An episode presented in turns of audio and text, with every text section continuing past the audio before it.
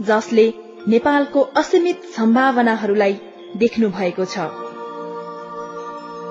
सबै कुरा भर पर्छ मात्र सोचमा। सोच अनुभवमा सोच दृष्टिकोणमा र सोच चिन्तनमा। नमस्कार कर्ण साक्यद्वारा लिखित अत्याधिक सफल पुस्तक सोचलाई सफल बनाउन आफ्नो स्थानबाट योगदान दिनुहुने सम्पूर्ण पाठकहरूमा हार्दिक कृतज्ञता प्रकट गर्दै यसै किताब सोचलाई बिल्कुलै नयाँ सोचका साथ किताबमा केही छाँटकाटका साथ मूल मर्मलाई आवाजको माध्यमबाट सम्प्रेषण गर्ने जमर्को गरेका छौं। अझ भनौं पढ्ने किताबलाई सुन्ने किताबमा रूपान्तरण गरेका छौं। किताब पढिसक्नुभएका पढ्दै गर्नुभएका पढ्ने मनस्थिति बनाउँदै रहनुभएका र पढ्ने इच्छा हुँदाहुँदै पनि विविध कारणवश पढ्न नपाउनुभएका साथै किताब पढ्न नसक्नुहुने पढ्न बानी नभएका र ग्रामीण भेगका निरक्षर पाठकहरूका लागि आशा छ यो आवाजको किताब उपयोगी हुनेछ। पूर्ण पुस्तक पाठ गर्न नसकी छाँटकाट गर्दा यस किताबको मूल भागमा न्याय गर्ने हाम्रो प्रयास कहीँ कतै चुक्न पुगेमा आदरणीय श्रोताहरूमा क्षमा चाहन्छौ। वितृष्णा र निराशाले जरो गाडेको आम जनमानसको हृदयमा थोरै भए पनि आशाको किरण छर्न सकेमा हामी आफूलाई सफल ठान्नेछौ। आउनुहोस् अब सुनौ यस पुस्तकमा कर्ण साक्य के भन्नुहुन्छ? नेपाल खत्तम छैन। भर्खर भर्खर विवाह भएको त्यो पनि ससुराली नै अमेरिका भएपछि एकचोटि फेरि देश विदेश भ्रमण गरेर मन रमाउने रहर जागे सन् उन्नाइस सय नब्बेको दशकमा म नेपाल सम्पदा संरक्षण संघको अध्यक्ष भएको नाताले र पर्यटनको क्षेत्रमा बढ़ी क्रियाशील भएको हुँदा पनि युरोप र अमेरिकामा कहिले सम्मेलनमा भाग लिन कहिले आफ्नो व्यवसाय प्रवर्धन गर्न र कहिले त्यसै घुम्न जाने क्रम बढ्यो। यसरी विदेश जाँदा त्यहाँका प्रवासी साथीभाइहरूले माया गरी मलाई घरमा खान बोलाउँछन्। आफ्नो देशबाट टाढा आफ्ना नेपाली दाजुभाइसित गफसफ गर्न पाउँदा मलाई खुसी त लाग्छ तर कुरा गर्दा गर्दा जब उनीहरू नेपालको आलोचना गर्न थाल्छन् मलाई अप्ठ्यारो लाग्छ। फेरि मेरो एउटा खराब बानी। म कसैको वायात कुरा सुन्नै सक्दिन। भलाकुसारीकै क्रममा जब म उहाँहरूलाई नेपाल आउन निम्त्याउँछु कतिपयले त खै नेपाल त आउन मनपर्छ तर बच्चाहरू त्यहाँ पुग्न साथ बिरामी नै हुन्छन्। यस्तै गुनासाहरू सुनाउँछन्। कहिलेकाहीँ म त्यहाँ हुर्केका उन्नाइस बीस वर्षका केटाकेटीहरूलाई माया गरी के तिमीहरू नेपाल गएका छौ? उनीहरू निश्चिन्त भएर तत्कालै जवाब दिइहाल्थे। आ नेपाल पनि किन जानु? नेपाली भएर नेपालप्रतिको त्यो अवहेला नदेख्दा म दुखित हुन्थे। अमेरिकाका राष्ट्रपतिका छोरा नेपाल आएर एक महिना बिताउन सक्छन्। रिकी मार्टिन जस्ता विश्व प्रसिद्ध गायकहरू नेपालमा बारम्बार आउँछन्। Prince Charles princess Diana multinational कम्पनीका अध्यक्षहरू नेपालको गाउँ गाउँ घुम्न जान्छन्। उनीहरू चाहिँ कहिल्यै बिरामी भएन। उनीहरूको पेट पनि गडबड भएन। तर ती प्रवासी नेपालीका सन्तानहरू नेपाल आउन किन डराए होलान्? के विदेशमा हुर्किने नेपाली बाल बच्चाको रहन सहन प्रिन्स चार्ल्सको जीवन स्तर भन्दा उच्च स्तरीय भयो त? नेपालमा कुनै पनि काम हुन सक्दैन। यहाँको राजनीतिक व्यवस्था खत्तम छ। सरकारी निकायहरू ध्वस्त छन्। काठमाडौँ प्रदूषित छ आदि इत्यादि कुरा गरेर अधिकांश प्रवासी नेपालीहरूले आफ्नै जन्मभूमिलाई हेपिराखेका छन्। हुन त उनीहरूको नेपालप्रतिको माया पनि हुन सक्छ यो। वा मनभित्र उकुस मुकुस रूपमा कुण्ठित भइराखेका भावनाहरू पनि हुन सक्छन्। उनीहरूको यो वितृष्णा प्राकृतिक नभएर मलाई लाग्छ अप्राकृतिक खालको हो। उनीहरूको मनभित्र नेपालप्रति माया र मोह अवश्य छ। तर आफ्नो देश छोडेर विदेशमा गई सायद दोस्रो श्रेणीको नागरिकको जीवनयापन गर्ने क्रममा आफ्ना कुण्ठित भावनाहरू लुकाउन वा दबाउनका लागि उनीहरू पाश्चात्य जगतको सतै जीवन स्तरलाई बढ़ी महत्व दिएर आफ्नो देशको आलोचना गरिराखेका हुन्छन्। मलाई लाग्छ विदेशमा बस्ने प्रवासीहरूको नेपालप्रतिको चाहिने नचाहिने आलोचनालाई मनोवैज्ञानिक दृष्टिले हेर्यो भने त्यसभित्र अन्तर्निहित कुरा सजिलैसँग बुझ्न सकिन्छ। विदेशमा नेपालीहरू बीसौं वर्षदेखि पसिना चुहाएर मेहनतका साथ काम गरिराखेका छन्। सारा शिक्षाको भार नेपाललाई बुकाएर फल दिने बेलामा विदेशमा गई अरूहरूको अर्थतन्त्रलाई टेवा र सहयोग दिइराखेका छन्। यद्यपि उनीहरूले त्यो विदेशी समाजमा जति इज्जत पाउनुपर्ने हो त्यति पाइरहेका छैनन्। मलाई लाग्छ विदेशमा बस्ने अधिकांश प्रवासी नेपालीहरूले जति नै मेहनत गरे पनि उनीहरू ती मुलुकको सामान्य मध्यमवर्गीय परिवार भन्दा माथि पुग्न सकेका छैनन्। यो अवश्य हो। नेपाल र विकसित मुलुकहरूको सामाजिक स्तरमा आकाश र जमिनको फरक छ। सायद त्यही कारणले होला विदेशमा सानोतिनो काम गरिराख्नेहरूले पनि नेपालमा अनेक कैफियत खोटहरू देख्ने गरेको। विदेशमा गएर स्वदेशको दाल भातको सट्टा ब्रेकफास्ट लन्च डिनर खाई एउटा गाडी किन्न साथ आफ्नो जीवन स्तरमा आमूल परिवर्तन देख्नेहरूले नेपालका सम्पन्न र विपन्न बीचको खाडल तुरन्तै देख्छन्। तर उनीहरूलाई के थाहा हुँदैन भने हुने नहुने बीचको खाडल नेपालमा मात्र होइन। त्यहाँ झन गहिरो छ। कुनै पनि समाजमा सानो मानिस भएर काम गर्न गाह्रो हुँदैन। सानो भएर बाँच्दा अप्ठ्यारा र आलोचनाहरू आउँदैनन्। दिनभर काम गर्यो कमाइ अनुसारको खायो बस। न उनीहरूलाई कसैले ठग्ने डर न लुट्ने न दुःख दिने डर नै हुन्छ। तर जब कुनै व्यक्ति समाजको सामान्य स्तरभन्दा माथि उक्लिन्छ अनि उसलाई सबैले हेरिराखेका हुन्छन् चाहे जुनसुकै मुलुकमा किन नहोस्। अमेरिकामा होस् वा इङ्ल्याण्डमा अस्ट्रेलियामा होस् वा रसियामा नै किन नहोस्। कुनै व्यक्ति त्यो देशको औसत आर्थिक र सामाजिक स्तरभन्दा माथि उक्लिन साथ सबैको नजर उसमा परिहाल्छ अनि उसले अनेक झमेलाहरू झेल्नु पर्ने हुन्छ। कुन देशमा कति भ्रष्टाचार हुन्छ व्यापार र राजनीति बीचको गठबन्धन कति हुन्छ कोसित कतिको सम्बन्ध चाहिन्छ ठूला ठूला काम गर्न कति गाह्रो हुन्छ कस कसलाई खुसी पार्नु पर्दो रहेछ आयकरवालाले कति सताउँदा रहेछन् यी सब कुरा त्यस बेला थाहा हुन्छ जब ऊ त्यो समाजको प्रतिष्ठित व्यक्ति हुन्छ यानि त्यो समाजको गण्यमान्य। विपन्न समाजमा सम्पन्न भएर बाँच्न जति गाह्रो हुन्छ त्यति नै गाह्रो हुन्छ विकसित मुलुकको ठूलो मानिस भएर बाँच्न पनि। तल्लो वा मध्यम स्तरको सामाजिक जीवनयापन गरेर उच्च स्तरीय जीवनशैलीको अदृश्य वास्तविकतालाई आत्मसात गर्न सकिँदैन। नेपालका फुटपाथमा क्युरियो बेच्ने र सानातिना खुद्रा व्यापार गरी हिँड्ने साधारण मानिसहरूलाई यहाँ पनि त के झन्झट छ दिनभरि आफ्नो क्षमता अनुसार कमाउँछन् खान्छन् र रमाउँछन्। न उनीहरूलाई लाइसेन्स लिने धन्दा न नवीकरण गराउने धन्दा न भन्सारको झन्झट न त ट्याक्स तिर्ने नै समस्या। के उनीहरूको जिन्दगी नेपालमा सलल्ल बगिरहेको छैन र? मलाई लाग्छ अहिले विकसित मुलुकमा काम गरिराखेका जति पनि प्रवासी नेपालीहरू छन् अधिकांशले त्यो देशको औसत जीवन स्तरभन्दा माथि पुगेर काम नगरिराखेको हुँदा त्यहाँको सम्पन्न समाजको अदृश्य कठिनाई र झन्झटहरू अनुभव नै गर्न सकेका छैनन्। भौतिक रूपले नेपाल जतिसुकै गरीब भए पनि स्वाभिमानी नेपालीका निमित्त त यो देश स्वर्ग नै हो। यो गहिराई बुझ्न र जान्न यो देशको सापेक्षित फाइदाका आधारमा अध्ययन गर्नुपर्छ। केही वर्ष पहिले आमा बाबुको श्राद्ध गर्न म र मेरो परिवारका सदस्यहरू भारततर्फ गएका थियौं। सबभन्दा पहिले हामी काठमाडौँबाट बनारस गयौं हवाईजहाजबाट। एयरपोर्ट पुग्न साथ अध्यागमन कार्यालयले हाम्रो परिवारका सबै सदस्यहरूको पासपोर्ट माग्यो। मैले भने नेपालीलाई भारत आउँदा राहदानी चाहिँदैन तर अध्यागमनको कर्मचारीले मलाई साह्रै किचित गर्यो। र पछि बिस्तारै मेरो कानमा आएर खुसुक्क भन्यो अरे भैया पाँच सौ रुपियाँ चाय लिए दिजेन मैले घुस दिन मानिन। तब उनीहरूले हामीलाई एक घण्टासम्म एयरपोर्टमा कुराइराखे। सबै पर्यटकहरू गएपछि मात्र हाम्रो नागरिकता प्रमाणपत्र हेरेर बाहिर पठाइए। त्यसपछि फेरि भन्सारको एउटा कर्मचारी आयो। हामीले कति भारू ल्याएका छौं भनी सोध्यो। जब मैले पचास साठी हजार ल्याएको कुरा सुनाए उसले त्यतिका भारू कहाँबाट कसरी किन ल्याएको भनेर दुःख दिन थाले मैले हामी तीर्थयात्रा गर्न आएका हौ र नेपालीका निमित्त भारत आउँदा भारतीय रुपियाँ नै लिएर आउनुपर्छ भने। तर उनीहरूले हामीलाई दुखै दिएर घुस लिन खोजिरहेका थिए। मैले कुनै हालतमा पनि घुस नदिने विचार गरेँ। अन्तमा असाध्यै दुःख दिन थालेपछि मैले रिसले टेलिफोनबाट दिल्ली स्थित नेपाली राजदूतावासमा सम्पर्क गर्न खोजे। बल्ल हामीलाई त्यहाँबाट छोडियो। एयरपोर्टबाट बाहिर निस्कन साथ दर्जनौ ट्याक्सीवालाहरूको घचाघचमा हामी पर्यौं। हामीलाई लिएर जान ट्याक्सी ड्राइभरहरू हात हालाहाल गरी झगडा गर्न थाले। त्यो झगडामा एकजना ड्राइभरको त नाकबाट रगतै बग्यो। बल्ल बल्ल हामी होटल पुग्यौं। कोठामा आरामले बस्न पनि पाएका थिएनौं टेलिफोनको घण्टी बज्न थालिहाल्यो। मलाई आश्चर्य लाग्यो कहाँबाट टेलिफोन आयो? किनकि बनारसमा मैले कसैलाई चिनेकै थिइन। रिसिभर उठाएर सुने एउटा साडी पसलेले टेलिफोन गरेको रहेछ। ऊ भन्दै थियो साहब भाभी जी के लिए साड़ी खरीदना हो तो हमारे यहाँ अच्छा और सस्ता साड़ी मिलेगा। एकछिनपछि फेरि टेलिफोनको घण्टी बज्यो। त्यो फोन ट्राभल एजेन्सीको रहेछ। उसको एजेन्सीबाट गाडी भाडामा लिन अनुरोध गर्दै थियो। वास्तवमा होटेलको रिसेप्सनिस्टले हामीलाई मोटो बोका भन्ठानेर कमिसन खाने लोभमा विभिन्न ट्राभल एजेन्सी र साडी पसलेहरूलाई मेरो कोठाको नम्बर दिएको रहेछ। यो कुरा थाहा पाएर मैले होटेलको रिसेप्सनमा बस्ने कर्मचारीलाई टेलिफोन गरेर फेरि अर्को फोन आयो भने हामी अर्कै होटलमा बस्न जान्छौँ है भनी चेतावनी दिए।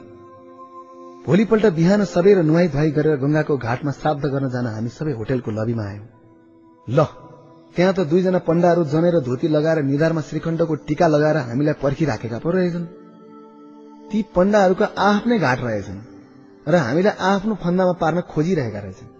त्यो सरको त्यो चरित्र देखेर मलाई आश्चर्य लाग्यो।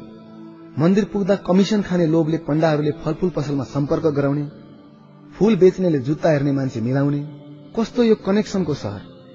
ड्राइभरले होटेललाई होटेलले ट्राभल एजेन्सीलाई ट्राभल एजेन्सीले साडे पसलेलाई पण्डाले फूल बेच्नेलाई अनि फूल बेच्ने जुत्ता हेर्नेलाई। यो कस्तो कनेक्सनै कनेक्सनको सहर? के नेपालमा यस्तो हुन्छ? बनारस पछि हामी अलाहाबाद गयौं। अलाहाबादको नाउँ धेरै सुनेको थिएँ। तर हाम्रो होटेलबाट कुम्भ जाने गंगा र जमुना नदीको दोभानमा पुग्ने बेलासम्म झण्डै तीस प्रतिशत भन्दा बढ़ी सड़कको दायाँ बायाँ खुला ढल रहेछन्। गर्मीका कारण ती ढलबाट पानीका फोका फोका उठिराखेको अनि फोहोर जथाभावी फ्याँकिएको कारणबाट सम्पूर्ण वातावरण दुर्गन्धित थियो। अनि त्यसमा कल्पना नै गर्न नसक्ने ट्राफिक जाम। हुन त सड़कका दायाँ बायाँ अत्यन्त राम्रा राम्रा छ सात तले भवनहरू त थिए नै तर ती अधिकांश घरहरूको भित्ता भित्तामा गुइठाका निम्ति गोबरहरू टाँसिएको थियो। मलाई लाग्यो भारतको अति ठूलो राज्य त्यो पनि तीन तीनजना प्रधानमन्त्री जन्माउने अलाहाबाद नगरीको त यो हालत छ। भने मेरो काठमाडौँ त कति राम्रो कति सफा सुगर नेपाललाई चिन्न नेपालमै बसेर हुँदैन। अरू देशलाई पनि हेर्नै पर्छ। तर अरू देश हेर्ने भन्दैमा नेपाललाई स्विजरल्याण्डसित दाँजेर हुँदैन म एक होटेल व्यवसाय हुँ। मैले मेरो होटेललाई हिल्टनसित दाँजे भने म सधैँ गरिबै हुन्छु। तर मैले आफ्ना समकक्षी होटेल उद्यमीसित दाँजेर हेर्ने हो भने यसले मलाई सान्त्वना र काम गर्ने प्रेरणा दिन्छ। अब हामीले हाम्रो देशलाई कोसित दाँध्ने बनारस र अलाहाबादसित दाँजेर आफ्नो वस्तुस्थिति हेर्न खोज्दा अन्याय भयो त? अहिले हामी नेपालमा सुरक्षा छैन भनेर कराइराखेका छौं। हो विगत दस बाह्र वर्षको समयावधिमा हाम्रो देशको सुरक्षा स्थिति राम्रो छैन। तथापि हाम्रो अवस्था अरू मुलुकहरूको भन्दा खत्तमै छ भन्नु अनुचित हुन्छ। बिहारमा दिउँसै डाक्टर र वकिलहरूको अपहरण भएको खबर हामी बारम्बार सुन्छौं। उता बम्बईमा पान पसलेदेखि ठूल्ठूला फिल्मी कलाकारहरूले आफ्नो व्यवसाय गर्न माफियाहरूलाई सलामी चढाउनुपर्छ। अमेरिकाकै कुरा गरौं। एक दिन म र मेरो साथी रत्नमान साक्य न्यूयोर्कको टाइम्स स्क्वायरमा ड्राइभ गरिराखेका थियौं। हामीले जेब्रा क्रसिङनिर गाडी रोक्यौं।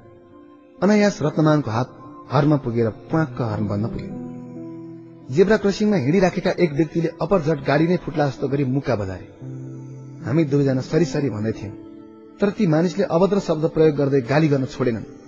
मैले पनि रिसले ती यात्रीलाई केही भन्न खोजेको थिएँ तर रत्नमालले मलाई बीचमै रोके। त्यस बेला उसित प्रतिवाद गर्न नसकेकोमा मलाई ग्लानी अनुभव भयो। मलाई लाग्यो आफ्नो आत्मसम्मानलाई दबाएर बाँच्नु के बाँच्नु? जति नै सुखमय जिन्दगी बिताए पनि त्यसको मूल्य नै के रह्यो र? एक दिन म एक्लै न्युयोर्कको सबवेमा यात्रा गरिराखेको थिएँ। एकजना अग्लो कालो मानिस म बसेको सिटमा आएर ठाडै है गिभ मी टेन डलर भनेर गर्वका साथ माग्यो।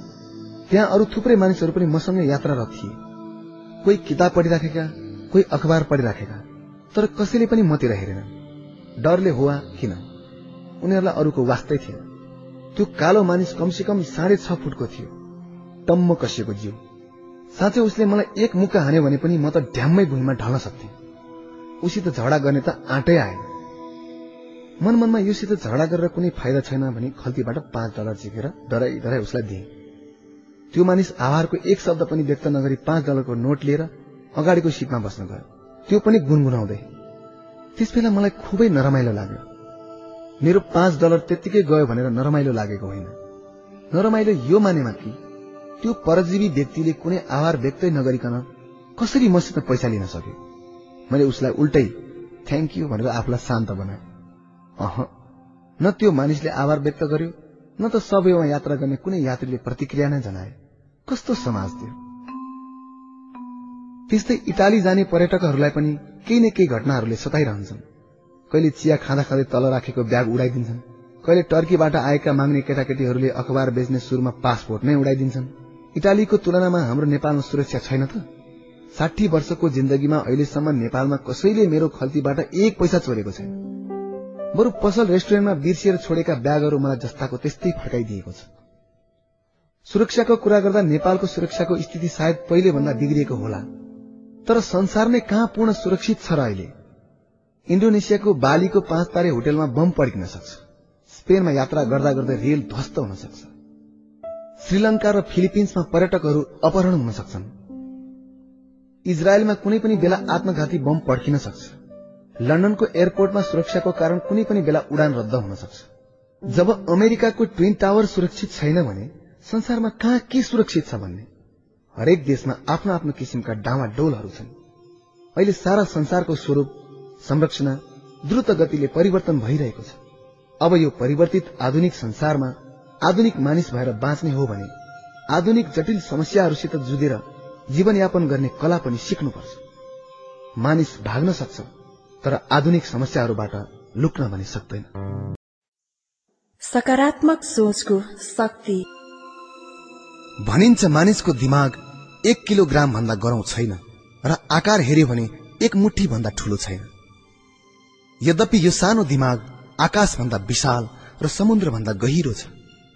एकै पलमा सारा ब्रह्माण्ड नै यो एक किलोग्राम मस्तिष्कमा समाहित हुन सक्छ। मानिसको दिमागमा सधैँ दुई महत्वपूर्ण तत्वको चलखेल हुन्छ। एउटा सकारात्मक र अर्को नकारात्मक। सायद यही कटु सत्यलाई ध्यानमा राखेर नै देवता र दानव बीचको समुद्र मन्थनको कथा रचिएको होला। धर्मको भावना राखेर समुद्र मन्थन गरेको हुँदा देवताहरूले अमृत पाए। अधर्मी सोचले मन्थन गरेको हुँदा दानवहरूले विष प्राप्त गरेको हुन सक्छ हाम्रो दिमागमा देवत्व र दानवत्व दुवैको बास छ। यदि हामी कसैलाई बिगारौं भन्ने दृष्टिकोणले मस्तिष्कलाई खेलाउँछौ प्रयोग र मन्थन गर्छौं भने त्यो दिमागले विष बमन गर्छ। तर कसैलाई मदत गरौं सपारौं भने सकारात्मक दृष्टिकोणले हाम्रो मस्तिष्कलाई चिन्तन सिर्जन गर्ने दिशातिर सञ्चालन र प्रयोग गर्यौं भने अवश्य पनि हाम्रो दिमागबाट अमृत निश्रित हुन थाल्छ। साँच्चै हाम्रो दिमाग एउटा अचम्मको जैविक मेसिन हो। यसभित्र सारा समस्याका समाधानहरू अटाएका हुन्छन्। यसले चाहेमा जो कसैलाई बिगार्न पनि सक्छ र सपार्न पनि सक्छ। भनिन्छ समाजमा पाँच वा छ प्रतिशत सकारात्मक सोचका मानिसहरू हुन्छन् र पन्ध्र सोह्र प्रतिशत नकारात्मक सोचका। अनि उनासी अस्सी प्रतिशत त बहकाउमा लाग्ने या अरू कसैको लैलैमा लाग्ने साधारण मानिसहरू हुन्छन्। यदि यो आकलन साँचो हो भने हामीले गम्भीर भएर सोच्नै पर्छ। राष्ट्रको यति ठूलो हिस्सा करिब अस्सी प्रतिशत मानवीय शक्तिलाई पन्ध्र प्रतिशत निराशावादी व्यक्तिहरूले प्रभावित गर्नुभन्दा पहिले पाँच प्रतिशत आशावादीहरूले आम जनताको सोचमा सकारात्मक परिवर्तन ल्याउने काम थाल्नुपर्छ। यसले समाजलाई राम्रो बाटोमा डोर्याउन मद्दत पुर्याउँछ। हिंता बोधले ग्रस्त भएर न कुनै व्यक्ति बाँच्न सक्छ न समुदाय न समाज न त राष्ट्र नै। यस्तो विषम परिस्थितिमा मलाई लाग्छ जो कोहीले पनि अत्यन्त चिन्तनशील भएर यो डरलाग्दो अवस्थाबाट उम्कने उपाय सोच्नै पर्छ। हामी यही नेपालमा जन्मियौं यही हुर्कियौं र यही देशमा नै मर्ने मनसाय छ। यस्तो भावना बोकी हिँड्ने देशप्रेमीहरूका लागि निराश भएर बाँच्नु वास्तवमा असह्य नै हुन्छ। यथार्थमा मनलाई मारेर बाँच्नु पनि हुँदैन। यदि यो देश साँच्चै नर्क भइसकेको छ भने पनि यो नर्कभित्र स्वर्ग खोज्नु हाम्रो कर्तव्य हो। स्वर्ग र नर्क हामी आफैले बनाउने हो। मूर्खले स्वर्गलाई नर्क बनाउँछ र बुद्धिमानले नर्कलाई स्वर्ग। हरेक मानिसको शब्दकोशमा स्वर्ग वा नर्कको परिभाषा फरक फरक हुन्छ। किनभने मानिस स्वभावले स्वार्थी हुन्छ र हरेक कुरालाई आफ्नै सोच र दृष्टिकोणले मात्र हेर्ने गर्छ। विकसित मुलुकहरूको परिकल्पना गरेर अविकसित मुलुकहरूले सपना देख्न सक्दैनन्। निराशावादको मुहान यहीँबाट शुरू हुन्छ। सिमसार क्षेत्रमा हिमाली भेगमा उपलब्ध हुने जैविक विविधताको आश गर्न सकिन्न। उष्ण प्रदेशीय ट्रपिकल जंगलमा अनेक प्रजातिका बोट बिरुवा चराचुरुङ्गी र जंगली जनावरहरू हुन्छन् भन्दैमा सहारा जस्तो जीवन शून्य मरूभूमिमा त्यस्तै आशा राख्नु हुँदैन। तर जहाँ जस्तो सुकै वासस्थान भए पनि त्यहाँको हावापानी वातावरण पारिस्थितिक प्रणालीको सदुपयोग गर्न र सो स्थानको तुलनात्मक लाभ लिन सकियो भने जुनसुकै ठाउँमा पनि अनुकूल वातावरण सृजना गर्न सकिन्छ। यो प्रकृतिको नियम हो। आज हामी नेपाल खत्तम भयो भन्छौ। के? साँच्चै हाम्रो देश र हामी खत्तम भयौं त? यदि खत्तमै भएका हौ भने पनि किन र कसरी खत्तम भयो? कसले खत्तम गर्यो? यी कुरालाई हामीले गहिरिएर सोच्नु पर्यो बुझ्नु पर्यो र बुझेर मनन गर्नु पर्यो। कागले कान लग्यो भन्दैमा कान नछामे कागको पछि पछि दौडाउनु भएन। पहिला आफ्नो कान छाम्नु पर्यो। नेपाल अहिले अवश्य पनि अप्ठ्यारो एवं अन्धकारमय अवस्थाबाट गुज्रिरहेको छ। यो बेला हामीले पिलपिले मैनबत्ती बालेर भए पनि निसासिने सुरुङमा विकासका उज्याला किरणहरू खोज्नु पर्यो। एउटा मैनबत्तीले नपुगे अर्को त्यसले पनि नपुगे फेरि अर्को। यसरी नै आशाका हजारौं मैनबत्ती बालेर सूर्योदय नभएसम्म यो अँध्यारोमा हामीले उज्यालो खोजिराख्नु पर्यो। जस्तो सुकै अँध्यारो भए पनि उज्यालो भविष्यको खोजी सार्थक जीवन र जीवन्तताको क्रम हामीले हाम्रै देशमा खोज्नुपर्छ र भेट्टाउनै पर्छ हामीसित अर्को विकल्प पनि छैन। तर सुख र समृद्धि खोज्छु भन्दैमा आकाशबाट तारा झारेर कान्छीको चुल्टोमा सजाउने खालका सपनाको कुरा गर्नु पनि भएन। यस्ता रोमाञ्चकारी परिकल्पनाका कुराहरू कवि र कलाकारहरूलाई छोडिदेऊ वास्तवमै कर्म गर्ने हो भने यथार्थता र व्यवहारको धरातलमा उभिएर क्षमता अनुसार र प्राथमिकताका क्रममा काम गर्न सक्यौं भने हामी धेरै विवश हुनुपर्ने बाध्यता रहँदैन। समस्याहरू मात्र नकोट्याई एकचोटि समाधानका उपाय पनि खोजौं न।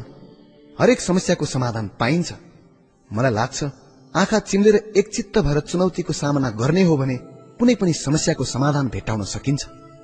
आफूसँग भएको स्रोत साधन र जनशक्ति परिचालन गरेर पनि देशका ठूल्ठूला काम गर्न सकिन्छ। किनभने समस्याका समाधानहरू आकाशमा होइन हाम्रै धरतीमा हाम्रै नाकमुनि छन्। विकासका अवधारणाहरूलाई पहिचान गरेर दृढताका साथ काम थालनी गर्ने हो भने देशका प्रचलित कानूनी प्रावधान अन्तर्गत रहेर पनि सीमित स्रोतबाटै प्रशस्त सृजनशील कामहरू गर्न सकिन्छ। कुनै पनि कामको थालनी वृहत रूपमै गरिनुपर्छ भन्ने म ठान्दिन। म सानो छँदा मेरो बुवा भन्नुहुन्थ्यो मध्यरात भयो भन्दैमा नडराउनु भोलि फेरि सूर्य उदाउँछ। पानी पर्यो भनेर मन चिसो नपार्नु। पानी परेपछि मात्रै माटो मलिलो हुन्छ र बोट बिरुवा हरिया हुन्छन्। सकारात्मक सोचमा शक्तिहरू लुकिराखेका हुन्छन्। तसर्थ सोच र दृष्टिकोण अनुरूप हुन्छ हरेक कुराको निष्कर्ष र परिणाम। सफलता र असफलतामा सोचको ठूलो भूमिका हुन्छ। सबै कुरा भर पर्छ मात्र सोचमा। सोच अनुभवमा सोच हेराइमा र सोच चिन्तनमा। भगवान श्रीकृष्णलाई हामीले कसरी हेर्ने? कर्मयोगी भनेर वा छलकपटी भनेर? गौतम बुद्धलाई के भन्ने? शान्तिदूत वा आफ्नो श्रीमती र नाबालक छोरालाई त्यागेर हिँड्ने पलायनवादी? त्यस्तै द्रौपदीलाई देवी भन्ने वा पाँचजना पतिकी पत्नी भन्ने? अर्जुनलाई के भन्ने? धनुर्धारी वीर वा कर्णको पछाडि बाण हानी मार्ने कायर? हाम्रै नेपालका वीर गणेश मानलाई के भन्ने? प्रधानमन्त्रीको पद दिँदा पनि त्याग गर्ने महान त्यागी भन्ने वा देशको जिम्मेवारी वहन गर्न नसक्ने नेता भन्ने? हरेक कुरालाई सोच्ने तौर तरिकाले फरक पार्छ। सोच्ने मात्र होइन हेर्ने तरिकाले पनि फरक पार्छ। अहम मुद्दा नै यही हो। यस्तै सोचका विभिन्न प्रकार र प्रक्रियाहरू समकालीन समाज र राजनीतिमा पनि छ्यापछ्याप्ती पाइन्छन्। जनताले के चाहेका छन् नेताहरूले के खोजेका छन् यी सबै तर्क र विवादको निचोड यही दुई अक्षर सोच भित्र पाइन्छ। नेताहरूले के चाहेका छन् जनताहरूले के खोजेका छन् यी सबै तर्क र विवादको निचोड यही दुई अक्षर सोच भित्र पाइन्छ। यो सानो पुस्तकमा मैले न भन्ने शब्दलाई नै नकार्न खोजेको छु। अहिले नेपालमा यो भएन त्यो भएन यो हुँदैन त्यो हुँदैन भन्ने धेरै छन्। गाली गलौज गर्न सबै रुचाउँछन्। तर राम्रो कुराको वर्णन गर्न कन्जुस्याइ गर्छन्। आलोचनालाई नै बौद्धिकता भन्ठान्ने यो समाजमा नकारात्मक चरित्र र सोच हावी भएका छन्। एकचोटि नेपालको अध्यारो पक्षलाई बिर्सिएर उज्यालो पक्षलाई हेरौं। अहिले सबभन्दा आलोचना गरिने क्षेत्र राजनीति हो। आजकल हामी राजनीतिक नेताहरूलाई दिल खोलेर उदारता साथ गाली गर्छौं। उनीहरूको दुष्कर्मलाई कोट्याउँछौं। कतिपय नेताहरू आफ्नै दुष्कर्मले दूषित भएका हुन सक्छन्। तर नेपालको राजनीतिक परिवेशलाई गहिरेर हेर्ने हो भने यहाँको राजनीति केही वर्ष अघिसम्म त्यति प्रदूषित थिएन। हाम्रो बहुदलीय प्रजातन्त्र धेरै हदसम्म संवैधानिक सिद्धान्तको मूल्य र मान्यतामा आधारित छ। एकचोटि धैर्य धारण गरी हाम्रो राजनीतिक तस्विरलाई निहालेर हेरौं त। कमसे कम हाम्रो देशमा फर्डिनान्ड मार्कोस जस्ता भ्रष्ट र दुराचारी त छैनन्। त्यस्ता धूर्त नेता पनि त छैनन् जसले आफ्नो श्रीमतीलाई राज्यको मुख्यमन्त्रीसम्म बनाए। राजनीतिक स्थिति केलाएर हेर्दा हामी निराश हुनुपर्ने कुनै कुरै छैन। बरु गर्व गर्नुपर्छ। तीस वर्षे पञ्चायती शासन परिवर्तन गर्नका लागि सञ्चालित दुई हजार छयालिस सालको आन्दोलनमा तीस जना मानिसले ज्यान समेत नगुमाइकन मुलुकको शासन व्यवस्था बहुदलीय प्रजातन्त्रमा बदलियो। सर्वोच्च अदालतको एउटा निर्णयका आधारमा एमाले सरकारले नेपाली कांग्रेसलाई शान्तिपूर्ण तवरबाट सत्ता हस्तान्तरण गर्यो। बिना झमेला र बिना झन्झट। के यो सानो कुरा हो?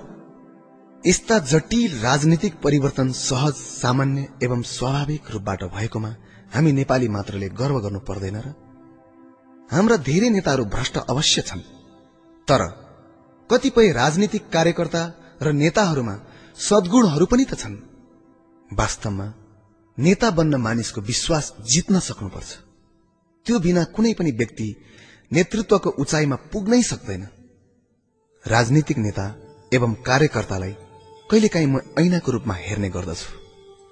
ऐनाभित्र कालो अनुहारले हेर्दा कालै प्रतिबिम्ब देखिन्छ र गोरो अनुहारले हेर्यो भने गोरै प्रतिबिम्ब देखिन्छ। यसको तात्पर्य के हो भने यदि राम्रो विचार लिएर नेताहरूलाई सहयोग गर्न सकियो भने प्रतिफल पनि राम्रै प्राप्त गर्न सकिन्छ। अस्पताल निर्माण र क्यान्सर उपचारका लागि आर्थिक स्रोत परिचालन गर्न मैले एक खिल्ली चुरोटमा एक पैसा अन्तशुल्क लगाउने प्रस्ताव तयार पारेको थिएँ। त्यसलाई सरकारी पक्षबाट स्वीकृत गराउन मैले धेरै कोसिस गरे। थुप्रै सांसदहरूसित कुरा गरे तर केही सिप लागेन। एक दिन युएनडीपीको रात्रि भोजमा वीरेन्द्र दाहालले आउनु साक्यजी गिरिजा बाबुसँग चिनाइदिन्छु भनी मेरो हात तानेर लगे। ल हजुर। कर्ण साक्य भन्ने उहाँ नै हो। भन्दै वीरेन्द्रले गिरिजा बाबुसँग दोहोरो परिचय गराए। मलाई थाहा थियो त्यो हुलमुलमा गिरिजा बाबुले मलाई धेरै समय दिन सक्नुहुन्न भन्ने। त्यसैले कार्यालय वा घरमा भेट्ने मनसाय मैले तुरन्त व्यक्त गरे। उहाँले मलाई समय पनि दिनुभयो। केही दिनपछि एउटा चुरोटमा एक पैसा शुल्क उठाउने प्रस्ताव लिएर बाँसबारी स्थित डाक्टर शशाङ्क कोइरालाको घरमा गिरिजा बाबुलाई भेट्न पुगे। उहाँ भुइँतलामा बसिरहनु भएको रहेछ।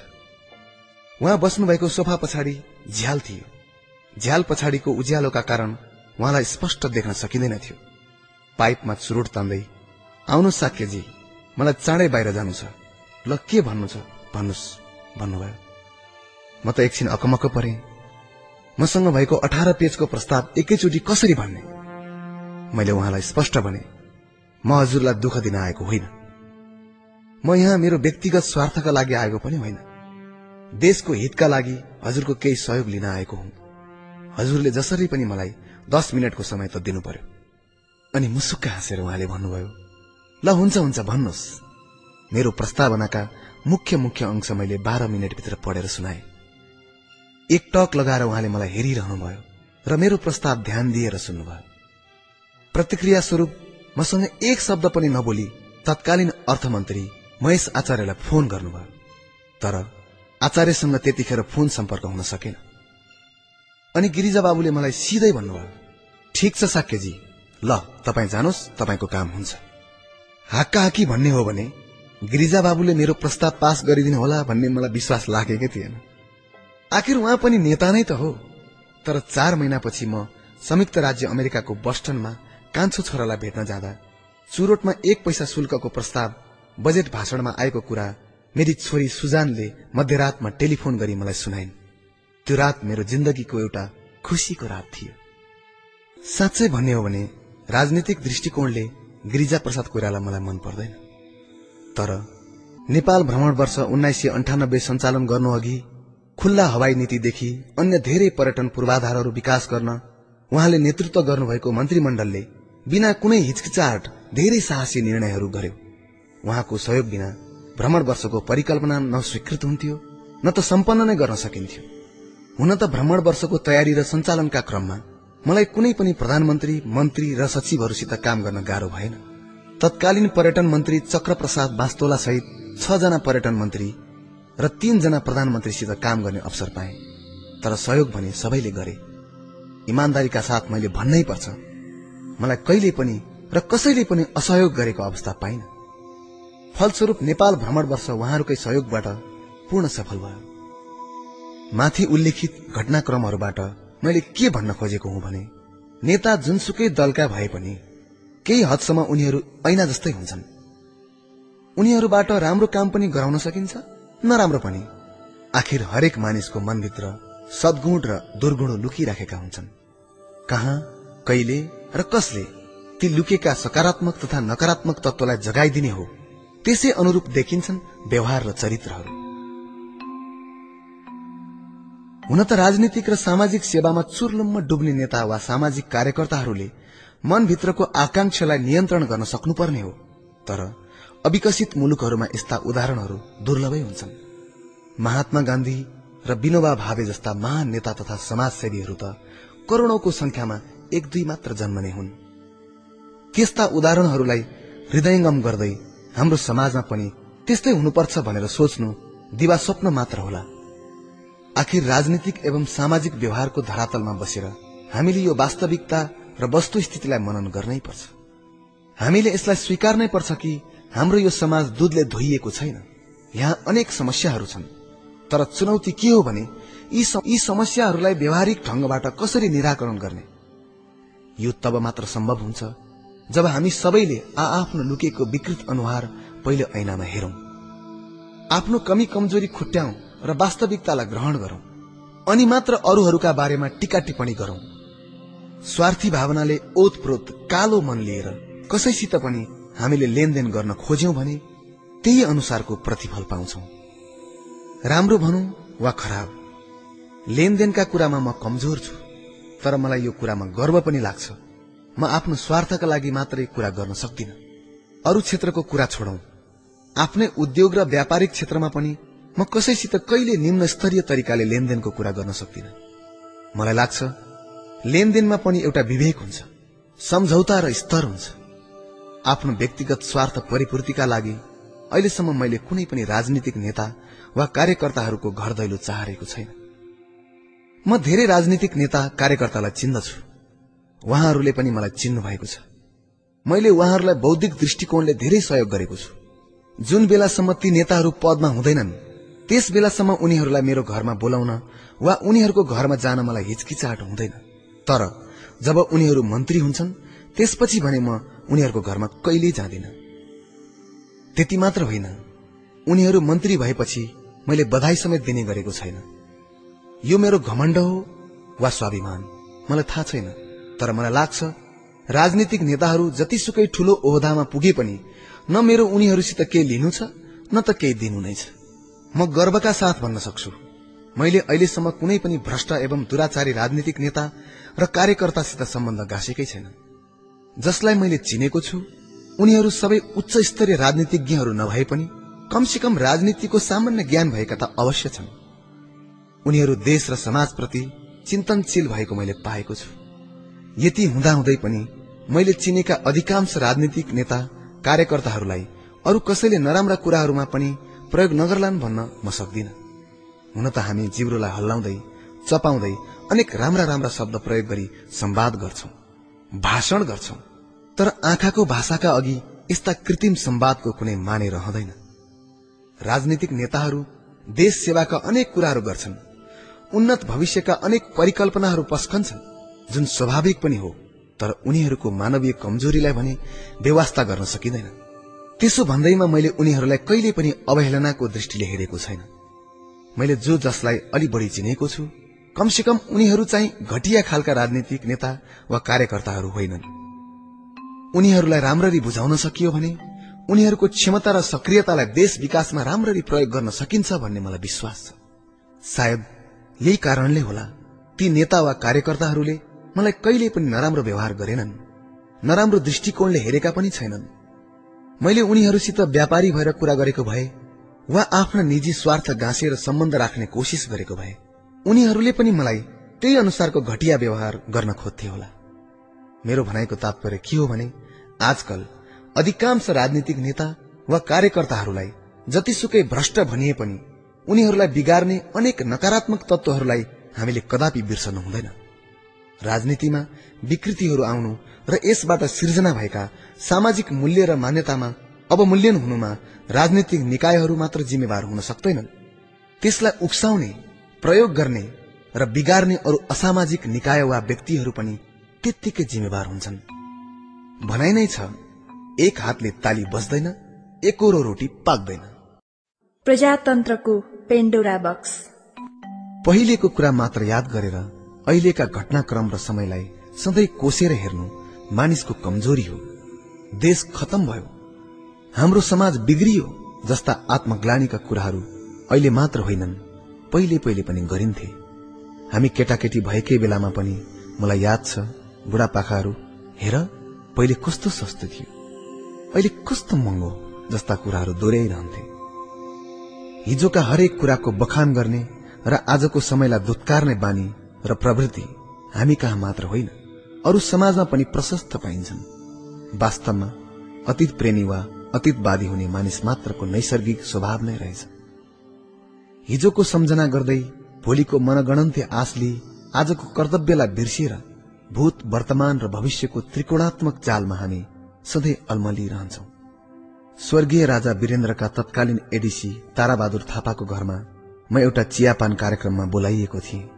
त्यहाँ नेपालका गण्यमान्य नेता एवं बुद्धिजीवीहरूको जमघट थियो। देश खतम छ भन्ने सुगा रटाई आज मात्र होइन पञ्चायत कालमा पनि खुब चल्थ्यो। त्यस कार्यक्रममा पनि निराशावादका कुराले नै सधैँ झै प्रधानता पाइरहेका थिए। धेरैजसो मानिसहरूको खराब मनस्थितिका कारणबाट नै नेपालमा विकास हुन नसकेको कुरामा जोड़ दिइरहेका थिए। तीमध्ये कसैले भने नेपालीहरू अल्छी छन्। एकजनाले त यतिसम्म भने कि सधैँ संरक्षणको छातामा बस्दा बस्दा नेपालीहरू कहिले पनि मेहनतपूर्वक काम नगर्ने भइसकेका छन्। यो कुरा सुन्न साथ मलाई झोक चल्यो। हामीले कसरी नेपाली मात्रका गौरवमय सम्पदाहरूको मूल्य र मान्यतालाई बिर्सन सक्यौं? जुन देशमा आधुनिक ज्ञान र प्रविधि बिना नै सयौं वर्ष पहिले न्यातपोल जस्ता आश्चर्यजनक अग्ला र अद्भुत कलात्मक मन्दिरहरू निर्माण भइसकेका थिए त्यो देशका सन्तान कसरी अल्छी हुन सक्छन्? असमदेखि इन्द्रचोकको बाटो पाटन र भक्तपुरको गल्ली गल्लीमा काठका उत्कृष्ट कलात्मक झ्यालहरू जुन पैंतालिस डिग्री कोणमा झुकेका झट्ट हेर्दा अहिले नै खसलान जस्ता देखिन्छन्। सयौं वर्षदेखि जस्ताको जस्तै छन्। काठको चुकुलको आड़मा निर्माण गरिएका मध्यकालीन इन्जिनियरिङका ती अद्भुत कामहरू अहिले अन्वेषण र अनुसन्धानका रोचक विषयवस्तु बनेका छन्। त्यस्ता आश्चर्यजनक इन्जिनियरिङमा निपुण नेपाली कसरी काम नलाग्ने हुन सक्छन्? नेपालका विभिन्न ठाउँमा पुर्खाले निर्माण गरेका काष्ठकला पाषाण कला र मूर्तिकला आज पनि झरझराउँदो अवस्थामा यथावत नेपालको गौरव गाथाका रूपमा रहेका छन्। त्यस्तै पानीको स्रोत संरक्षण गर्न माटाका छोटा छोटा पाइप डुँड जडान गरी गहिरा गहिरा ठाउँमा बनाइएका सुन्धारा जस्ता अनगिन्ती ढुङ्गे धाराहरूका भरपर्दा स्रोत र निकासका उदाहरणीय रैथाने विशेषताहरूको उपेक्षा गर्न मिल्छ। त्यति अघि नै त्यस्ता कलाकृति निर्माण गर्ने नेपालीका सन्तान अहिले कसरी नालायक हुन सक्छन्? जुन बेला अमेरिका अस्ट्रेलिया जस्ता राष्ट्रको जन्म समेत भएको थिएन विश्व मानचित्रमा त्यो बेला मध्यकालीन सभ्यताको चुलीमा पुगेको नेपाललाई यसरी निरीय दृष्टिले हेर्न सकिन्छ? एकछिन हाम्रा पुर्खाको इतिहासलाई बिर्सौं। समकालीन नेपालकै कुरा गर्ने हो भने पनि नेपाललाई अल्छी वा नालायक भन्न सकिन्न। अन्तर्राष्ट्रिय स्तरका पाँच तारे होटेलहरू नेपालमा कसले चलाउँछ? युएनडीपी विदेशी राजदूतावासहरूमा कार्यरत जनशक्ति कहाँ कहाँ हुन्? उनीहरू धेरै नेपालीहरू नै त छन्। तर विडम्बनाको कुरा के छ भने त्यही नेपाली गुठी संस्थान मालपोत वा अन्य सरकारी अड्डाहरूमा काम गर्दा आफ्नो काम गर्ने टेबुलको धुलो समेत पुस्दैनन्। कामको स्तरमा ठूलो रास देखिन्छ।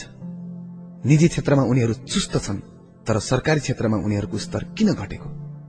जवाफमा नेपालीको नालायकीपन भन्नै सकिन्न। बरु त्यो व्यवस्थापनको कमजोरी हो।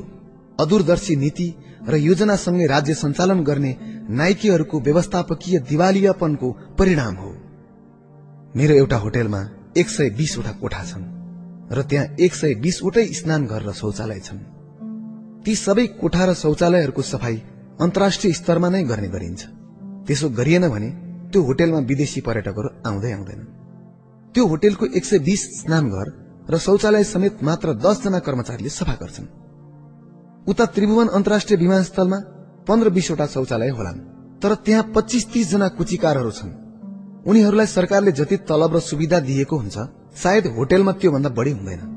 तथापि ती दुई ठाउँका शौचालयको सरसफाईको अवस्था हेर्ने हो भने आकाश जमिनको फरक पाइन्छ। विमानस्थलका शौचालय भित्र पस्दा बान्ता नै हुन खोज्छ। यो एउटा घतलाग्दो उदाहरण मात्र हो। यस्ता दृष्टान्त धेरै पाइन्छन् खोज्ने हो भने। निजी व्यापारिक संस्थान हुन् वा सरकारी जहाँ पनि स्तरीय व्यवस्थापनको ठूलो भूमिका हुन्छ। तर हाम्रा सरकारी कार्यालयहरूमा रेखदेख र सन्तुलनको कुनै व्यवस्था देखिँदैन। त्यहाँ राम्रो काम गर्नेलाई हौसला दिने मानसिकता नै छैन। काम नगर्ने ठगलाई निकाल्न सकिँदैन।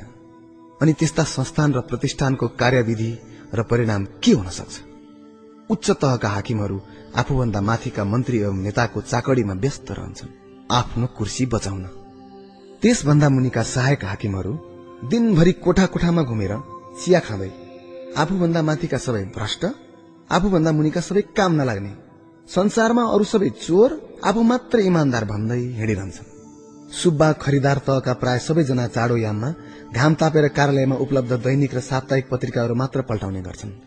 कुन पार्टीले के गर्यो कुन नेताले के भन्यो देश किन चल्न सकेन र देश कसरी चलाउनु पर्छ जस्ता तथाकथित बौद्धिक सुझावहरू सुब्बा खरिदारले मात्र होइन पिउन महोदयहरूले पनि दिने गर्छन्। फेरि तिनै नेपालीले विदेशी राजदूतावास वा निजी क्षेत्रमा काम गरे भने अरू देशका नागरिकहरूले भन्दा कम काम गर्दैनन्। नेपालको ट्रेकिङ ऱ्याफ्टिङ पर्वतारोहण आदि सेवामूलक पर्यटकीय व्यवसाय संसारमा सबैभन्दा राम्रो एवं व्यावसायिक तरिकाले सञ्चालन गर्ने व्यक्तिहरू नेपालमै छन्। हाम्रा कतिपय ट्रेकिङ एजेन्सीहरूले विदेशमा समेत आफ्ना एजेन्सीहरू प्रतिष्ठापूर्वक पूर्ण लाभमा चलाएका छन्। त्यस्तै पर्वतारोहणको क्षेत्रमा हामी विश्वमै सबैभन्दा बढी व्यावसायिक छौं। होटेल ट्राभल एजेन्सी रिसोर्टहरूमा हामी दक्षिण एसियाको अग्रपंक्तिमा छौं। यस्ता अन्तर्राष्ट्रिय स्तरको सेवा व्यवसायमा हामी कोही भन्दा कम छैनौं। के यो गौरव र स्वाभिमानको विषय होइन? देशको आजको दुर्दशाको दोष नेपाली जनमानसको थाप्लोमा थोपर्न पाइँदैन। देशको दुर्गति भएकै मान्ने हो भने पनि त्यो काममा स्वार्थी प्रशासक भ्रष्ट राजनीतिक कार्यकर्ता र ढोंगी बौद्धिक व्यक्तित्वहरू बाहेक अरू कसैको संलग्नता छैन। वास्तविक तथ्य र समस्याहरूलाई बिर्सिएर क्षणभर तालीको आवाजमा रमाउने र ढोंगी बौद्धिकताको प्रदर्शन गर्ने लोभले आजकल नेता तथाकथित बुद्धिजीवी र पत्रकारहरू समेत जानी जानी एकले अर्कालाई दोष दिने काम मात्र गर्छन्। यसले आम जनतालाई भ्रमित पार्छ। र उनीहरूको मन मस्तिष्कमा एक किसिमको मानसिक विकृति फैलाउन मदत पुर्याउँछ। यो वातावरण जुन अहिले हाम्रो समाजमा सृजना भइरहेको छ असाध्यै डरलाग्दो छ। दोष लगाउन धेरै सजिलो हुन्छ। गाली गर्न त झन रमाइलै हुन्छ। तर लगातार सधैँ गाली मात्र गरेर हिँड्दा विरोधका लागि विरोध मात्र गरिरहँदा अन्तत यसबाट आफ्नै खुट्टामा बन्चरो हान्ने काम मात्रै हुन्छ। अनि यो प्रवृत्तिले सामाजिक वातावरणलाई नै दूषित बनाउँदै बनाउँदै लान्छ। अविकसित समाजले देश बिगार्छ। देशै बिग्रेपछि घुमी फिरी फेरि समाज नै बिग्रिन्छ। जुन समाजमा हामी र हाम्रा परिवार बस्नुपर्छ त्यही समाजलाई बिगार्नु भनेको आकाशमा थुकेर थुक आफ्नै मुखमा छिटा पार्नु जस्तै होइन र? अधिकांश अविकसित मुलुकहरूको राजनैतिक परिसरमा अहिले जहाँ पनि संस्थापना विरोधी नारा उराल्नु र संस्थापन पक्षको आलोचना गर्नु नेता र बुद्धिजीवीहरूको पेसा नै बनेको छ। हाम्रो देश पनि यो रोगबाट अछुतो छैन। हामी धेरैले अनुभव गरेका छौं। रमाइलो वातावरण तथा अनौपचारिक कार्यक्रमहरूमा कुराकानी र छलफल गर्दा मै हुँ भन्ने ठूल्ठूला अतिवादी कट्टरपन्थी राजनीतिक नेताहरू पनि दिल खोलेर वास्तविकताको धरातलमा टेकेर व्यावहारिक कुरा गर्छन् र आफ्ना कमी कमजोरी तथा गल्तीहरू पनि स्वीकार्छन्। अझ जिम्मेवारीपूर्ण कुरा समेत गर्छन्। तर जब ती नेताहरू माइक समात्छन् बुद्धिजीवीहरू छलफल कार्यक्रममा आफ्ना भावनाहरू व्यक्त गर्छन् र जब पत्रकारहरू कलम च्याप्छन् कम्प्युटरको कीबोर्डमा औंला चलाउँछन् त्यस बेला व्यावहारिक एवं अन्तरात्माको आवाज समेत लुकाएर समकालीन वातावरणसित मेल खाने अभिव्यक्ति दिने रणनीति अप्नाउँछन्। लोकप्रिय बन्नका लागि कटु सत्यलाई लुकाउँछन्। मलाई लाग्छ हामी कहाँ बहुदलीय प्रजातन्त्रको संस्कारको विकास भइसकेको छैन। खालि दलीय प्रजातन्त्रको संस्कृति मात्र देखा परेको छ। कर्मचारी संघले कर्मचारीको ड्राइभर संघले ड्राइभरको कण्डक्टर संघले कण्डक्टरको किसान संघले किसानको होटेल संघले होटेलहरूकै पेसागत हित र राजनीतिक पार्टीहरूले पार्टीगत हित मात्र सोच्ने हो भने राष्ट्र हितका बारेमा कसले सोच्ने? फेरि विडम्बना के छ भने एउटा पेसागत संस्थाको हित परिपूर्ति गर्न अर्को पेसागत समुदायलाई बाधा अडचन नपुर्याइकन गाह्रो हुन्छ। त्यसैले अहिले विभिन्न संघ संस्था र पार्टीहरू पेसागत दलगत सैद्धान्तिक कुरालाई प्राथमिकता दिएर राष्ट्र हितका कुरालाई पन्छाउने अदूरदर्शी प्रयास गरिरहेका छन्। अहिलेको हाम्रो दुर्भाग्य भनेकै यही हो। देशको सम्पूर्ण जिम्मेवारी लिएका नेताहरू आफ्नो व्यक्ति व्यक्तिगत र दलगत स्वार्थ भन्दा माथि उठ्न सकेकै छैनन्। अधिकांश नेताहरू त सुशिक्षित नै छैनन्। सामान्य ज्ञानको समेत कमीले गर्दा पनि उनीहरूले राष्ट्रिय विकासका अवधारणाहरूलाई बुझ्न सकिरहेका छैनन्। वस्तुत अहिले उनीहरू अलपत्र अवस्थामा छन्। सपना छैन परिकल्पना छैन उनीहरूमा। नेपालको विडम्बना के छ भने चिया पसले भरिया ट्याक्सी चालकले राज्य सञ्चालनको कुरा गरिरहेका हुन्छन्। तर नेता भने गुटबन्दी र तपसिलका कुरामा अल्मलिरहेका हुन्छन्। मलाई विश्वास छ जब यी राजनीतिक कार्यकर्ता बुद्धिजीवी र पत्रकारहरूले आ आफ्नो जिम्मेवारी वहन गरी केही समयका लागि आफ्नो ढोंगी मनोवृत्ति र मनस्थिति कहीँ थाती राखेर देश हितका निम्ति एकबद्ध भई काम गर्न सके भने यो देशले ठूलो फड्को मार्ने पक्का छ। तर एउटा कुरामा मलाई असाध्य अचम्म लाग्छ। त्यो के हो भने वर्षौंको राजनीतिक अस्थिरता हुँदाहुँदै पनि नेता बुद्धिजीवीहरू नितान्त स्वार्थी हुँदाहुँदै पनि विगत चौध वर्षको प्रजातान्त्रिक इतिहासमा देशले थुप्रै उपलब्धि हासिल गरेको छ। कालो रातो हरियो र पहेँलो जुनसुकै चस्माले हेरे पनि प्रजातन्त्रको तस्विर हराएको छैन। जसले जस्तोसुकै दृश्य हेर्न चाहे पनि वास्तविक नेपालको गति आफ्नै किसिमले अगाडि बढ़िरहेको छ। आम जनता यदा कदा अल्छी देखिएका होलान् बहकाउमा रुमल्लेका होलान् दुविधामा अल्मलेका होलान् तर वस्तुगत रूपमा हेर्दा हाम्रो प्रजातान्त्रिक पद्धतिको बाटो हराएको छैन। दस पन्ध्र वर्षको प्रजातन्त्रलाई जसले जुनसुकै कोण वृत्त र परिभाषाबाट परिभाषित गर्न खोजे पनि आम नेपाली जनताले प्रजातन्त्रको मर्म र आवश्यकतालाई राम्ररी बुझेका छन्। प्रजातन्त्रले काम गर्न सकेन सक्रिय राजतन्त्र चाहियो वा प्रजातन्त्रले विकास गर्न सकेन जनसरकार चाहियो जस्ता अतिवादी अवधारणाहरू जतिसुकै ठूलो स्वरले उराले पनि जनताले बुझिसकेका छन्। एक्काइसौं शताब्दीमा बहुदलीय प्रजातन्त्रको विकल्प छैन। बहुदलीय प्रजातन्त्र सत्ययुगको ढोका खोल्ने साँचो होइन।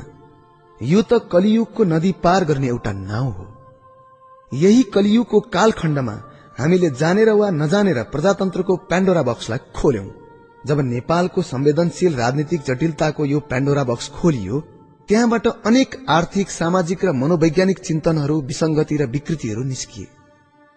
त्यो देखेर हतार हतार हामीले त्यो बाकसलाई बन्द गरिदियौं।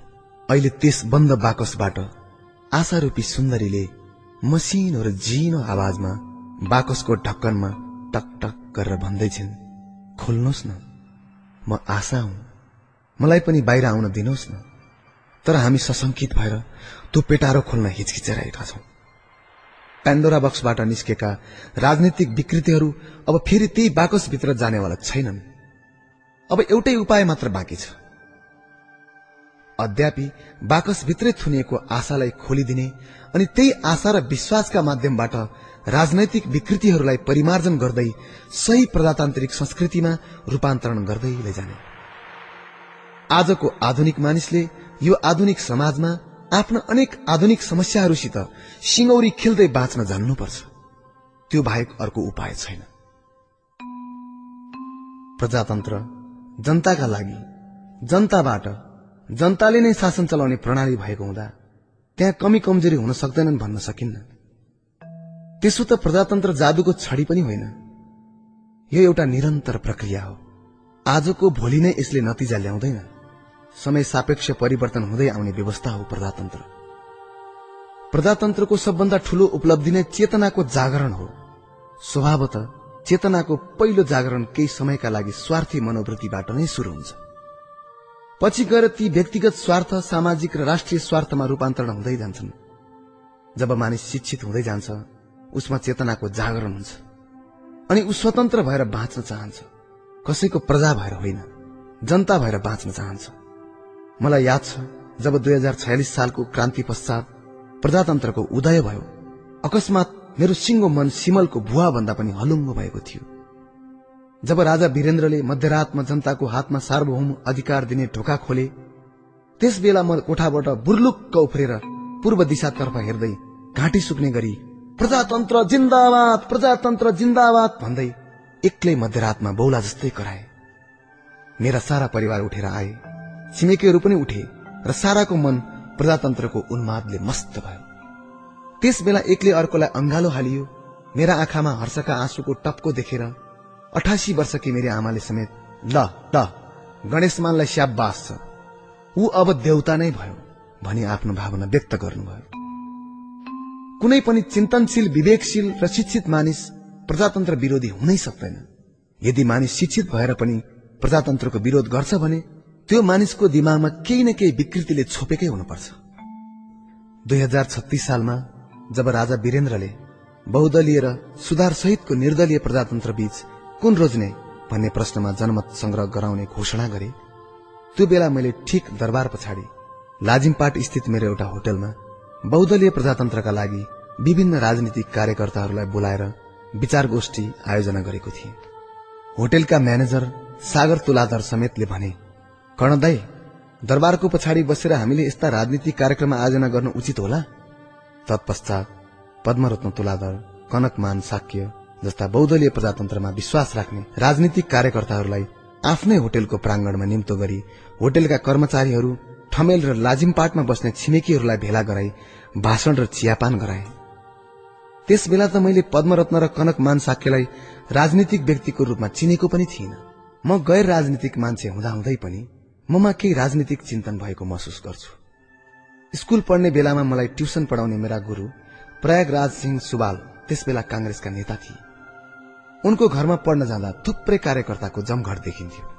बासु रिसाल कमल चित्रकारहरू उनको घरमा आई घण्टौंसम्म राजनीतिक गफगाफ गरिरहन्थे। म पढ्ने न्यूले उनीहरूको कुरा सुनिरहन्थे। मैले त्यो राजनीतिक माहौलमा निरन्तर पाँच छ वर्ष बिताए पनि कहिले पार्टी राजनीति गर्ने योजना बनाइन।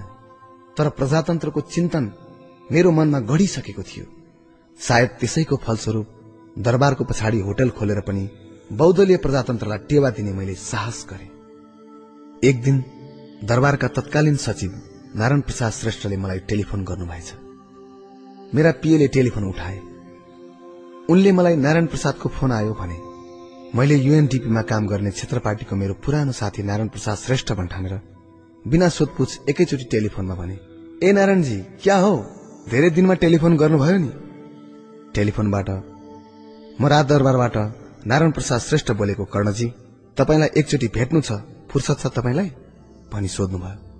म त तीन छक्क परे। त्यस बेला रात दरबारको नारायण प्रसाद भनेपछि धेरै ठूला मानिसमा गनिन्थे। सारा देशमा उनको चर्चा परिचर्चा हुन्थ्यो। मैले विनम्रताका साथ भने ओहो मैले त चिन्नै सकिन। मैले त मेरो साथी पो भन्ठाने। भन्नुहोस् हजुर मैले के गर्नु पर्यो? तपाईँ एकचोटि मेरो घरमा आउन सक्नुहुन्छ? उहाँले फोनबाट सोध्नुभयो। अफकोर्स हजुर म आइहाल्छु नि। मैले भने धन्यवाद भन्दै उहाँले टेलिफोन राख्नुभयो। मलाई नारायण प्रसाद श्रेष्ठको घरै थाहा थिएन। त्यस्तो ठूलो मान्छेलाई तपाईँको घर कहाँनिर पर्छ भनी सोध्नु पनि भएन। आखिर मैले अरूहरूसित उहाँको ठेगाना सोधेर एका बिहानै पाटनको सेन्ट मेरीसँगैको उहाँको घर पुगे। उहाँ ब्याडमिन्टन खेलिराख्नु भएको रहेछ। चारैतिर छ सातजना त्यस बेलाका र अहिलेका मन्त्री समेत भइसकेका वरिष्ठ राजनीतिक नेताहरू थिए। उहाँले एउटा भारे भुरे सट हाने पनि। बाबा हजुर क्या सट हानी बक्सेको? भन्दै उनीहरू तारिफ गरिराखेका थिए।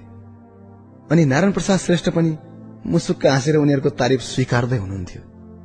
खेलको बीचमै उहाँले मलाई देख्नुभयो र तुरन्तै तपाईँ कर्ण साकेजी हो? भनी सोध्नुभयो। एकछिन है साकेजी यो एउटा गेम सिद्ध्याउ। हुन्छ भन्दै मैले पनि उहाँहरूको खेल हेरिरहेँ। खेल पश्चात रुमालले पसिना पुस्दै मलाई अंगालो हालेर उहाँ बस्ने घरको अगाडिको टहरामा लानुभयो। टहरामा उहाँले आफ्नो सानो अफिस बनाइराख्नु भएको रहेछ। बीचको गोलो टेबलमा थुप्रै फाइलहरू थिए अनि बसेर मलाई नहेरिकन फाइल पल्टाउँदै उहाँले भन्नुभयो साक्यजी तपाईँलाई श्रीलंकन सरकारले वाणिज्य दूतमा मनोनयन गरेको रहेछ। यसका लागि श्री पाँचको सरकारको प्रतिक्रिया माग गरेको छ। उहाँले फेरि भन्नुभयो हेर्नुहोस् हाम्रो परराष्ट्र मन्त्रालयको नियम अनुसार हामीले अरू देशमा वाणिज्य दूत मनोनयन गर्न सक्छौ तर अरू देशले नेपालीहरूलाई मनोनयन गर्यो भने हामीले स्वीकृति दिने चलन छैन। त्यसैले तपाईँले स्वीकृति बिना नै वाणिज्य दूतको काम शुरू गरे भइहाल्थ्यो नि। यस विषयमा मेरो तत्कालीन परराष्ट्र सचिव विश्व प्रधान र chief of protocol Arjun Bahadur सिंहसित पनि कुरा भइसकेको थियो। मैले उहाँहरूलाई भनेको थिएँ यदि श्रीलंकन सरकारले मलाई वाणिज्य दूतमा मनोनयन गर्न श्री पाँचको सरकारको स्वीकृति मागेको छ भने परराष्ट्र मन्त्रालयले किन दिँदैन? म नेपाली हुँ। म यहाँ कर तिर्छु यदि म ठिक उम्मेद्वार हुँ भने ठिक भनेर पठाउनु पर्यो। यदि मेरो रेकर्ड राम्रो छैन राम्रो छैन भने मलाई नराम्रो भनेर पठाउनु पर्यो। श्री पाँचको सरकारको स्वीकृति बिना म वाणिज्य दूतको पद ग्रहण गर्दिन भनेर मैले उहाँहरूलाई पहिले नै भनिसकेको थिएँ। सायद त्यसैका लागि परराष्ट्र मन्त्रालयले मेरो फाइल रात दरबार पठाएको होला। फाइल हेर्दा हेर्दै नारायण प्रसाद श्रेष्ठले मलाई अर्को प्रश्न गर्नुभयो। कर्णजी तपाईँ बहुदलवादी कि निर्दलवादी? म अकमक्कमा परे केही जवाफ नदी चुपचाप बसिरहे। एकछिनपछि उहाँले अलि हाँसेर फेरि सोध्नुभयो म एउटा सानो प्रश्न गर्दैछु। त्यसको जवाब दिन तपाईँलाई किन यति बेर लागेको? मैले के जवाब दिने? विचारै गर्न सकिनँ।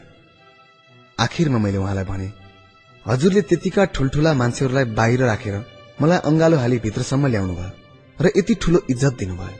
त्यसैले हजुरलाई मैले जिब्रोबाट जवाब दिउँ कि अन्तरात्माबाट। मेरो मुखै नहेरी म सुक्का हाँसेर जुनसुकै भाषाबाट जवाब दिए पनि हुन्छ। उहाँले भन्नुभयो। मैले बुझिहाले। यहाँ मैले झुटो बोले पनि हुने रहेछ। तर मैले त्यहाँ झुटो बोल्ने प्रयास गरिन। मैले सिधै भने राजाबाट आम नेपाली जनतालाई तिमीहरूलाई चिया मनपर्छ कि कफी मनपर्छ? भनी सोधी बक्स्यो हुन त मलाई चिया पनि चल्छ कफी पनि चल्छ तर तिमीलाई के मनपर्छ? भनेर सोधेपछि मैले कफी मनपर्छ भनिदिएको हुँ। अन्यथा मेरो कुनै चोइस छैन। मेरो कुरा सुन्न साथ नारायण प्रसादजीले लेखिराखेको कलम टेबलमा राखी। Very good smart answer Sri Lankan सरकारले एउटा लायक मानिसलाई नै वाणिज्य दूतमा मनोनयन गरेको रहेछ। धन्यवाद। ल अब जानुहोस्। तपाईँसित भेटेर खुसी लाग्यो। भन्नुभयो। सात दिनपछि श्रीलङ्काको वाणिज्य दूतका लागि मेरो नाममा स्वीकृति पत्र आइपुग्यो। मैले बुझे अनुसार नेपालमा विदेशी सरकारले मनोनयन गर्ने वाणिज्य दूत पदका लागि श्री पाँचको सरकारको स्वीकृति पत्र पाउने म पहिलो वाणिज्य दूत थिएँ। त्यस बेला राजा वीरेन्द्रप्रति मेरो श्रद्धा धेरै बढ्यो किनकि बहुदलीय प्रजातन्त्रमा आस्था भएको थाहा पाउँदा पाउँदै पनि मलाई सरकारबाट नै वाणिज्य दूतको लागि स्वीकृति प्रदान गरिबक्स्यो पदका लागि संकीर्ण विचारधाराका तर महत्वाकांक्षी हाम्रा राजनीतिक नेताहरूमा के यो सम्भव होला? धेरै ठूला पार्टीका नेताका बारेमा त के कुरा गर्ने? कुनै पार्टीसित आबद्ध नै नभएका एकजना मेरो स्कूलका समकक्षी जो एकताका पर्यटन मन्त्रीसम्म बन्न पुगे। उनले दस लाख पर्यटक नेपालमा भित्राउने मन्तव्य प्रकट गरेका थिए आजभन्दा चौबिस वर्ष पहिले। नेपालमा त्यसबेला दुईवटा मात्र पाँच तारे होटल थिए। साप्ताहिक विमर्शका सम्पादक हरिहर बिरईले मेरो प्रतिक्रिया टेलिफोन मार्फत जान्न खोज्दा यो सम्भव छैन। यो त अहिलेको परिवेशमा आकाशमा महल बनाउने जस्तो खालको कुरा हो। मैले टिप्पणी गरे। मेरो त्यो टिप्पणीलाई हरिहर बिरहीले ठुल्ठुलो अक्षरका शीर्षक राखी आकाशमा महल भनेर छापेपछि मेरा साथी त आगो भएछन्। ती मन्त्री महोदयले झण्डै बीस पच्चिस वर्ष भइसकेको छ मसित नबोलेको। मिटिङ वा पार्टीहरूमा भेट्यो भने पनि उनले ऊँट जस्तै टाउको फर्काएर मतिर हेर्नै चाहँदैनन्। प्रजातन्त्र फस्टाउन नसकेको सायद यस्तै अदूरदर्शी राजनीतिक मनोवृत्तिको कारणले पनि हो कि? घुमी फिरी फेरि रुम्जाटार वन जंगल र वन्य जीव जन्तुहरूको जैविक विविधता अध्ययन गर्ने क्रममा मैले दुई वर्ष लगातार नेपालका कुना काप्चा र पाखा पखेरा कन्दराहरूको भ्रमण गरे। त्यस बेला वन विभागमा प्रकृति संरक्षणका नाउँमा एउटा खरिदार अन्तर्गत शिकारी फाँट थियो। पछि जोन ब्लोअर र म मिलेर वन्य जीव जन्तु संरक्षणका लागि एउटा छुट्टै विभाग खोल्ने योजना तर्जुमा गर्यौं र पछि साबिकको सानो शिकारी फाँटलाई छुट्टै पूर्ण अधिकार सम्पन्न विभाग बनाउने निर्णय पनि भयो। तत्पश्चात सोर्स फोर्सवाला अधिकृतहरू भित्र पसेर मलाई पाखा लगाउने प्रपञ्च पनि गर्न थाले। काम गर्ने कालु मकै खाने भालु भने जस्तै मलाई अन्यत्र सरुवा गर्ने कुरा चल्यो। तर म भने त्यो निर्णय मान्नेवाला थिइन। विवेकलाई थिचेर न म काम गर्न सक्छु न त मलाई कसैले प्रयोग नै गरेको सहन सक्छु। म सधैँ स्वतस्फूर्त रूपले काम गर्न चाहन्छु। दबावमा आएर आफूलाई मन नपरेको ठाउँमा स्वर्गै भए पनि काम गर्नै सक्दिन।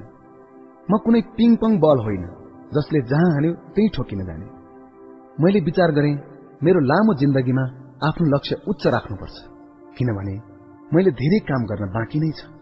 यसरी अन्याय सहने बानी भयो भने मेरो आत्मबल लोप भएर जानेछ। म कुनै पनि हालतमा आफ्नो विश्वासको पारदर्शी ऐना फुट्न दिन्न उत्साहको झंकारको तार टुट्न दिन्न। त्यसो भयो भने मेरो अन्तर्निहित आत्मविश्वास हराउनेछ म भन्नु नै मेरो हो र ममा म भएन भने पछि गएर के काम गर्न सकुला र? मैले तत्कालै निर्णय गरिहालेँ अब म सरकारी जागिर खान्न। यहाँ बसेर मेरो उत्थान सम्भव छैन। समयमा म यहाँबाट उम्किनुपर्छ निस्कनुपर्छ। मैले तत्कालै निर्णय गर्न सकिन भने वा गरिन भने पछि यही जागिरको तृष्णाले मलाई दुर्व्यसनी जस्तै बनाइदिन सक्छ। मैले त्यस्ता कतिपय साथीहरू देखेको छु जसको कामप्रति केही मोह छैन लगाव छैन तन मन छैन। बस आलस्य बोकेर दस बजे कार्यालय पुग्यो घाम ताप्यो बल्ल बल्ल पाँच बजायो अनि घर फर्कियो। उनीहरूमा सधैँ निराशा र उदासीनता भरमार हुन्छ। त्यसरी काम गर्दा न व्यक्तिगत विकास हुन्छ न त राष्ट्रलाई नै केही टेवा पुग्छ।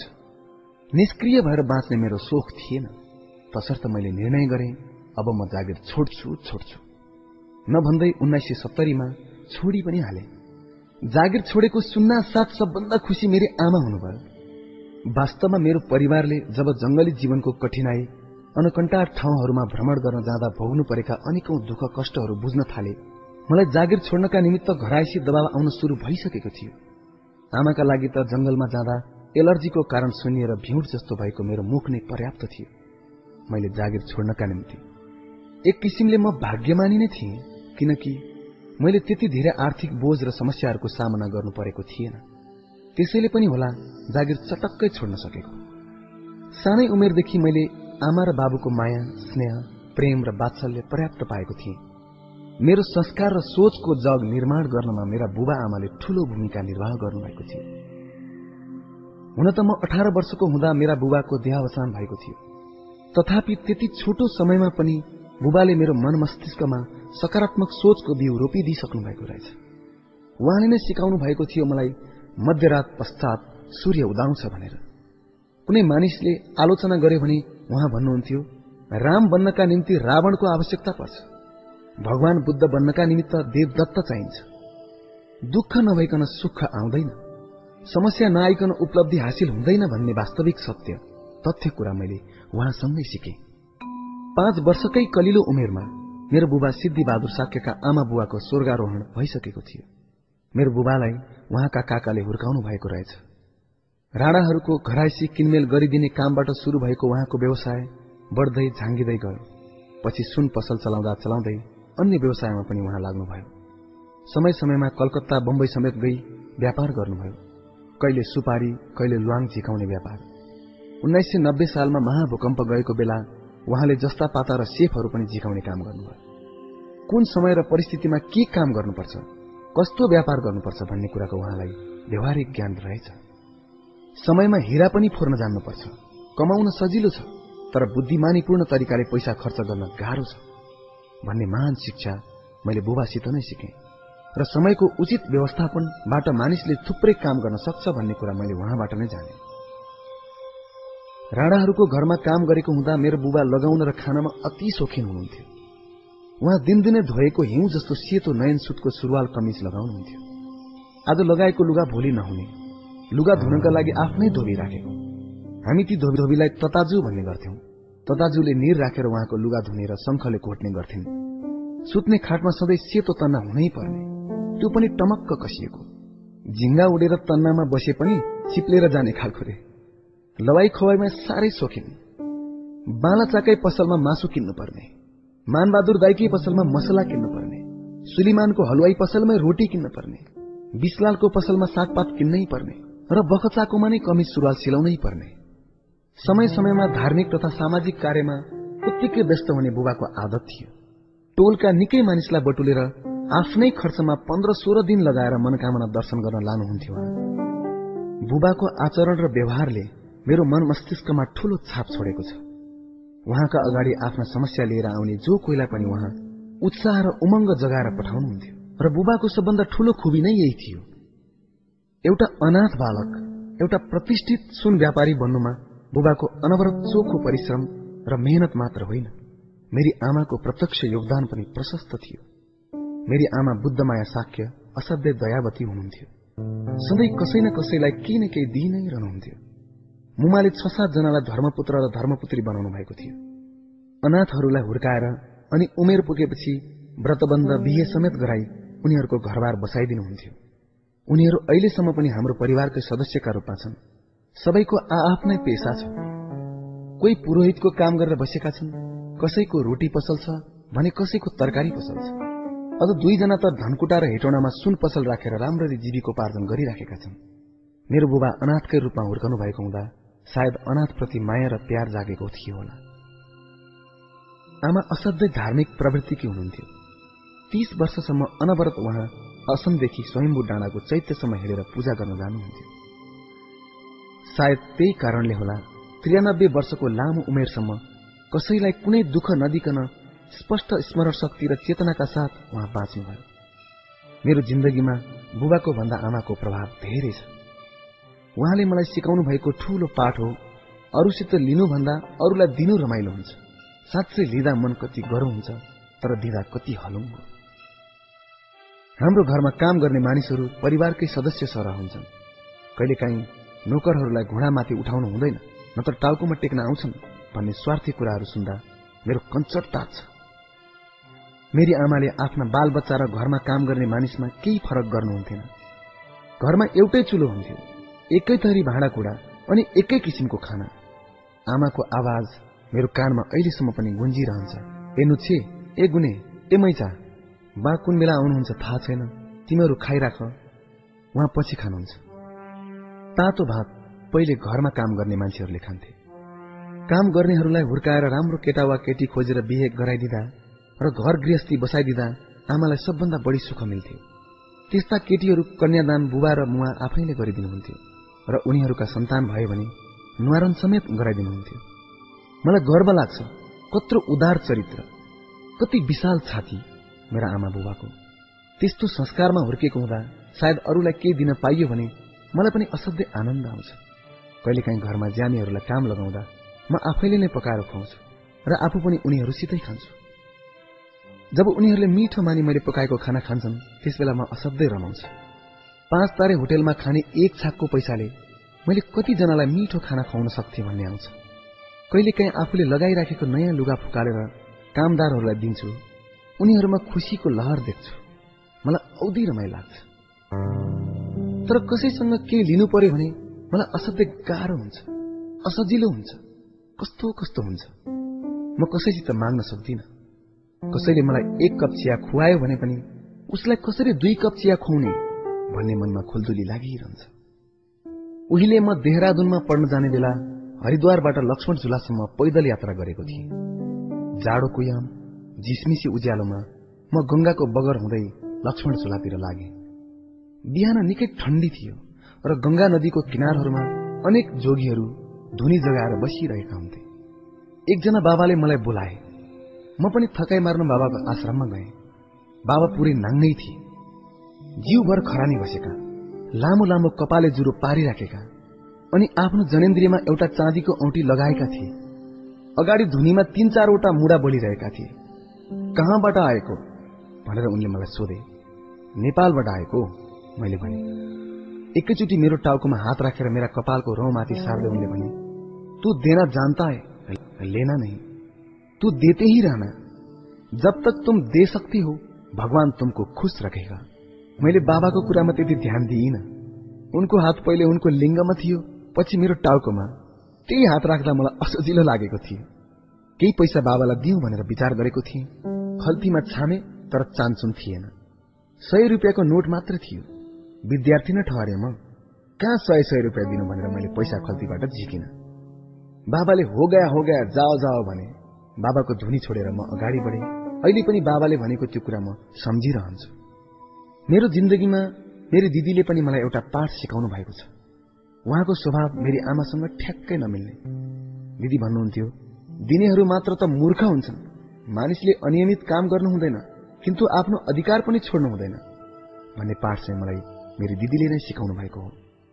मेरो जिन्दगीमा मैले अहिलेसम्म जे जति पाएको छु कमाएको छु र भोगेको छु त्यसमा मेरो आधिकारिक रूपले आफ्नो मेहनतको पसिना परेको छ। जिन्दगीमा अहिलेसम्म अरूको मेहनतको फल सित्तै खाएको छैन र भगवानसँग यही प्रार्थना गर्न चाहन्छु यो मेरो स्वाभिमान जिन्दगीको अन्तिम क्षणसम्म कायमै रहिरहोस्। तर यसको अर्थ म चाहिने भन्दा बढी भद्र बलाद्मी भइरहँ भन्ने कदापि होइन। ममा एउटा कमजोरी छ। त्यो के हो भने यदि कसैले मलाई ठग्यो वा ठगेको महसुस भयो भने मलाई असाध्यै चित्त दुख्छ र रिस पनि उठ्छ। जब आफू दिल खोलेर दिइराखेको हुन्छु तब लिनेले बिना हिचकिचाहट र बिना कृतज्ञता लिइराखेको छ भने आफू ठगिएको महसुस गर्छु। यदि मलाई कसैले ठगिरहेको छ भन्ने लाग्यो भने म तुरन्तै त्यो रोक्ने मात्र होइन विरोध र प्रतिवाद समेत गर्छु। हुन त कसैले ठगिरहेको छ भन्ने मनमा लागे चुपचाप बसी पुग्थ्यो। तर त्यतिले मात्र मलाई चित्त बुझ्दैन। म उसलाई ठाडै भनिहाल्छु र कडा प्रतिक्रिया समेत जनाइहाल्छु यो मेरो कमजोरी दुर्गुण वा शक्ति के हो? मैले ठम्याउन सकिराखेको छैन।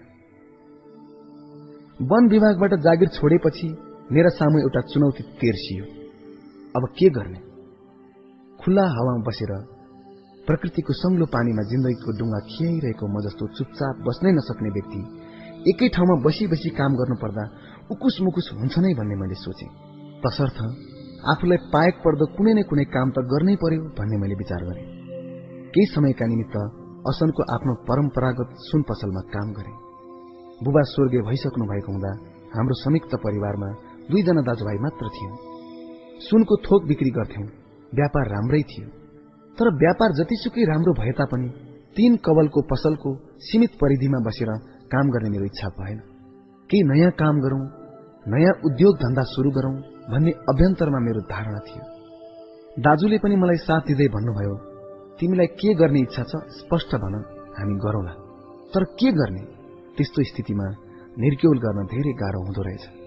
एउटा पेसाबाट अर्को पेसाको परिकल्पना गर्नु वास्तवमा सजिलो थिएन। जति विचार गरे पनि घुमिफिरी रुम्जाटार भने झै मान्छे आफ्नै पुरानो पेसामा घुम्दो रहेछ। तर सौभाग्यवश परम्परागत पारिवारिक पेसाप्रति मेरो मोह सिप र ज्ञान आबद्ध र विकसित भइसकेको थिएन। कतिपल्ट त सुन पसलमा बस्दा सुन भनेर पित्तल पनि किनिएछ। मलाई सक्कली र नक्कली हिरामा हुने सूक्ष्माति सूक्ष्म भिन्नताको ज्ञान नै छैन। आमा र दाजुले मलाई अरू उद्योग गर्ने छुट दिनुभएको थियो। वास्तवमा त्यो छुट नै मेरा लागि एउटा नितान्त नयाँ चुनौती बन्यो। मानिसको जीवन वृत्तिलाई एउटा रेखाबाट अर्को मार्गमा एउटा गोरेटोबाट अर्को गोरेटोमा परिवर्तन गर्न साँच्चै गाह्रै हुन्छ। केही समयका निमित्त म हराए। म किङ्कर्तव्य विमूढ जस्तै भए जो अस्वाभाविक होइन। हुन त वन विभागमा काम गर्दा पनि फुर्सदमा सुन पसलमा काम गर्थे विदामा दिनभरि पसलमा बस्थे अनि साँझ परेपछि त्यस्ताका काठमाडौँको मुटु झोचेको गल्लीमा घुम्न जान्थे। त्यस बेला त्यहाँ हिप्पी पर्यटनको जगजगी थियो। त्यहाँका साना अध्यारा रेस्टुरेन्टहरूमा चिया खान जाने अबेरसम्म विदेशीसँग कुरा गरी रमाई रमाई बस्ने बानी बस्न थाल्यो। कहिलेकाहीँ उनीहरूको संगतमा गाँजा साँझा पनि तानियो। तर मलाई थाहा थियो मेरो गन्तव्य स्थल झोचे होइन। झोचेका विभिन्न लजहरूमा घुम्दा घुम्दै मेरो मानसपटलमा एउटा उज्यालो पुञ्ज उब्जियो। म कल्पना गर्न थाले ठमेल स्थित मेरो घरमा पनि मैले होटेल बनाए कस्तो होला? मेरो बुबाले उन्नाइस सय पचपन्नमा नेपालको पहिलो इन्जिनियर कुमार नरसिंह राणाको ठमेल स्थित घर किन्नु भएको थियो। मेरो बुबाको सानै उमेरदेखि नै राणाहरूसँग संगत भएको हुँदा उनीहरूको बाह्य जीवन पद्धतिबाट प्रभावित भए उहाँले पनि त्यस्तै खालको जीवनशैली अप्नाउने सपना देख्नुभएछ। त्यही सपनालाई साकार पार्ने लालसा अनुरूप उहाँले राणाको त्यो घर किन्नुभयो होला। राणाको दरबार किनेपछि पछि त्यसलाई सुहाउँदो क्रिस्टलका झारहरू ऐना मार्बल टेबुल पियानो आदि सरसमान पनि त किन्नै पर्यो र किनियो पनि। बुबाको देहान्त पश्चात कालबेला अनुरूप हाम्रो जीवनशैलीमा पनि परिवर्तन आयो। बन्द व्यापार असनमा बसोबास ठमेलमा त्यस बेला ठमेलबाट असन जान आउन धेरै लामो समय जस्तो लाग्थ्यो। उति बेलाको ठमेल त अहिलेको बनेपा जस्तो लाग्ने। ठमेलका बाटाघाटा सुनसान लाग्थे। हाम्रो घरभित्र पस्ने बाटोको दायाँ बायाँ खुला शौचालय जस्तो थियो। ठमेलका अधिकांश घरहरूमा शौचालयको व्यवस्था थिएन। त्यस बेला ठमेलमा साँझ पर्नासाथ मान्छेहरू बाटोमा हिँडुल गर्दैनथे। एकपल्ट हाम्रै घर बाहिर ट्याक्सी चालकलाई छुरा हानी कसैले मारेको थियो। त्यसरी ठमेलमा ड्राइभर मारिएको खबर सारा नेपालमा फैलियो। एकजना मान्छेलाई मार्दा साराका सारा मानिस डरले थरथर काम्ने यो देशमा चालिस पचास वर्षको छोटो अन्तरालपछि राजनीतिक द्वन्द्वका कारण कैयौं निरपराध मानिस नृशंसतापूर्वक मारिने गर्छन्। यस्ता दुर्दिन आउलान् भनेर हामीले कहिले पनि कल्पना गर्न सक्दैनथ्यौं। ठमेल त्यस बेला अति अविकसित भनौं भने दुर्गम टोल थियो। एक रोपनी जग्गा छ सात हजार रुपियाँमै पाइन्थ्यो। मेरो घरलाई कसरी लज बनाउने र त्यसलाई कसरी विकास गर्ने भन्ने योजना मेरो सानो दिमागमा जहिले पनि घुमिरहन्थ्यो। आखिर चञ्चले मन न हो यस्तो सुनसान ठाउँमा कहाँबाट पर्यटक आउनु र? मैले सोचे विकसित ठाउँमा त सबैले विकास गर्न सक्छन् चुनौती भनेको त अविकसित ठाउँमा विकास गर्नु नै हो तर सोचेर मात्र पुग्दैन थियो त्यस बेला म चौबिस पच्चिस वर्षीय युवक नै थिएँ। आखिर स्रोत सीमित थियो। फुकी फुकी विचार गरेर मात्र पैसा खर्च गर्नु पर्थ्यो। आखिर चुनौती नै त हो भन्दै जुवा खेल्ने क्षमता पनि ममा थिएन वास्तवमा त्यसो गर्नु पनि हुँदैन थियो। म जे गर्दैछु सफल हुनै पर्छ भन्ने विश्वासका साथ मैले काम गर्नुपर्छ। चुनौतीको नाउँमा म मेरो संयुक्त परिवारको सोझै बलि दिन सक्दिनथे। त्यो चेतना र दायित्व बोध भने ममा थियो। आफ्नो घरलाई होटेल बनाउने क्रममा दाजुसित गम्भीर छलफल गरे। दाजुको इच्छा थियो घरमा ससाना फ्ल्याट सिस्टमका कोठाहरू बनाएर बहालमा दिने। त्यसबेला काठमाडौँ बाहिरका थुप्रै विद्यार्थी र जागिरदारहरू शहरमा भौतारिँदै कोठा खोज्दै हिँड्ने गर्थे। तर मलाई भने घर बहालमा दिन पटक्कै मन लागेन। सबभन्दा पहिले त घरमा दिदी बहिनी र भतिजीहरू भएको हुँदा बाहिरका अन्जान मानिसहरू बहालमा बस्न आउँदा अप्ठ्यारो महसुस हुनु अस्वाभाविक थिएन। त्यो भन्दा पनि महत्वपूर्ण कुरा के हो भने घरमा सजिलै बहाल लिने बानी बस्यो भने म मेरा भतिजाहरू र छोराहरू अल्छी भएर जान सक्छन्। उदाहरणमा मैले कतिपय यस्ता परिवारहरू देखिरहेको छु जो बहालको पैसामा भर परेर बिग्रिरहेका छन्।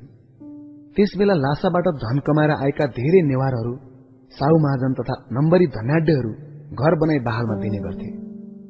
उनीहरूका छोराछोरीले उद्योग धन्दा गर्न खोज्दा प्रोत्साहन दिनु त कता हो कता उल्टै सहयोग समेत नगरी सजिलोसँग आएको बहालबाट घर खर्च टार्थे। ब्याङ्कमा जम्मा गर्ने गर्थे। काम नपाएपछि उनीहरूका छोराछोरीहरू तास खेल्ने बडा लिएर हिँड्ने नै भए। समय आफ्नो गतिमा अगाडि बढ्दै जाने नै भयो। बाबुआमा मरेर गएपछि बरालिएका ती केटाहरू उद्योगमा प्रवेश गर्न त खोजे तर यति अबेला भइसकेको थियो। उनीहरूले चाहेर पनि औद्योगिक युगमा प्रवेश गर्न र चुनौतीको सामना गर्न सकेनन्। मेरा कतिपय साथीहरू बहालको सजिलो आमदानीले बिग्रेको देखिरहेको छु। त्यसैले घर बहालमा दिने कुरा मलाई पटक्कै मन परेन। म एक किसिमले भाग्यमानी पनि छु। मेरो मुमा र दाजुले मलाई सधैँ विश्वास गर्नुहुन्थ्यो। घरका सबै परिवारको सहमति पश्चात आफ्नो पुरानो घरलाई होटेलको रूपमा सञ्चालन गर्ने निर्णय गरियो। आफ्नो होटेलमा कुन किसिमका पर्यटकहरूलाई राख्ने भन्ने सोच मैले पहिले नै बनाइसकेको थिएँ।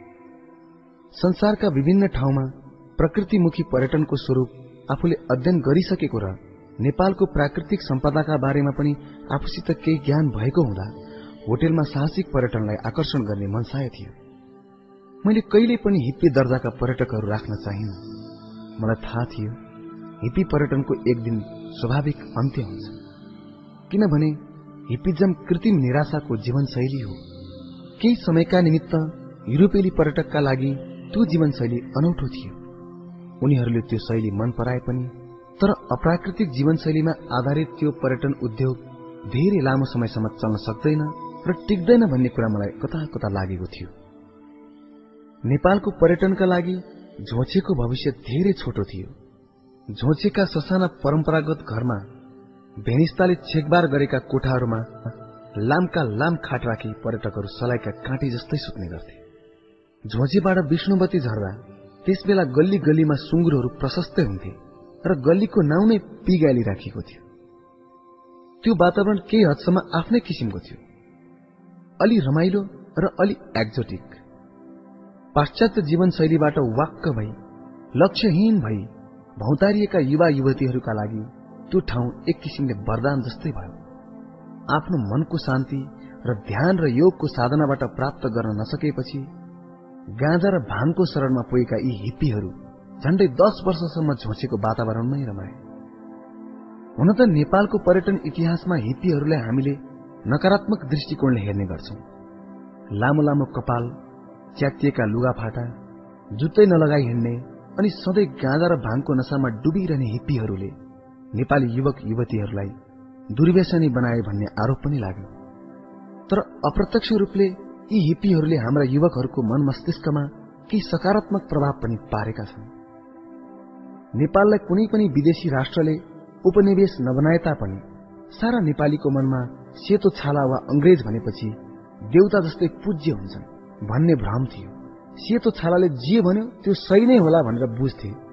तर जब अंग्रेजका यी सन्तानहरू झोचेको गल्ली गल्लीमा जुत्तै नलगाइकन घुम्न थाले मन्दिरको सिँढी रेस्टुरेन्ट र भजनमा नेपाली युवासित घुलमिल हुन थाले यसै क्रममा अंग्रेजहरूको बानी व्यवहार चालचलन र कमी कमजोरी पनि नेपालीहरूले बुझ्दै जान थाले। विस्तारै नेपाली युवाहरूको मनभित्र लुकिराखेका हीन भावनाहरू हराउँदै गए र विदेशीहरूसित निर्धक्क वार्तालाप गर्ने शक्ति बढ्दै गयो। हिपी भएर आएका कतिपय पर्यटकहरूकै देन हो केही नेपालीले पर्यटनसित सम्बन्धित नयाँ नयाँ कुरा सिक्न थाले। फर्सीदेखि च्याउ कागती र चीजहरूबाट पनि अनेक स्वादका केकका परिकारहरू बनाउने विधि जाने। संसारका विभिन्न भोजनका परिकारहरू बनाउन सिके। यसरी हिप्पीहरूले नेपालीहरूलाई अन्तर्राष्ट्रिय पर्यटनको अत्यन्त महत्वपूर्ण जग बसाल्न सिकाइदिए। हिप्पी भन्नासाथ सधैँ कर्तव्यबाट पलायन भएका भगुवा विदेशी युवा युवतीका रूपमा मात्र उनीहरूलाई हेर्नु उचित हुँदैन। उन्नाइस सय साठीको दशक ताकाका युवा युवतीहरूलाई सिक्सटिज किड्स भन्ने गरिन्थ्यो। यो समूहमा अहिले संसारलाई हाँक्ने धेरै नेता वैज्ञानिक र बुद्धिजीवीहरू पर्दछन्। Bill Clinton George Bush Tony Blair Beatles Rolling Stone जस्ता अनेक अन्तर्राष्ट्रिय व्यक्तित्वहरूले एक न एक दिन केही हदसम्म हिप्पीको जिन्दगी बिताएका थिए। कहिलेकाहीँ मलाई लाग्छ सिक्सटिज किड्स र समकालीन युवकहरूको तुलना गर्दा बौद्धिक क्षमतामा ठूलो फरक देखिन्छ। आध्यात्मिक र वैज्ञानिक युगको दोसारमा हुर्केका सिक्सटिज किड्सहरूमा विकासको चेतना र चिन्तनको पुनर्जागरण भएको थियो। तर अहिलेको कम्प्युटर युगमा हुर्केका नवयुवकहरूको सोच बढी यान्त्रिक देखिन्छ। के भविष्यमा संसार मेसिनबाट अभिप्रेरित जनशक्तिबाट मात्र सञ्चालन गर्न सकिन्छ त? आफू पनि साठीको दशकको युवक भएको हुँदा त्यस बेला र अहिलेका मानिसको मस्तिष्क र उनीहरूको मनोवैज्ञानिक व्यवहार बारे सधैँ कौतूहल जागेर आउँछ। हिप्पिजम त्यस समयमा विकसित भएको जिन्दगीको एउटा तत्कालीन लहर थियो। यस्ता लहरहरू समयसँगै उत्पत्ति हुन्छन् र समयसँगै हराएर जान्छन्। यस्तो कृत्रिम व्यवहारबाट उब्जिएको पर्यटन उद्योग अवश्य पनि धेरै लामो समयसम्म चल्न सक्दैन। झोछेको हिप्पिजममा आधारित पर्यटन पनि समयसँगै हराएर गयो। झोछेको पर्यटन ठमेलमा सर्यो भन्ने कुरा म कुनै पनि हालतमा मान्न सक्दिन। ठमेलको पर्यटन आधुनिक पर्यटनको चाहना अनुरूप योजनाबद्ध तरिकाले विकसित भएको हो। यहाँ पाश्चात्य जीवनको चाहनालाई ध्यान दिएको छ। तर झोछेमा बिना योजना पर्यटन विकास भएको थियो। पर्यटकहरू केही समयका लागि नयाँ शैलीको जीवन बिताउन रुचाउँछन् तर केही समयपछि आफू हुर्किएको संस्कारमै फर्कन बाध्य हुन्छन्। केही समयका लागि उनीहरू सुकुलमा बस्न रुचाउँछन् होला।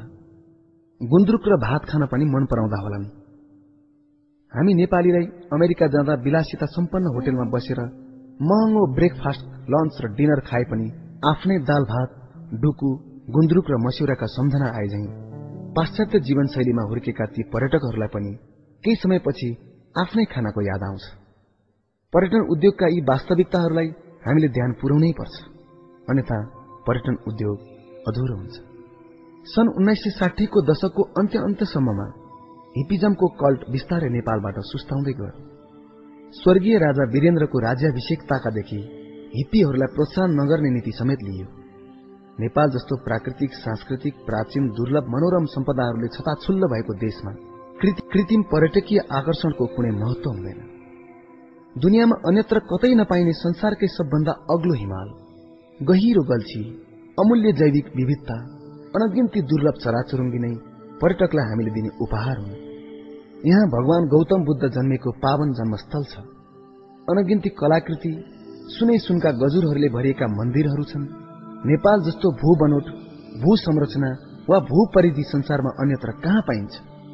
यस्तो अद्भुत गन्तव्य स्थलमा प्राकृतिक एवं सांस्कृतिक पर्यटनका असीमित अवसरहरू छन्। तसर्थ मलाई विश्वास थियो एक दिन नेपालमा यस्तो अद्वितीय पर्यटन उद्योग अवश्य पनि प्रतिष्ठापूर्ण भएर स्थापित हुनेछ। हिप्पी पर्यटनको सन् उन्नाइस सय सत्तरीको दशकको शुरूतिर अन्त्य भएपछि साहसिक पर्यटन शुरू हुन थाल्यो। त्यसका लागि खुला स्थल र विस्तार गर्न योग्य गन्तव्यहरूको आवश्यकता थियो। त्यस बेला ठमेलको पर्यटकीय विकास भएको थिएन। फाँटका फाँट जग्गा थिए। साँझ बिहान स्याल कराउँथे त्यहाँ। काठमाडौँ गेस्ट हाउसको नामबाट ठमेलमा होटेल शुरू गर्दा धेरै साथीहरूले त्यस्तो सुनसान ठाउँमा पनि होटेल चल्छ? भनी प्रश्न नगरेका पनि होइनन्। त्यस बेला ठमेलको गल्लीमा भूत आउँथ्यो भन्ने खुब हल्ला चलेको थियो। गणेशमान सिंहको भूतसँगको कुस्तीको विस्मयकारी बखान हुन्थ्यो। साँच्चै एक वर्षसम्म त होटेल नै चलेन। झोछेमा कोठा नपाएका अलिअलि हिप्पीहरू काठमाडौँ गेस्ट हाउसमा आउने गर्थे। एयरपोर्टमा पर्यटकहरू लिन आउँदा पनि तिनै हिप्पीहरू नै आउन थाले। म यसमा सधैँ चिन्तित रहन्थे। काठमाडौँ गेस्ट हाउसलाई एउटा स्तरीय होटेलको रूपमा सञ्चालन गर्न हिप्पीहरूभन्दा बौद्धिक पर्यटकहरूको आवश्यकता थियो। टाइगर टप्सका तत्कालीन मालिक John Coapman colonel G B Robert Mike Cheney Bob Fleming र पिस्कोरमा कार्यरत चिज कुमार श्रेष्ठ कान्तिजी बब प्रोक्टर माइक रेक्लेन आदिसित मेरो सम्पर्क रहेको हुँदा नेपालमा भर्खर भर्खर शुरू भएको पदयात्रामा आउने पर्यटकहरू बीच हामी काठमाडौँ गेस्ट हाउस बारे प्रचार प्रसार गर्न थाल्यौं। सबभन्दा पहिले त पिस्कोर संस्थाका साथीहरूसित अमेरिकाबाट आउने पिस्कोरहरूलाई काठमाडौँ गेस्ट हाउसमा राख्ने अनुबन्धन गरे। पिस्कोरको अफिस पनि गेस्ट हाउसको हातासँगै खोलियो। यसरी पिस्कोरको आधार शिविर जस्तै भयो हाम्रो होटेल। बिस्तारै हिमाल चढ्न जाने समूह र ट्रेकिङ जाने समूह गेस्ट हाउसमा आउन थाले।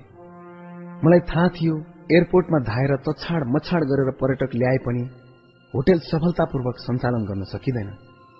ठमेलमा हामीले होटेल खोल्यौं भने सायद केही समयका निम्ति एक्लै संघर्ष गर्नुपर्छ। तर मलाई पूर्ण विश्वास थियो पर्यटकहरूको आगमन र विकासको भरपर्दो क्रम ठमेलमा ठेलम ठेल गरी आउँछ आउँछ। होटेल बनाउँदा युरोपेली जीवनशैली सुहाउँदा आवश्यक सुविधाहरू खुला ठाउँ र रमाइलो बगैँचाको आवश्यकता हुन्छ। म आफै पनि पर्यटक भएर देश विदेश घुमेर मनोरम प्राकृतिक स्थलहरूको भ्रमण गरिसकेको र पर्यटकको जीवन बिताइसकेको हुँदा अविकसित मुलुकहरूमा पर्यटकहरूलाई आकर्षण गर्न के कस्ता सहुलियतहरूको आवश्यकता हुन्छ भन्ने ज्ञान ममा थियो। साथै वन विभागमा काम गर्दा विभिन्न दूतावास पिस्कोर र राष्ट्रसंघीय विकास कार्यक्रमहरूमा कार्यरत विदेशी समुदायहरूसित काम गरिसकेको अनुभवका आधारमा होटेल चलाउन आवश्यक मार्केटिङ गर्न सक्छु भन्ने दृढ़ विश्वास म भित्र जागृत भइसकेको थियो वास्तवमा काठमाडौँ गेस्ट हाउस सफलतापूर्वक सञ्चालन भएको एकाडेमिक व्यवस्थापनको कारणले होइन। मानवीय सद्भावना र आफ्नै घरमा बसेको जस्तो वातावरण सिर्जना गर्न सक्नाले हो। मलाई लाग्छ पर्यटन व्यवसाय दुई किसिमले सञ्चालन गर्न सकिन्छ। या त प्रशस्त पैसा लगानी गरेर पेशेवर शक्तिहरूद्वारा पाँच तारे जस्ता होटल सञ्चालन गर्ने वा कम पैसाबाट मानवीय एवं घरायसी वातावरण सिर्जना गरी आत्मीयताको नाताले होटेल सञ्चालन गर्ने। काठमाडौँ गेस्ट हाउस आत्मीय वातावरणले सञ्चालन भएको हुँदा एकपल्ट यस होटेलमा बसेका ग्राहकहरू फर्की फर्की आउने गर्छन्। मैले ठम्याएको अर्को महत्वपूर्ण कुरा के थियो भने जबसम्म ठमेलको वातावरणलाई पर्यटन अनुकूल बनाउन सकिँदैन तबसम्म काठमाडौँ गेस्ट हाउसको भविष्य बलियो हुँदैन। कुनै पनि उद्योग व्यवसाय र व्यापार एकाङ्गी भएर विकसित हुँदैन।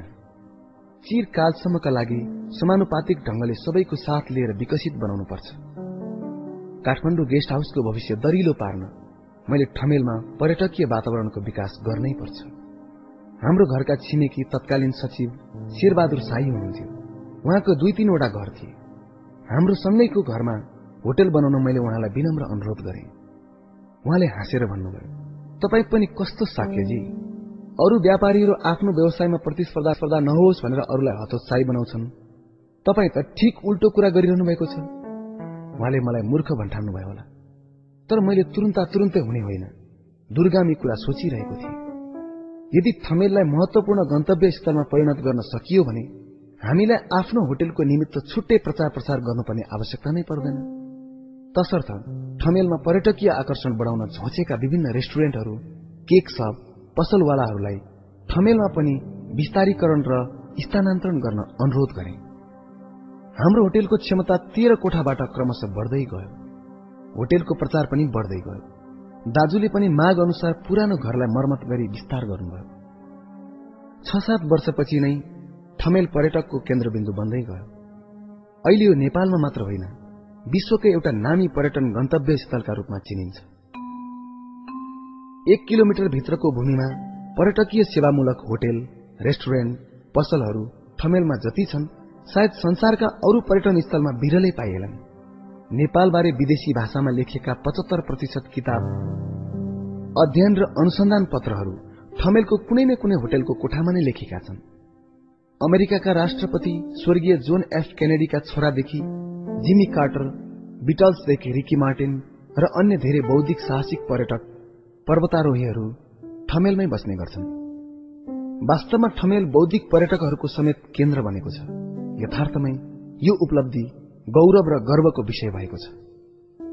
काठमाडौँ गेस्ट हाउसमा हेर्दा साधारण कमिज र प्यान्ट लगाएका विशिष्ट बौद्धिक व्यक्तिहरू आउने गर्छन्।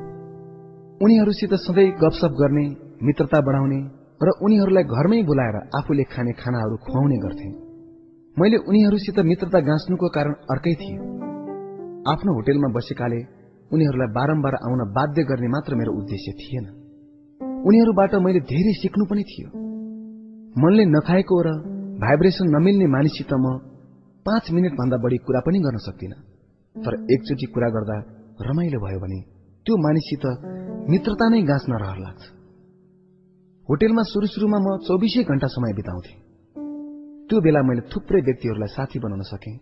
होटेलमा बस्न आउने विदेशी पाहुनाहरू मध्ये धेरै जसो मेरा मित्र भए। उनीहरूलाई म आफ्नो सम्पत्तिका रूपमा लिन्छु। अहिले मेरा कतिपय ती विदेशी मित्रहरू विशिष्ट व्यक्ति भएका छन्।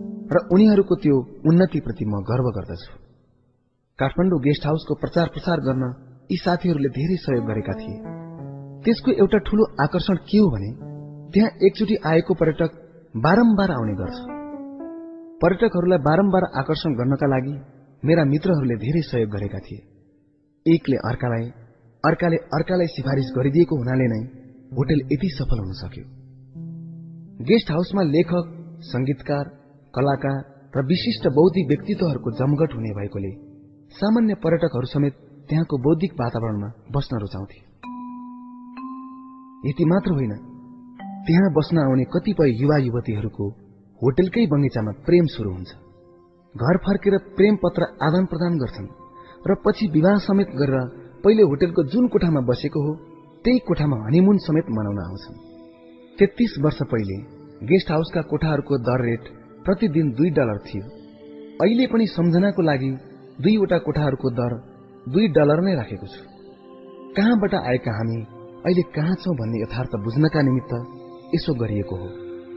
मानिसले आफ्नो मूल जरो बिर्सन हुँदैन। जग भनेको आफ्नो जिन्दगीको प्रगति र विकास नाप्ने आधारशिला हो। यस्ता आधारशिलाले हामीलाई आफूले आफैलाई फर्केर हेर्ने मन्त्र सिकाउँछन्। यदा कदा आफ्नो सफलता वा प्राप्तिलाई हामी चाँडै बिर्सन्छौं।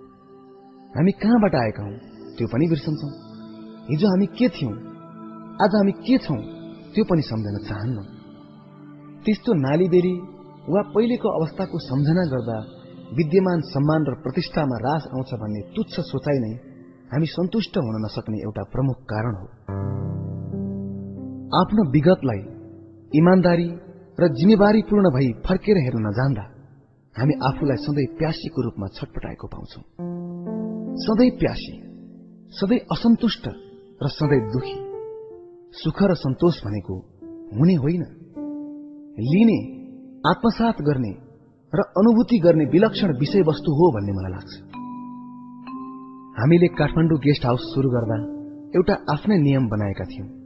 होटेलको कुनै पनि कर्मचारीले ग्राहकलाई सर वा म्याडम नभन्ने। पर्यटक यदि पुरानो भयो भने आत्मीयता स्वरूप रूप उनीहरूको पहिलो नामबाट सम्बोधन गर्ने। होइन भने मिस्टर फलाना भनेर बोलाउने। कोठामा पनि दिनदिनै स्टाफले तन्न नफेर्ने वा नबढार्ने हरेक कोठामा एउटा सूचना टाँसिएको हुन्थ्यो। कृपया तपाईँको कोठा आफै सफा राख्नुहोला। रुमाल तन्ना हाउसकिपिङबाट दिने व्यवस्था गरेका थियौं। यदि पाहुना बिरामी छ भने कोठा सफा गर्नका निमित्त स्टाफहरूलाई अनुरोध गर्नु पर्थ्यो पहिले त यो नियम लागू गर्ने कि नगर्ने भनेर सोचे। यसबाट प्रतिकूल असर पर्छ कि भनेर डर पनि लागेको थियो।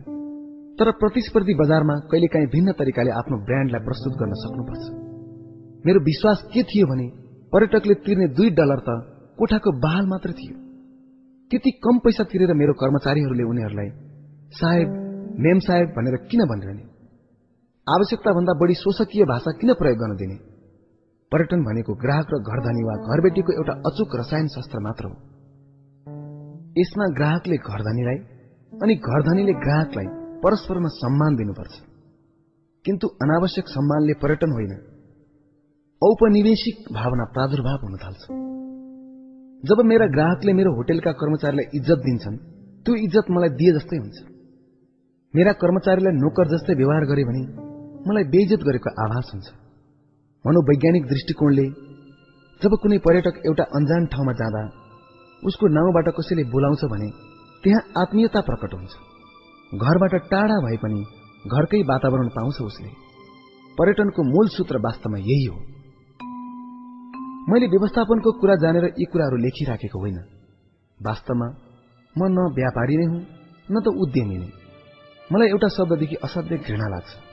कसैले मलाई एसाउजी भनेको त म सहनै सक्थेँ कञ्चटै तातेर आउँछ। तर परिबन्धले मलाई होटेल उद्यमी बनाइदिएको छ। मैले होटेल चलाउँदा व्यवस्थापनको किताबी ज्ञान अनुकरण गरिन। सधैँ मेरो अन्तरात्माले जे भन्छ त्यही सुनेर चलाएको छु। सायद सफलताको मूल कारण पनि यही होला। मैले होटलमा आउने पर्यटकहरूसित कुरा गर्दा कहिले पनि पसले र ग्राहकको नाफा नोक्सानमा आधारित व्यवहार गरिन। कहिलेकाहीँ भने मुख हेर्दैमा दिक्क लाग्ने पर्यटकहरूसित म पुरै गर्दिनथे हँसिलो मुहार रमाइलो स्वभाव भएका व्यक्तिहरूलाई मात्र साथी बनाउँथे। त्यसैले त मलाई लाग्छ म व्यापारी नै होइन। व्यापारीको परिभाषा अनुसार जस्तो सुकै ग्राहकलाई पनि मान सम्मान गर्नै पर्ने र उनीहरूले नचाहिँदो कुरा गरे भने पनि त्यसमा आपत्ति नजनाउने। त्यो त मेरो लागि साँच्चै नै मुस्किल काम थियो। उनीहरूसित छलफल गर्दा गर्दै यदा कदा वाद विवाद पनि हुन्थ्यो। वाद विवादको सन्दर्भ आएपछि पर्यटकहरू जतिसुकै धनाड्य भए पनि म उनीहरूसित दबेर बस्न सक्दिनथे मेरो यही स्वभावले कति पटक मेरा ग्राहकहरू होटल छोडेर बाहिर समेत गएका छन्। तर जब कुनै व्यक्ति मलाई औधी मनपर्छ त्यस्तालाई परिवारका सदस्य सरह व्यवहार गर्थे। छलफल गर्ने क्रममा कहिले म उनीहरूबाट प्रभावित हुन्थे भने कहिले उनीहरू मबाट। कसै कसैले मलाई सोध्छन् के तपाईँले ठमेल यति विकसित होला भनेर सोच्नु भएको थियो? मैले अवश्य सोचेको थिएँ। एक दिन अवश्य पनि ठमेल एउटा पर्यटकीय केन्द्रबिन्दु बन्छ। तर यो झुटो कुरा हुनेछ। यदि हामीले नेपालको पर्यटन विकास गर्नका निम्ति काठमाडौँ गेस्ट हाउस खोलेका हौ भन्यो भने हामीले हाम्रो पेट पाल्नकै निम्ति होटल खोलेका हौ र पैसा कमाउनकै निम्ति खोलेका हौ। साँचो यही हो। तर यसो गर्दा गर्दै भगवानको कृपाले ठमेलको विकास सँगसँगै नेपालमा साहसिक पर्यटनको नयाँ अध्याय शुरू भएको छ भने यसको श्रेय हामीले मात्र पाउनुपर्ने कुनै आवश्यकता छैन। ठमेलको विकासमा सारा ठमेलवासीको देन छ। एकचोटि फर्केर हेरौं त।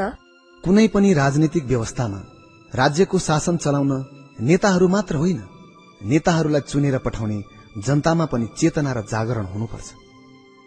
उनीहरूमा विवेकको विकास नभएसम्म जुनसुकै राजनीतिक तन्त्र आए पनि त्यसले काम गर्न सक्दैन। दार्शनिक दृष्टिले हेर्ने हो भने शासन चलाउने नेता र जनता दुवै राम्रो भए कुनै अर्को तन्त्रको आवश्यकता नै हुँदैन।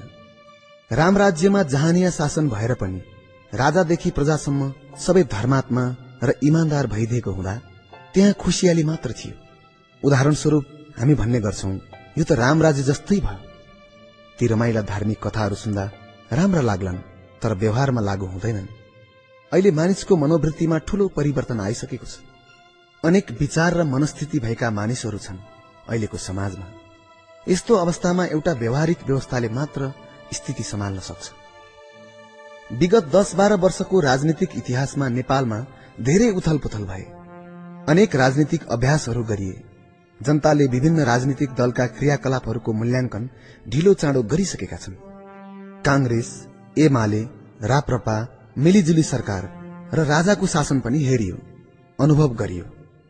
निष्कर्षमा भन्नुपर्दा जनताको सहयोग बिना कुनै पनि शासन चल्नै सक्दैन। त्यसैले त होला नेपोलियन बोनापार्ट पनि दुई चिजसँग डराउँथे। एउटा निहत्ता जनता र अर्को कलम। तर यो राजनीतिक अङ्कगणितलाई नेपाली नेताहरूले कहिल्यै बुझेनन्। अहिले विभिन्न राजनीतिक पार्टीका नेताहरू र अब हुँदाहुँदै एक व्यक्ति एक पार्टी झिङ्गे दाउवादी राजनीतिज्ञहरू पनि जनता र प्रजाको नाउँमा राजनीति गरिरहेका छन्। जनतालाई आफ्नो स्वार्थका लागि प्रयोग गरिने वस्तुका रूपमा लिइराखेका छन्। मानव जनता भनेका त भेडा बाख्रा नै हुन्। हरेकले जनतालाई आफ्नो राजनीतिक कोर्टमा सजाउने गुलाबको फूलको रूपमा लिइराखेका छन्। जनताले के चाहेको छ? त्यो थाहा पाउँदा पाउँदै पनि लाज शरम पचाएर आफ्नो व्यक्तिगत र दलीय स्वार्थलाई जनताको लागि भनेर आफ्ना धारणाहरू निर्भीक रूपले छाटिरहन्छन्। यसरी जनताको नाउँमा जनतालाई नै दुःख दिइरहँदा यो प्रवृत्तिले प्रजातन्त्रप्रति नै वितृष्णा जगाइदिन्छ। तर जे जस्तो भए पनि एउटा कुरा हामीले मान्नै पर्छ। प्रजातन्त्र स्वचालित राजनीतिक सुदृढीकरणको अचूक बाटो हो। केही समयका निमित्त सायद यो पद्धतिले अन्यलको सृजना गर्न सक्ला। समाजमा केही दुःख पनि दिन सक्ला।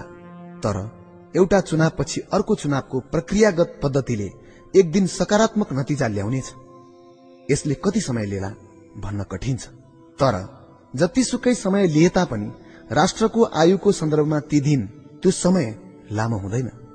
जब सार्वभौम सत्ता जनताको हातमा निहित हुन्छ जनता आफै सचेत भएर जान्छन्। के ठिक के बेठिक भन्ने निर्णय गर्ने क्षमता जनताले आफै विकास गर्दै लान्छन्।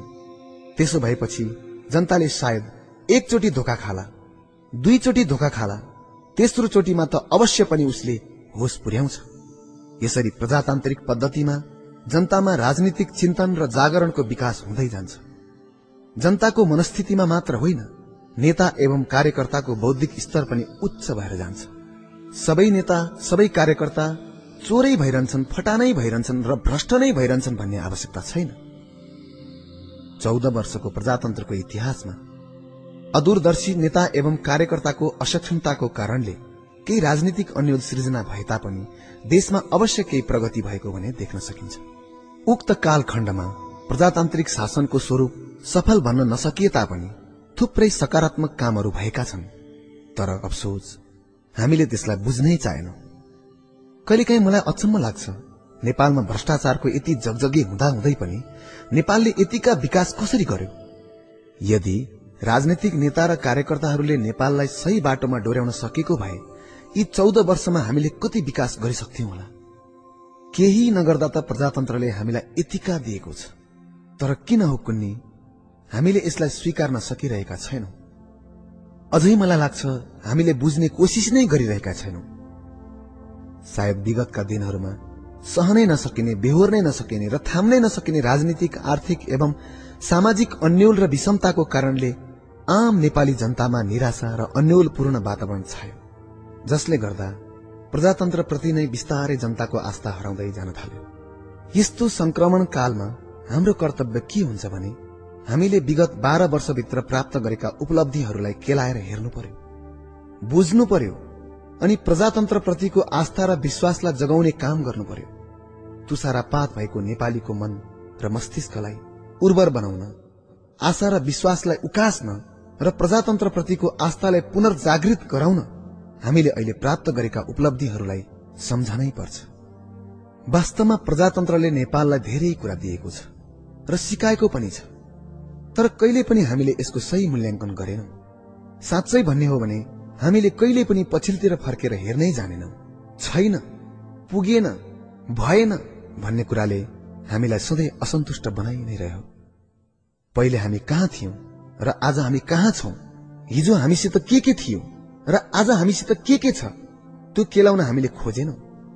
प्रजातन्त्र पछिका करिब पन्ध्र वर्षको अवधिमा हामीले हासिल गरेका उपलब्धिहरूको मूल्याङ्कन गर्ने हो भने धेरै हतोत्साहित बन्नुपर्ने आवश्यकता नै छैन।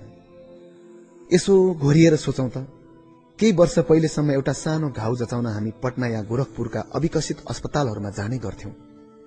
आज नेपालमा नै मुटु खोलेर अपरेशन गरिन्छ।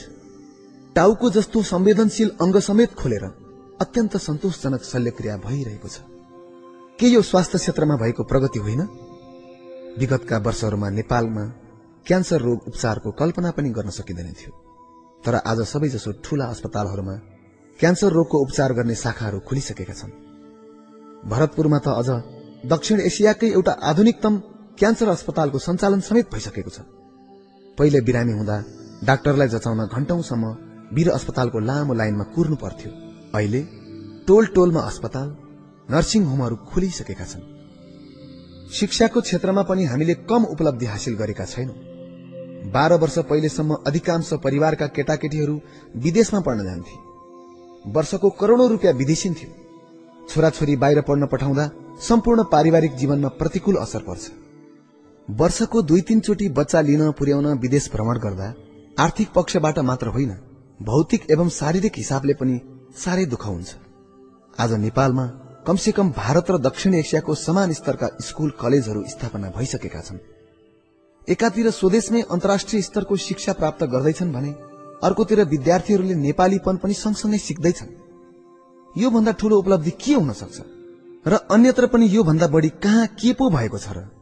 पहिले एउटा डाक्टरी कोर्सको सीट पाउनका निम्ति विदेशी दूतावासका चपरासीको चाकडी गर्न जानु पर्थ्यो एउटा इन्जिनियरिङ कोर्सको सिट प्राप्त गर्नका निमित्त विदेशी विश्वविद्यालयहरूमा ठूलो रकम चढाउनु पर्थ्यो। थुप्रो मेहनत र कष्ट गर्नु पर्थ्यो। आज डाक्टर इन्जिनियर मात्र होइन अन्तर्राष्ट्रिय स्तरको व्यवस्थापन र अन्य विधाका शिक्षा हासिल गर्न नेपालमा नै दर्जनौ कलेजहरू छन्। एउटा विश्वविद्यालयबाट अहिले झण्डै दर्जनौ उच्च स्तरीय शिक्षण संस्थानहरू खुलिसकेका छन्। नेपालमा अहिले नेपाली विद्यार्थी मात्र होइन विदेशबाट पनि पढ्न आउने क्रम बढ्दो छ। शिक्षाको क्षेत्रमा के यो विकास होइन के यो उपलब्धि होइन? अहिलेको निराशाजनक परिस्थितिमा यस्ता दुई चारवटा उदाहरण दिएर मात्र नेपालको विकासका अवधारणालाई इंगित गर्न सकिन्न। तर नेपालमा केही भएकै छैन। हुनै सक्दैन भन्ने अत्यन्त नकारात्मक सोचले हामीलाई यति निराशा बनाएको छ। यस्ता दुई चारवटा उपलब्धिका कुराहरू सुनेर मात्र हाम्रा आँखा खुल्दैनन्। कुम्भकर्ण जस्तो नैराश्यको चिर निन्द्रामा लीन भएकाहरूलाई जगाउन र बिउझाउन यस्ता एउटा दुईटा उदाहरणहरू मात्र दिएर पुग्दैन। निराशाको अन्धकारमय बादललाई हटाउन र भविष्यको उज्यालो किरणलाई देखाउन सायद नेपालमा भएका अरू उपलब्धिहरूलाई पनि हामीले हेर्नुपर्छ। यसै सन्दर्भमा संचारको क्षेत्रमा एकचोटि फर्केर हेरौं त। प्रजातन्त्र पुनस्थापना नहुँदासम्म हाम्रो स्थिति कस्तो थियो? गोर्खापत्र र राइजिङ नेपालको एकलौटी थियो। गाउँघरमा रेडियो र ट्रान्जिस्टरको एन्टिना घुमाई घुमाई रेडियो नेपालको समाचार सुन्नु पर्थ्यो त्यसमाथि नसुनी नहुने कुरै पनि के थियो र? त्यस बेलाको सरकारको एकतर्फी वक्तव्य मन्त्रीहरूका एकतर्फी भाषणहरू चिन्तन र संचारको अँध्यारो इनारमा नेपालीहरू थुनिरहेका थिए त्यस बेला आज टेलिभिजनकै मात्र पनि चार पाँचवटा च्यानलहरू छन्। जिल्ला जिल्लामा एफएम रेडियो र काठमाडौँमा मात्रै दर्जनौ एफएम स्टेशनहरू छन्। बोल्नेहरूले आफ्नो विचार निर्भीकतापूर्वक प्रस्तुत गर्न पाइरहेका छन् र सुन्नेहरूले पनि के सुन्ने के नसुन्ने छानी छानी सुन्न पाइरहेका छन्। श्रोता र दर्शकहरूले सुनेर हेरेर मनन गरेर निर्क्योल गर्ने बौद्धिक क्षमताको विकास भएको छ। दुई हजार छयालिस साल अघिसम्म हामी मुख खोल्न नसक्ने स्थितिमा थियौं भने आज जे पनि बोल्न पाइरहेका छौं मनमा उठेका सम्पूर्ण इच्छा आकांक्षाहरू बिना अवरोध व्यक्त गर्न पाइएको छ। हुन त खुलापन र छाडापनको बीचमा एउटा सभ्य सामाजिक सिमाना हुनु अति आवश्यक छ। यसलाई सरकारी नियम कानूनले भन्दा पनि मानिसको सभ्यता र विवेकले नै रेखांकन गर्ने काम गर्नुपर्छ। अहिले अहिले राजनीतिक पार्टीहरूले जुन किसिमको आम हड़ताल चक्का जाम र प्रदर्शनहरू गरिराखेका छन् त्यसमा जनताले असहमति जनाइसकेका छन्। अहिले राजनीतिक क्रियाकलापप्रति जनताको वितृष्णा र असहमति स्पष्ट नदेखिए पनि चुनावताका जनताले आफ्नो इच्छा जाहेर गर्नेछन् तर जे होस् मैले यहाँ भन्न खोजेको प्रजातन्त्र पश्चात संचारको क्षेत्रमा हामीले जे जति अधिकार प्राप्त गरेका छौं त्यसलाई हामीले कसरी मूल्याङ्कन गर्ने? बैंकिङ क्षेत्रमा पनि कम प्रगति भएको छैन। केही वर्ष पहिलेसम्म एक हजार रुपियाँ ब्याङ्कबाट झिक्न घण्टौंसम्म लाइनमा बस्नु पर्थ्यो। आफ्नै पैसा लिनका लागि बैंकको कर्मचारीको चाकडी गर्नु पर्थ्यो आज बैंकको स्थितिमा कायापालट भएको छ। ब्याङ्कभित्र पस्दा विदेशमै पुगेको जस्तो अनुभव हुन्छ। कर्मचारीको व्यवहारमा शालीनता र समयको बचत हुन्छ। यति मात्र होइन पहिले कुनै उद्यम गर्नको निमित्त ऋण लिन जाँदा एनआईडीसीमा वर्षौं कुर्नु पर्थ्यो कर्मचारीको चाकडी गर्नु पर्थ्यो र मोटो रकम सलामीका रूपमा चढाउनु पर्थ्यो आज बैंकिङ सेवा घर घरमा पुगिसकेको छ। ऋण लिन पनि सजिलो भएको छ। काम गर्नेले मौका पाए र साँच्चै भन्ने हो भने जब नेपालमा बैंकिङ सेवा सुलभ भयो त्यहीदेखि नेपालको औद्योगिक विकासमा प्रगति भएको छ। यस्तै पर्यटन क्षेत्रकै उपलब्धिका बारेमा हेरौं न। हिजोसम्म साई नेपाल वायु सेवा निगमले हाम्रो आकाश थुनिराखेको थियो। आज सिंह आकाश खुल्ला गरिएको छ र अन्य निजी वायु सेवाहरू पनि खुलेका छन्। हामीले बिर्सेका छैनौं। हिजोसम्म दशैं तिहारमा घर जानु पर्दा न्यू रोडको सानेबानीको भवन बाहिर डेरा हाली सुत्नुपर्ने अवस्था थियो। आज धेरै विकट क्षेत्र पनि सुगम भएका छन् र हवाई जहाजमा भ्रमण गर्ने नब्बे प्रतिशत ग्राहक नेपाली नै भइसकेका छन्। यसलाई हामीले नेपालीको आर्थिक विकासका रूपमा लिने कि नलिने? भनिन्छ साना मुलुकको अनुपातमा एसियाका सबैभन्दा बढ़ी एयरपोर्टहरू नेपालमै खुलिसकेका छन् रे। विगत चौध वर्षमा नेपालको पर्यटनले धेरै ठूलो फड्को मारेको छ। होटेल ट्रेकिङ राफ्टिङ पर्वतारोहण र अन्य साहसिक पर्यटनको क्षेत्रमा हामीले धेरै प्रगति मात्र गरेका होइनौ। हामी अहिले विश्व पर्यटनको मानचित्रमा अग्रणी स्थान ओगट्न समेत सफल भएका छौं। हामीले आफूलाई कहिले चिन्नै सकेनौं। आफ्नो शक्तिको आभास कहिले भएन। एकचोटि हामी आफ्नै जीवन स्तरलाई तुलना गरौं। हिजोसम्म नेपालीको क्रय शक्ति फुटपाते पसलमा मात्र सीमित थियो। तर आज गल्ली गल्लीमा झकी झकाउ साना ठूला डिपार्टमेन्ट स्टोर फ्रेश हाउसहरू खोलिएका छन्। यी पसलमा सामान किन्न आउनेहरू सबै विदेशी होइनन्। अधिकांश नेपालीहरू नै हुन्छन्। सोच्नुहोस् त नेपालीको क्रय शक्ति कहाँबाट बढ्यो? पहिले एउटा स्याउ खान बिरामी नै हुनु पर्थ्यो असन नैकन्तला र त्योड जाने बाटो र गल्लीहरूमा पहिले स्थानीय किसानहरू खर्पनमा काउली बेच्न आउँदा फ्याँकिएका काउलीका पात गुन्द्रुक बनाउनका लागि मध्यम वर्ग परिवारका आइमाईहरूले समेत टिपेर लाने गर्थे। तर अहिले असन कालीमाटी र अन्य तरकारी बजारहरूमा साँझ पख गयो भने खान योग्य गोलभेडा र हरिया सागपात समेत प्रशस्त फ्याँकिरहेका हुन्छन्। र पछि त्यत्तिकै कुहिएर जान्छ। तर कसैले पनि त्यहाँबाट ती खान योग्य तरकारी टिपेर लैजाँदैन। के यो हाम्रो जीवनस्तर उक्सिएको संकेत होइन?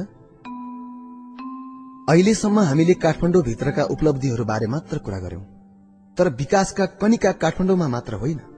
देशका अन्यत्र ठाउँहरूमा पनि छरिएका छन्। केही समय अघिसम्म काठमाडौँवासीहरू तराई जाँदा त्यहाँका मानिसहरूले लौ न हरियो साग ल्याइदिनुहोस् न काउली ल्याइदिनुहोस् न भनेर साथीभाइ इष्टमित्रहरूसँग फरमाइस गर्थे।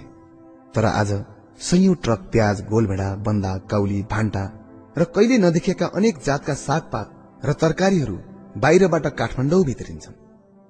कृषिको क्षेत्रमा जुन विकास भएको छ त्यसलाई कम आँक्न मिल्दैन। पहिले काठमाडौँमा खरबुजा खान पाइँदैन थियो। तरबुजा खान पाइँदैन थियो तर आज ती खरबुजा तरबुजा र अनेक फलफूलहरू नेपालका विभिन्न भागहरूबाटै काठमाडौँमा प्रशस्तै आउँछन्। मत्स्य पालनको विकास त्यसै अनुपातमा भएको छ। हिजोसम्म धान खेतमा पाइने हिले माछामा मात्र सन्तुष्टि लिने नेपाली आज दर्जनौ जातका ताजा माछाहरू खान पाउने भइसकेका छन्। यस्तै कुखुरा पालनमा क्रान्तिकारी फड्को मारिएको छ। म सानो छँदा एउटा अण्डा खानको निम्ति जन्मदिन कुर्नु पर्थ्यो। आज अण्डा त आलु भन्दा पनि सस्तो भइसक्यो। हामी विकासको यो गतिलाई किन स्वीकार्न सक्दैनौ? बाह्र वर्ष पहिले म एकचोटि रामेछाप भ्रमणमा गएको थिएँ। त्यस बेला हामीले एक केजी चामलको झण्डै तीन सय पचास रुपियाँ तिरेका थियौं। अदुवाको भाव सोद्धा किलोको तीन सय रुपियाँ भनेको थियो। अहिले रामेछापमै एक किलो अदुवाको छत्तीस रुपियाँ चामल एक किलोको तीस रुपियाँ भन्ने कुरा सुने। के विकास काठमाडौँमा मात्र सीमित भएको छ र? अन्त विकासको खोला बगेको छैन? तीस वर्ष पहिले म अन्नपूर्ण क्षेत्रको घान्द्रुक चुम्रुङ आदि गाउँहरूमा घुम्न जान्थे। गाउँठाउँमा हिँड्दा धेरै फोहोर देखिन्थ्यो।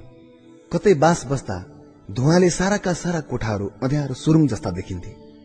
घरभित्रको वातावरण पनि यति फोहोर देखिन्थ्यो त्यहाँ खाना खान नै अप्ठ्यारो लाग्थ्यो। तर अहिले अन्नपूर्ण क्षेत्र अन्तर्राष्ट्रिय स्तरको आकर्षक गन्तव्य स्थल भइसकेको छ। अनुपम प्राकृतिक एवं सांस्कृतिक सम्पदाको रमाइलो दोभान बनेको छ। अहिलेको अन्नपूर्ण क्षेत्र।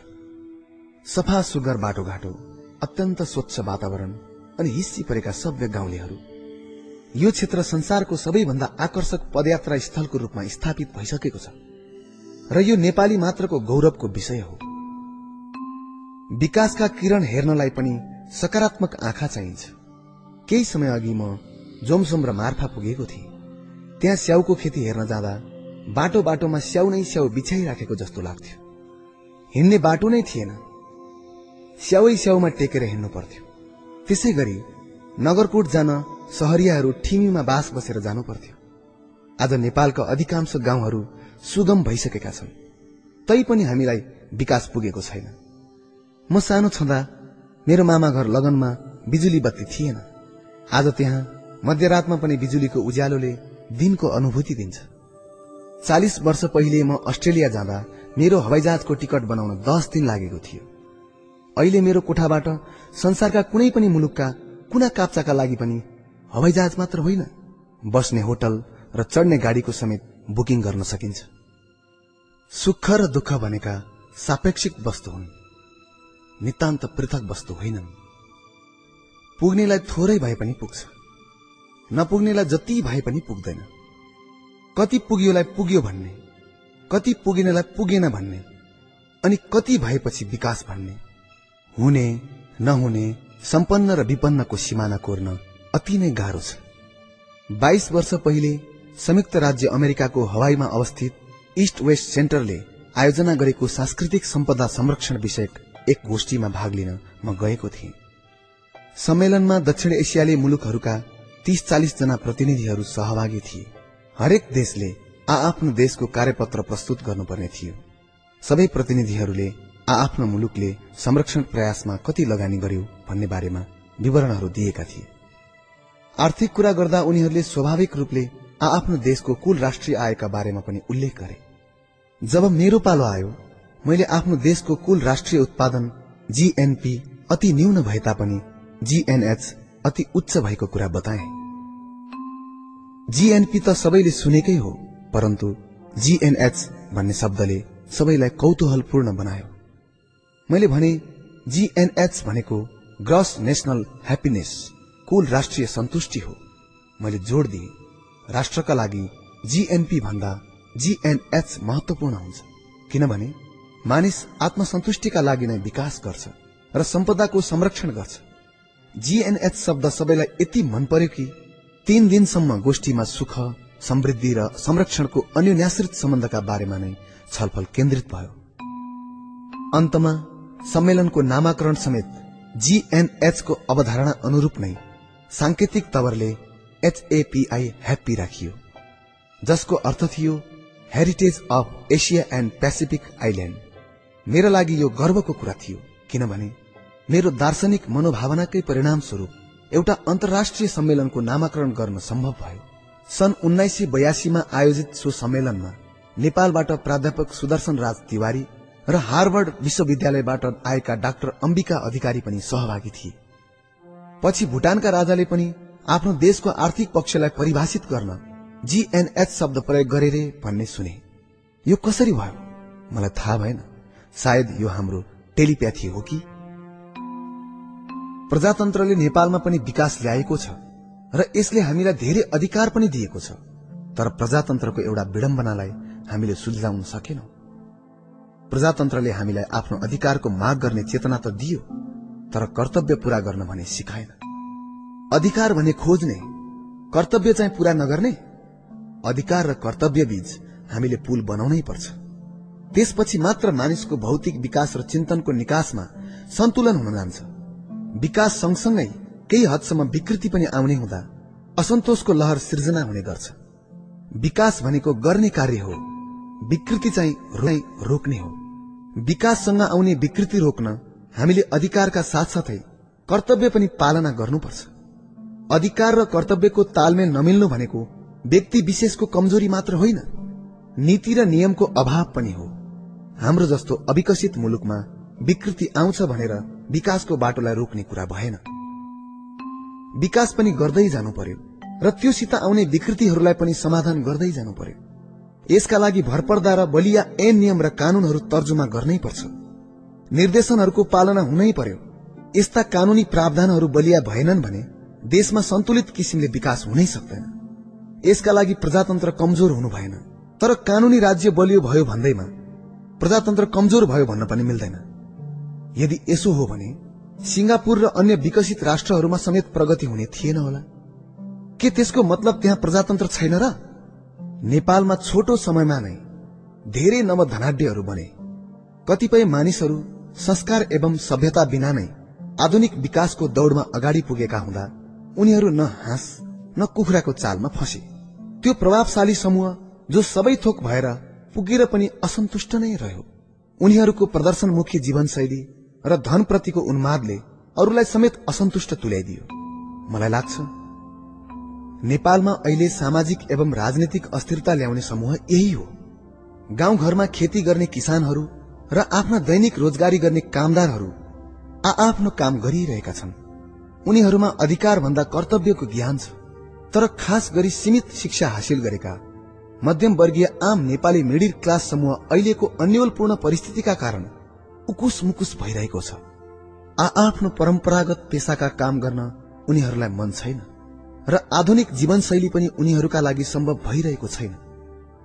आफ्नो सम्पन्न र गौरवमय सभ्यतालाई बिर्सेर उनीहरू हलुका पाराले आधुनिक हुन त पुगे तर त्यसभित्रको वस्तुस्थिति बुझ्न सक्ने बौद्धिक क्षमता भने उनीहरूमा कहिल्यै भएन।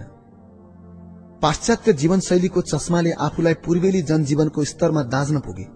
अनि यो पुगेन त्यो पुगेन यो भएन त्यो भएन भन्ने कृत्रिम अशान्तिको आभासले उनीहरूको मनस्थितिलाई नराम्ररी सतायो। तिनका असन्तुष्टिहरू पुगेनको खोला र अभावग्रस्त दहमा पौडी खेल्न पुगे र आफूलाई दुखी जर्जर र आक्रोशित बनाए। पुग्यो र पुगेनको सीमाङ्कन गर्न ठुल्ठुला अर्थशास्त्रीहरूले पनि सकेका छैनन् भने उनीहरूले के सक्लान्? हामी अहिले जुन अशान्त जर्जर अवस्थामा पुग्यौं। त्यो पेटको भोकको कारणले होइन मनको लोभले मात्र हो। कहिलेकाहीँ म यी विषयमा गहिरेर सोध्छु।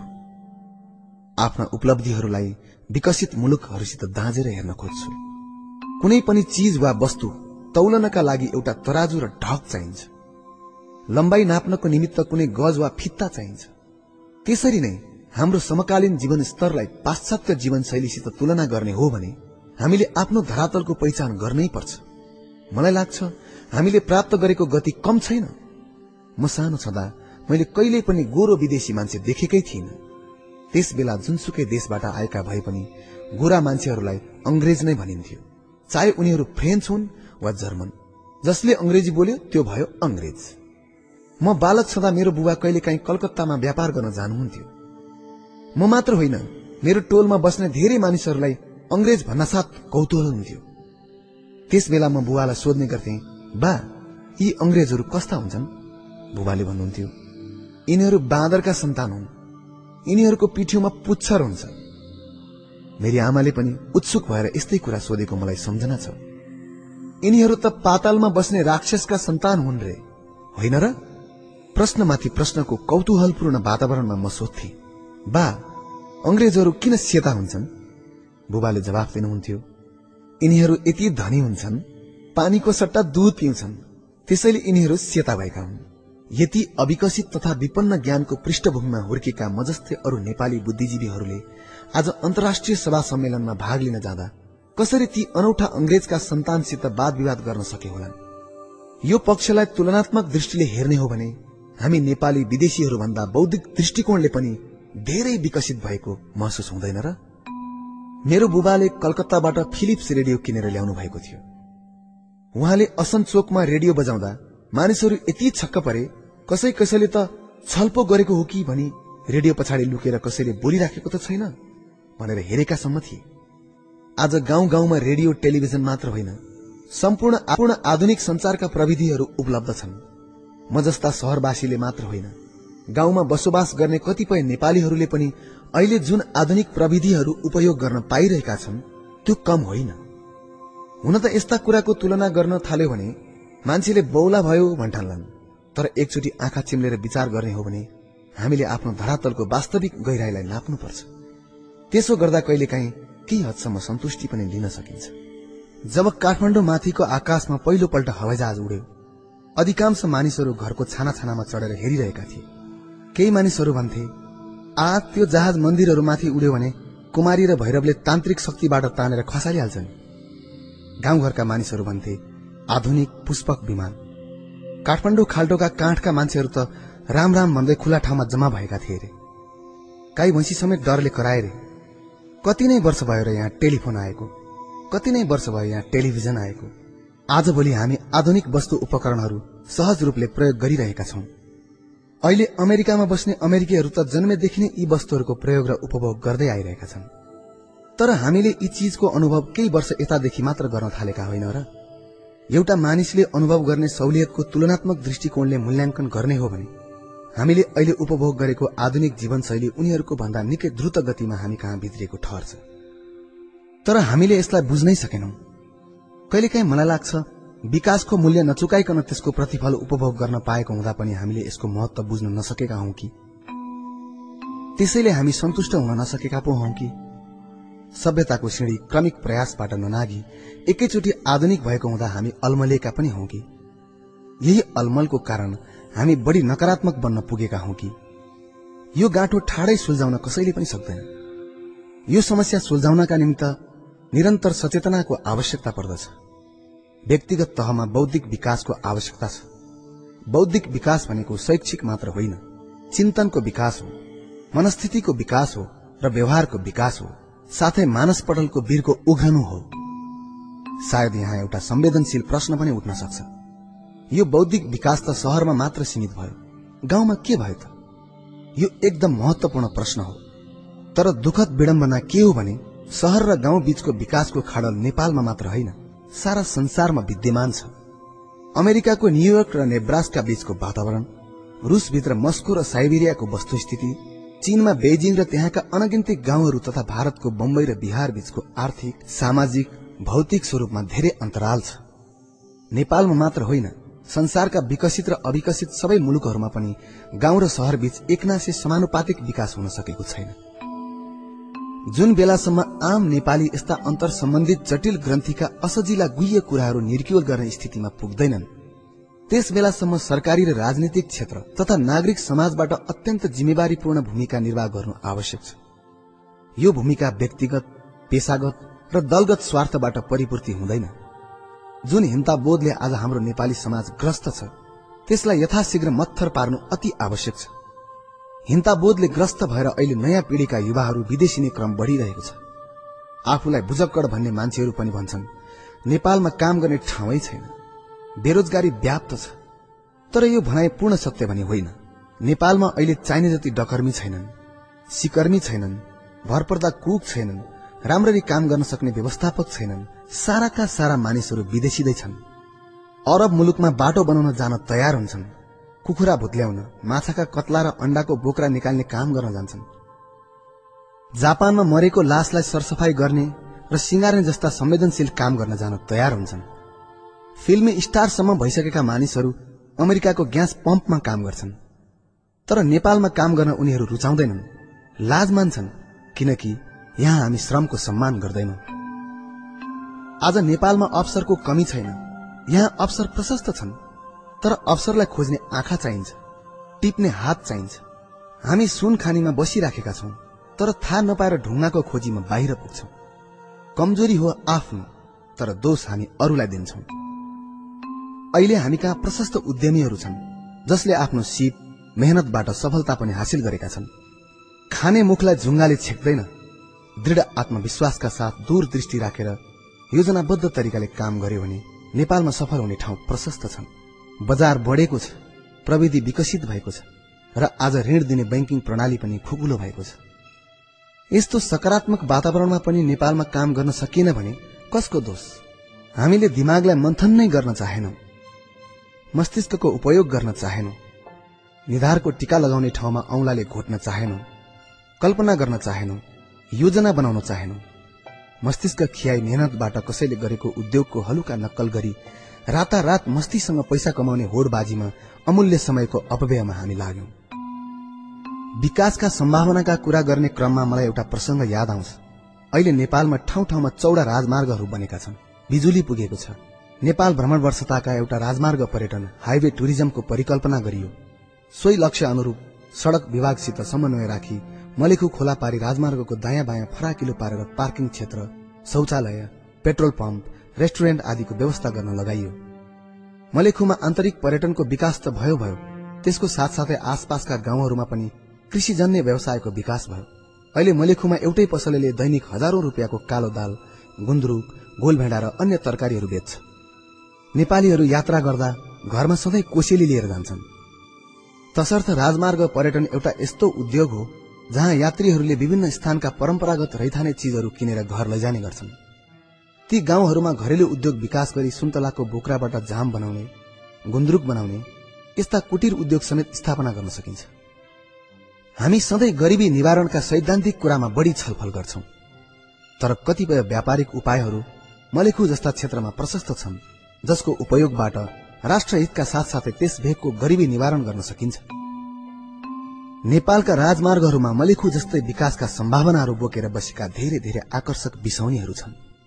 तर त्यस्ता सम्भावनाहरू देख्दा देख्दै पनि आम मान्छेहरू नेपालमा कामै छैन अवसरै छैन भनेर सरकारलाई मात्र गाली गरिरहन्छन्।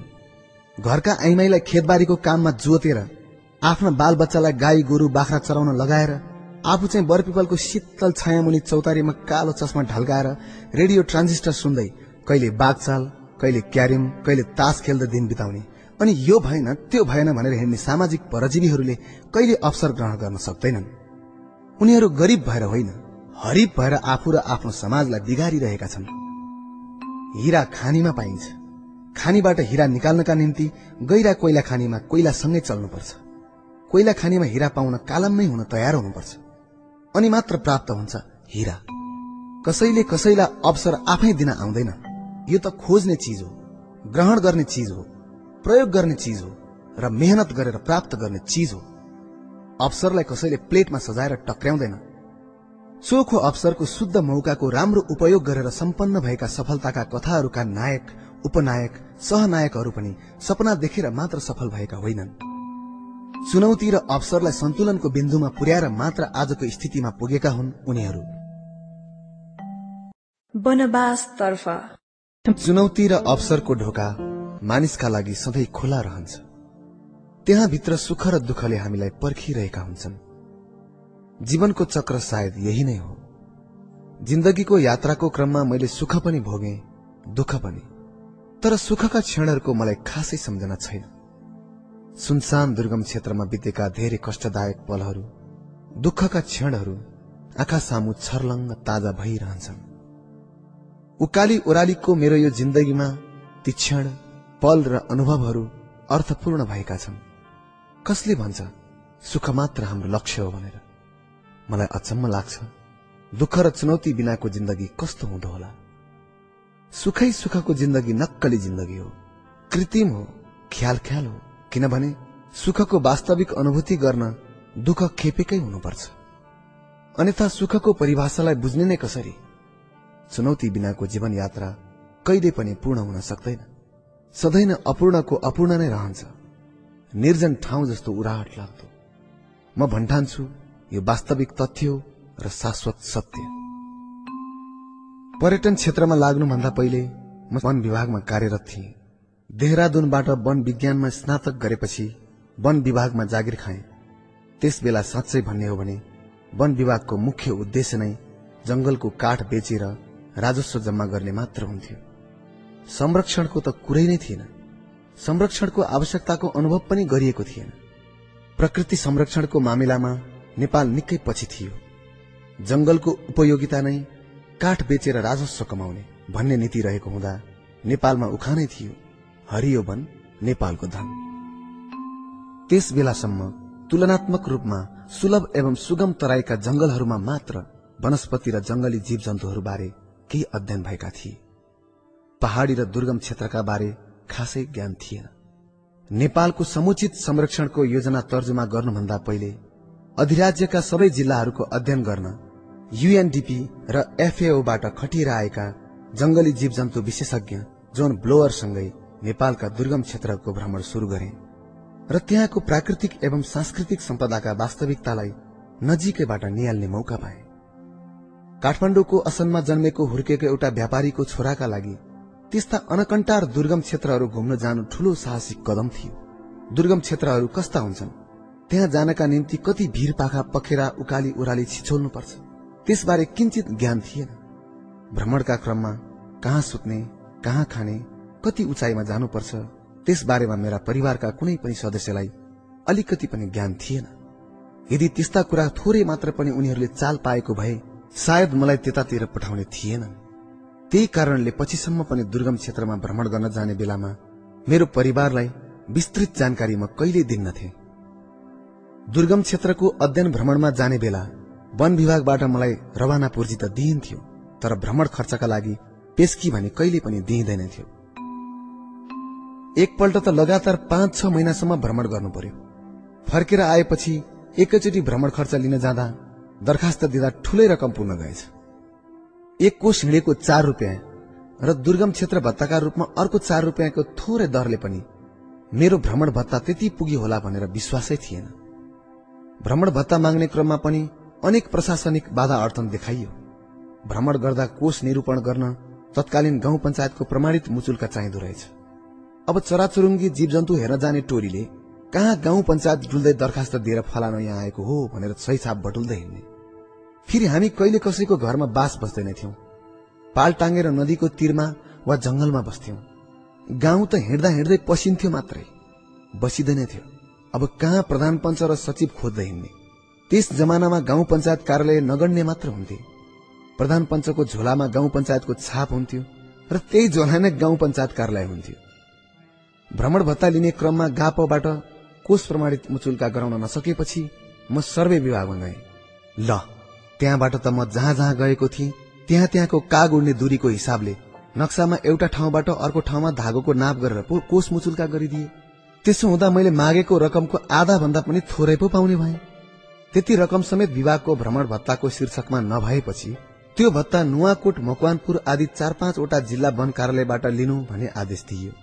त्यति थोरै पैसा लिनका लागि ती जिल्ला घुम्न जाँदा हातमा केही नै नपर्ने देखिएपछि आधा भन्दा बढी रकम मैले माया मारिदिए अधिराज्यको झण्डै सम्पूर्ण उत्तराखण्डको भ्रमणका क्रममा देशको अनमोल प्राकृतिक स्रोत र सम्पदासँग साक्षात्मा साक्षात्कार भयो। पढेर थाहा पाउनु र घुमेर प्रत्यक्ष अनुभव गर्नुमा धेरै फरक हुँदो रहेछ। मलाई लाग्छ पर्यटन उद्योगमा लागेका धेरै उद्यमीहरूले नेपालका यी मनमोहक तर संवेदनशील प्राकृतिक स्थलहरूको भ्रमण प्राय नगरेको हुँदा त्यहाँको वस्तुस्थितिलाई बुझ्न सकेका छैनन्। जब पर्यटन विकासका नाममा प्राकृतिक दृष्टिकोणले अत्यन्त संवेदनशील ठाउँहरूलाई व्यापारिक शोषण गर्न खोजिन्छ मलाई बडो दुःख लाग्छ। सन् उन्नाइस सय पचहत्तर छयत्तरतिर ट्रेकिङ व्यवसायीहरूले डोल्पा मुस्ताङ आदि क्षेत्र खोल्नका निम्ति सरकारलाई ठूलो दबाव दिएका थिए। त्यसबेला म त्यसको भयंकर विरोधमा उत्रे। साथीहरूले मलाई आफू चाहिँ पर्यटनको क्रिम खाने अरूलाई पर्यटन विकासको भाग दिन नचाहने भनेर लान्छना समेत लगाए। तर मेरो मनोभावनालाई उनीहरूले बुझ्न सकेनन्। डोल्पा मुस्ताङ मनाङ जस्ता निषेधित क्षेत्रहरू प्राकृतिक दृष्टिकोणले अति नै संवेदनशील क्षेत्र हुन्। ती ठाउँको न्यूनतम धरातल दस बाह्र हजार फिटको उचाइमा रहेको हुँदा त्यहाँको झण्डै नब्बे प्रतिशत भूभागमा रूख र झारपात उम्रन पनि कठिन छ। त्यस क्षेत्रमा अति ठण्डा हावापानी र सुक्खा हुने हुँदा घाँस उम्रनलाई पनि धेरै समय लाग्छ। त्यस्ता ठाउँमा अनियन्त्रित रूपले पर्यटकहरू ओहिरिन थाले भने त्यहाँ कस्तो प्रतिकूल असर पर्छ हामी सजिलै अनुमान गर्न सक्छौ। दाउरा नभएका कारण त्यहाँ भरियाहरूले घाँस झ्याउ र ससाना जंगली बुटा फूलका बिरुवाहरू समेत उखेली सुकाएर बाल्ने गर्छन्। त्यसबाहेक यी क्षेत्रमा बिना वर्षात सुक्खा जमिनबाट बल्ल तल्ल उब्जाई वर्षभरिका लागि बचाइएका सीमित खाद्य पदार्थ पनि पर्यटकहरूले उपभोग गरी रित्तै बनाइदिन्छन् र हरेक वर्ष बजार भाव बढ्न गई गाउँलेहरूलाई जीविका चलाउन समेत धौधौ पर्न जान्छ। हुन त दुर्गम क्षेत्रमा पदयात्रा सेवाको विकास भए स्थानीय जनताले काम पाउँथे। तर कुल्लीको ज्याला दस प्रतिशतले बढ्दा बजार भाव सय प्रतिशतले नबढ्ला भन्न सकिन्न।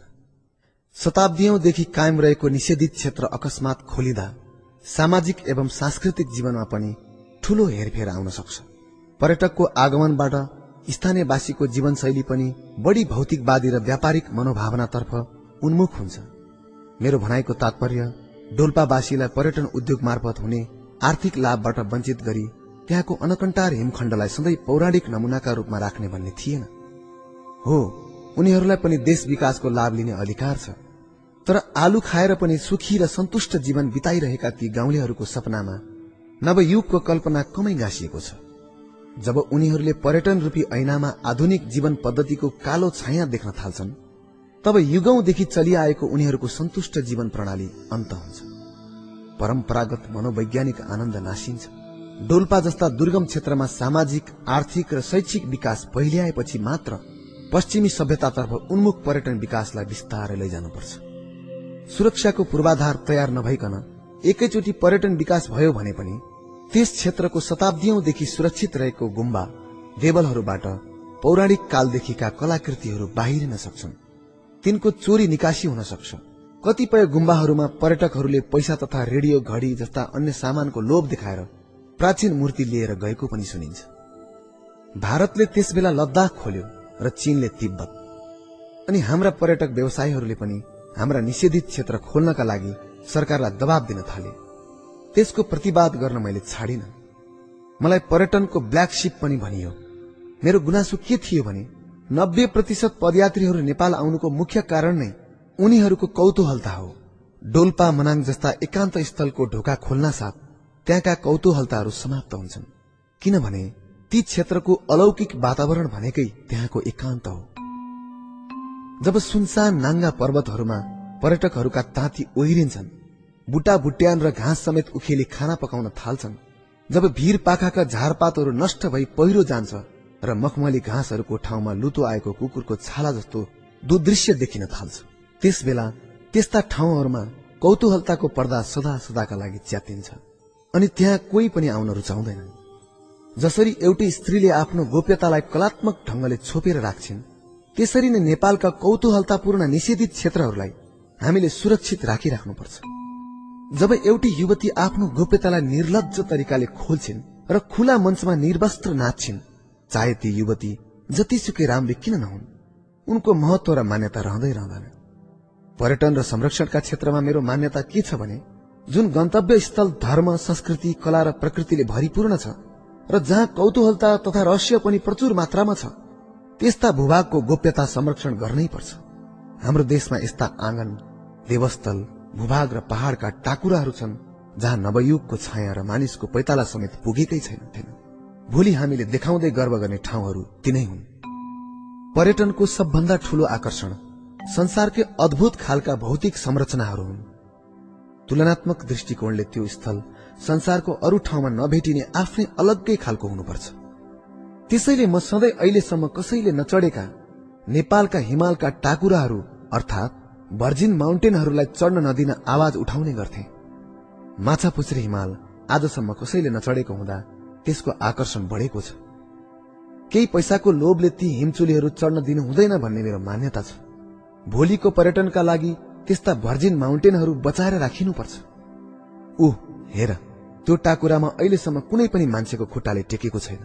भन्दा जति पर्यटकहरूलाई आकर्षण गराउन सकिन्छ चढिसकेको हिमाललाई देखाएर त्यति आकर्षित गराउन सकिँदैन। भविष्यमा यही कौतूहलता नै हाम्रो देशको पर्यटनको ठूलो आकर्षण बन्न सक्छ। यति मात्र होइन यस्ता काल्पनिक स्वर्गद्वार सुरक्षित रहेसम्म तिनका अलौकिक प्राकृतिक स्रोत मानव हितका लागि मानिसकै मात हतमा रहन्छन्। र पछि कुनै पनि बेला यसलाई प्रयोग गरेर व्यवस्थित रूपले दिगो विकास गर्न सकिन्छ। केही धनको लोभमा हतार हतार एकैचोटि यी कमला कलिला र संवेदनशील वातावरणीय स्थलहरू नष्ट भएमा यिनलाई फेरि पुनस्थापना गर्न कहिल्यै सकिँदैन।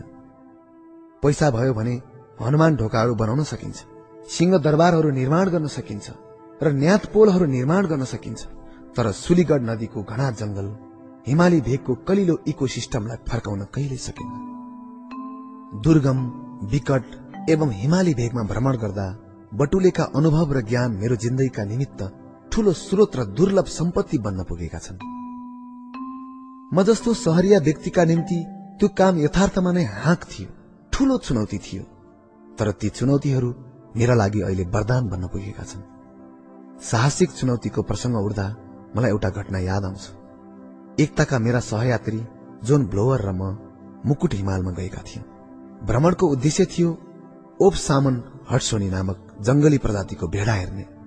कोही भन्थे त्यो जातको जंगली भेडा नेपालमा लोप भइसक्यो।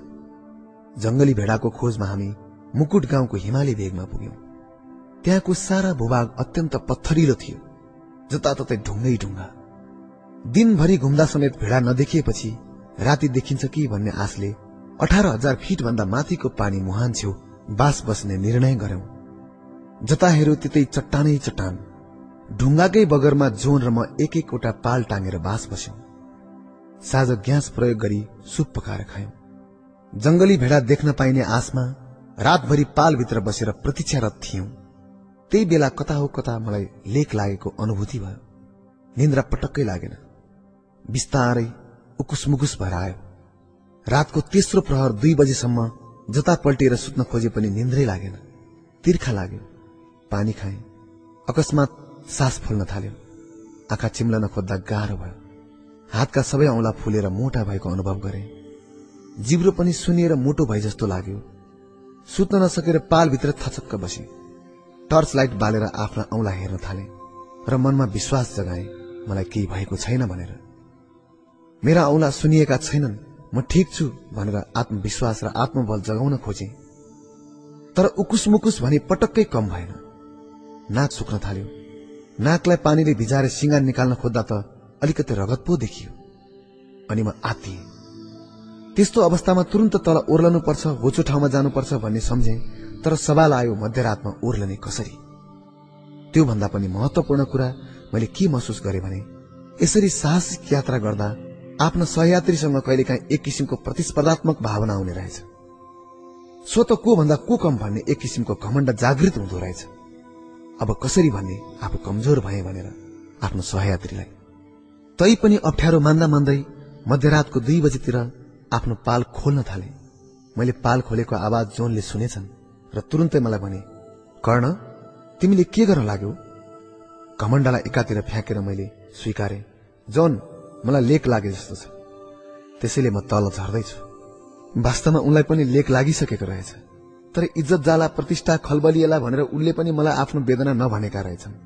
खोक्रो चुनौतीले कहिलेकाहीँ शारीरिक दुःख कष्टलाई पनि त्यति हदसम्म सहन गर्न सक्दो रहेछ। जिन्दगी सुख र दुःखको सम्मिश्रण हो। हामी आफ्नो जिन्दगीलाई सुखमय बनाउन औधी मेहनत गर्छौं काम गर्छौं र अप्ठ्यारो पर्दा भगवानसँग प्रार्थना पनि गर्छौं। तर जिन्दगीमा सुख आउँछ जान्छ जान्छ र बिर्सिइन्छ पनि। मेरो जिन्दगीमा पनि सुखका अनगिन्ती क्षणहरू आए। तर साँच्चै भन्ने हो भने ती क्षणहरू मलाई खासै याद भएन। तर जिन्दगीमा भोगेका कष्टहरू भने एक एक याद आउँछन्। ती कष्टलाई दुःख भन्ने वा अरू केही। तर जे भने पनि मैले अनकन्टार स्थानमा बिताएका कष्टदायी क्षणहरू अहिले सम्झँदा मात्र पनि आङ सिरिङ्ग हुन्छ र सँगसँगै मलाई अपार सुखको अनुभूति हुन्छ। वस्तु त स्पष्ट शब्दमा भन्दा तत्कालीन कष्टदायक क्षणहरू र संघर्षका अनुभवहरूले मेरो जीवनमा एउटा अमूर्त एब्स्ट्राक्ट र रिलेटिभ विषयवस्तुसित गाँसिएको सृजनात्मक सोचको जागरण गराइदिएका छन्। डोल्पा भ्रमण गर्दा सबभन्दा पहिला डोल्पावासीहरू कति गरीब रहेछ भन्ने लागेको थियो। गुफा जस्तो ढुङ्गे घरमा बस्ने जहाँ भर्याङ र झ्याल हुँदैनन् ढोका पनि बल्ल बल्ल छिर्न सकिने मात्र हुन्छ। भित्रैसम्म अध्यारो छ। बिहान बेलुकै खाना आलु र फापर मात्र हुन्छ। अरू खानेकुरै हुँदैन। कहिलेकाहीँ भिरबाट याक खसेर मर्दा गाउँलेहरू त्यसको मासु भागभण्डा गरेर लिन्थे। त्यस्तो घटनालाई उनीहरू दशैंको चाड जस्तै मनाउँथे र रमाइलो गर्थे। एक टुक्रा मासु पनि दाँतले चपाई चपाई खान्थे। मासुको टुक्रालाई धेरै बेरसम्म जिब्रोले खेलाउँदै स्वाद लिइरहन्थे। मैले जिन्दगीमा सयौं किलो थरी थरीका कुखुरा खाएँ होला हाँस खाएँ होला माछा खाएँ होला तर उनीहरूले एक टुक्रा मासु खाँदा जस्तो विलक्षण स्वाद लिए मैले कहिले लिइन होला? कस्तो विडम्बना। एक टुक्रा प्याज खाँदा उनीहरू जति रमाउँछन् मैले कुनै पनि ठूला रेस्टुरेन्टमा गएर खाँदा त्यति स्वाद पाइन होला। साँच्चै के यो व्यङ्ग्य होइन मान्छेको सम्पन्न भनिने जिन्दगीमाथि? खान पाउनेले खाँदा खाँदा स्वादै पचाइसकेको हुन्छ। तर त्यहाँको वास्तविक स्थितिमा आमूल परिवर्तन नआउँदासम्म अनन्त कालसम्म डोलपालीहरूको स्वादको सुख रहि नै रहन्छ। मैले आफैले पनि अनुभव गरेको छु। गाउँघर घुम्ने क्रममा महिनौ हामी उकाली उराली लाग्छौ। कहिले खान पाइन्छ कहिले त भोक भोकै हिँड्नुपर्छ। हिँड्दा हिँड्दा जब भोकले लखतरान थकाइले चुर्लुम्म होइन्छ त्यतिखेर पोलेको आलु पनि अमृत जस्तो लाग्छ। सहरमा हुर्केर जंगलको जिन्दगी बिताउने क्रममा जब म वन्यजन्तु अधिकृतको पदमा खटिए मेरा सहरिया साथीहरू तीन छक्क परेका थिए। के पद हो यो? वाइल्ड लाइफ अफिसर भनेको सुन्दै हाँसो लाग्ने खालको उनीहरू भन्थे। यही पदमा काम गर्दा वन विभागले नेपालमा पनि एउटा राष्ट्रिय निकुञ्ज बनाउनका लागि सम्भावित क्षेत्र सर्वेक्षण गर्न मलाई चितवन पठायो। भरतपुरबाट हेटौँडा जाने राजमार्गको उत्तरपट्टिको टिकौलीको जंगलमा राष्ट्रिय निकुञ्ज स्थापना गर्ने हाकिमको मनसाय थियो। तर टिकौलीको सारा जंगल घुम्दा माथिबाट रुख त देखिन्थ्यो।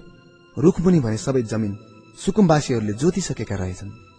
सारा टिकौली क्षेत्रमा तीन चार दिन घुम्दा एउटा पनि जंगली जनावर भेटिएन।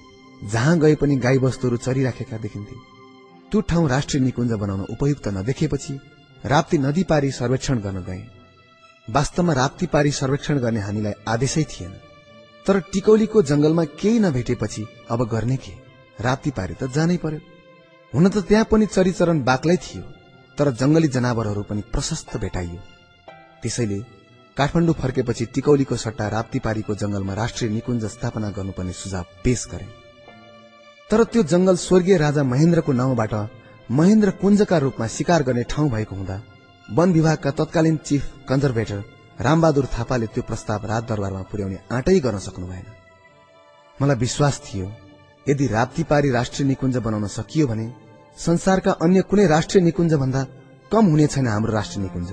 प्रशस्त गैडा बाघ भालु हात्ती गौरी गाई अनेक किसिमका हरिण र स्याल लगायत अनगिन्ती साना ठूला जंगली जनावर र चराचुरुङ्गीहरू एउटै थलोमा पाउनु जैविक विविधताका दृष्टिले अचम्मै लाग्दो कुरा थियो। यसबारे मैले जति जति सोच्दै गए नयाँ नयाँ अवधारणाहरू मेरो मनमा स्पष्ट हुँदै आए। मनमा एकचोटि कुनै परियोजनाको अवधारणा स्पष्ट भएपछि ममा धैर्य रहँदैन। दिनरात त्यसैमा सोचिरहन्छु।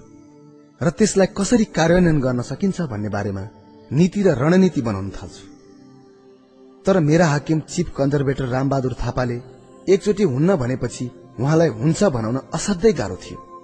हुन त उहाँ अति नै मेहनती र इमान्दार हुनुहुन्थ्यो तर जोखिमपूर्ण निर्णयहरू गर्न भने उहाँ निकै हिचकिचाउनुहुन्थ्यो उहाँसँग मैले आफ्नो प्रस्तावबारे सोधपुछ गर्न धेरैचोटि समय लिन खोजे तर उहाँले समय नै दिनु भएन नयाँ वन अधिकृत भएको नाताले वन विभागको सर्वोच्च अधिकृतलाई बिना एपोइन्टमेन्ट भेट्न जाने कुरा पनि त भएन। तैपनि उहाँलाई भेट्नका लागि समय समयमा उहाँको कार्यकक्षको पर्दाबाट डराई डराई चियारे चियारे हेर्थे। तर उहाँ जहिले पनि चाङका चाङ फाइलहरू टेबलमा राखेर काम गरिराखेको देखिनुहुन्थ्यो। एक दिन उहाँ बाथरूम गएको बेला म पनि पछि पछि लागे। बाथरूमभित्र पिसाब फेरिराखेकै बेला मैले आँट गरेर उहाँलाई सोधे हजुर हाम्रो प्रस्ताव के भयो? उहाँले सुरुवालको इजार बाँध्दै सुपारी चपाएर मुस्कुराउँदै भन्नुभयो के प्रस्ताव कान्छा? मैले डराई डराई भने राप्तीपारी राष्ट्रिय निकुञ्ज बनाउने प्रस्ताव बारे हजुर। ए तिमी राष्ट्रिय निकुञ्ज बनाउने? बाँधिसकेको इजार फुकालेर दुइटै हातले नाइटो मुनिको भाग इंगित गर्दै ठट्यौली पारामा उहाँले भन्नुभयो अँ यहाँ पनि छ जंगल एउटा दुईटा जनावर पनि होलान् के यहाँ पनि राष्ट्रिय निकुञ्ज बनाउँछस्? अलि हाँसेर अलि ख्याल गर्दै अलि रिसको झोकमा फेरि हकार्नुभयो तिम्रो पो बाउले पैसा कमाइदिएको छ। मेरो त यही जागिरले परिवार पाल्नुपर्छ। कस्तो आँट गर्या श्री पाँच महाराज धिराज महेन्द्र वीरविक्रम शाहदेव सरकारको निजी वनलाई राष्ट्रियकरण गर्न खोज्ने। म अक्कमक्क परे केही भुल्नै सकिन। पछि वन मन्त्रालयलाई दबाव सृजना गर्न हामीले ऋषिकेश शाह अध्यक्ष निर शमशेर र सुशील शमशेरलाई उपाध्यक्ष बनाएर नेपालमा पहिलो प्रकृति संरक्षणमुखी गैर सरकारी संस्था पनि खोल्यौं। संस्थाको नाम थियो नेपाल प्रकृति संरक्षण संघ यो संघमा काम गर्दा मैले ठूल्ठूला व्यक्तित्वहरूसित संरक्षण मात्र होइन। शिकारका कुराहरू पनि सिके। संस्थाको नाम भने प्रकृति संरक्षण संघ तर त्यसका अधिकांश सदस्यहरू त्यस बेलाका नामुद शिकारीहरू थिए। तेजजङ थापा इन शमशेर ऋषिकेश शाह प्रोफेसर सुरेन्द्र सिंह सुशील शमशेर आदि। संघका बैठकहरूमा सबभन्दा पहिले शिकारकै रमाइला घटनाको बेली विस्तारबाट शुरू हुन्थे। सुशील शमशेरले एउटा शिकार क्याम्पमा नील गाईको मासुको कबाब बनाएको अनि भाँडो घोप्टी सबै कबाब बालुवामा पोखिएको। इन शमशेरले पटाकामा मटितेल छर्की मटितेलको गन्धले बँदेललाई लोभ्याउँदै पटाका खुवाउँदा बँदेलको मुखै पड्किएको। त्यसै गरी तेजजङ थापाले महाशेर माछा समातेको। ऋषिके शाहले एउटै गोली ढ्वाङ हान्दा जरायो घुप्लुक्कै भएको जस्ता रमाइला घटनाहरूबारे कुरा नभइकन त छलफलको एजेन्डा नै शुरू हुँदैन थियो संघका सदस्यहरूमा म सबभन्दा कान्छो थिएँ। अनि म बैठकको कुरामा ध्यान आकर्षण गर्दै भन्थे ए हजुर यो संरक्षण संघ हो कि सिकारी संघ इन शमशेरले हलल्ला हाँस्दै भने कर्णे तँलाई के थाहा? सिकारी नभइकन संरक्षणको मर्मलाई त्यसै बुझ्न सकिन्छ? संरक्षणको मूल धारलाई बुझ्न प्रकृति वन जंगल र जंगली जीव जन्तुलाई नजिकैबाट चिन्नुपर्छ र बुझ्नुपर्छ। जंगलभित्र बहने हावा सुकेका पात पतिङ्गरमाथि हिँड्दा आउने आवाज अनि एउटा अकाल्पनिक तर रमाइलो सुनसान र रोमाञ्चपूर्ण डरलाग्दो त्रासको वातावरण यी सब भनेर र सुनेर बुझिने कुरा होइनन्। न त कुनै किताब पढेर नै जंगलभित्रको मर्म र महत्वलाई हृदयङ्गम गर्न सकिन्छ।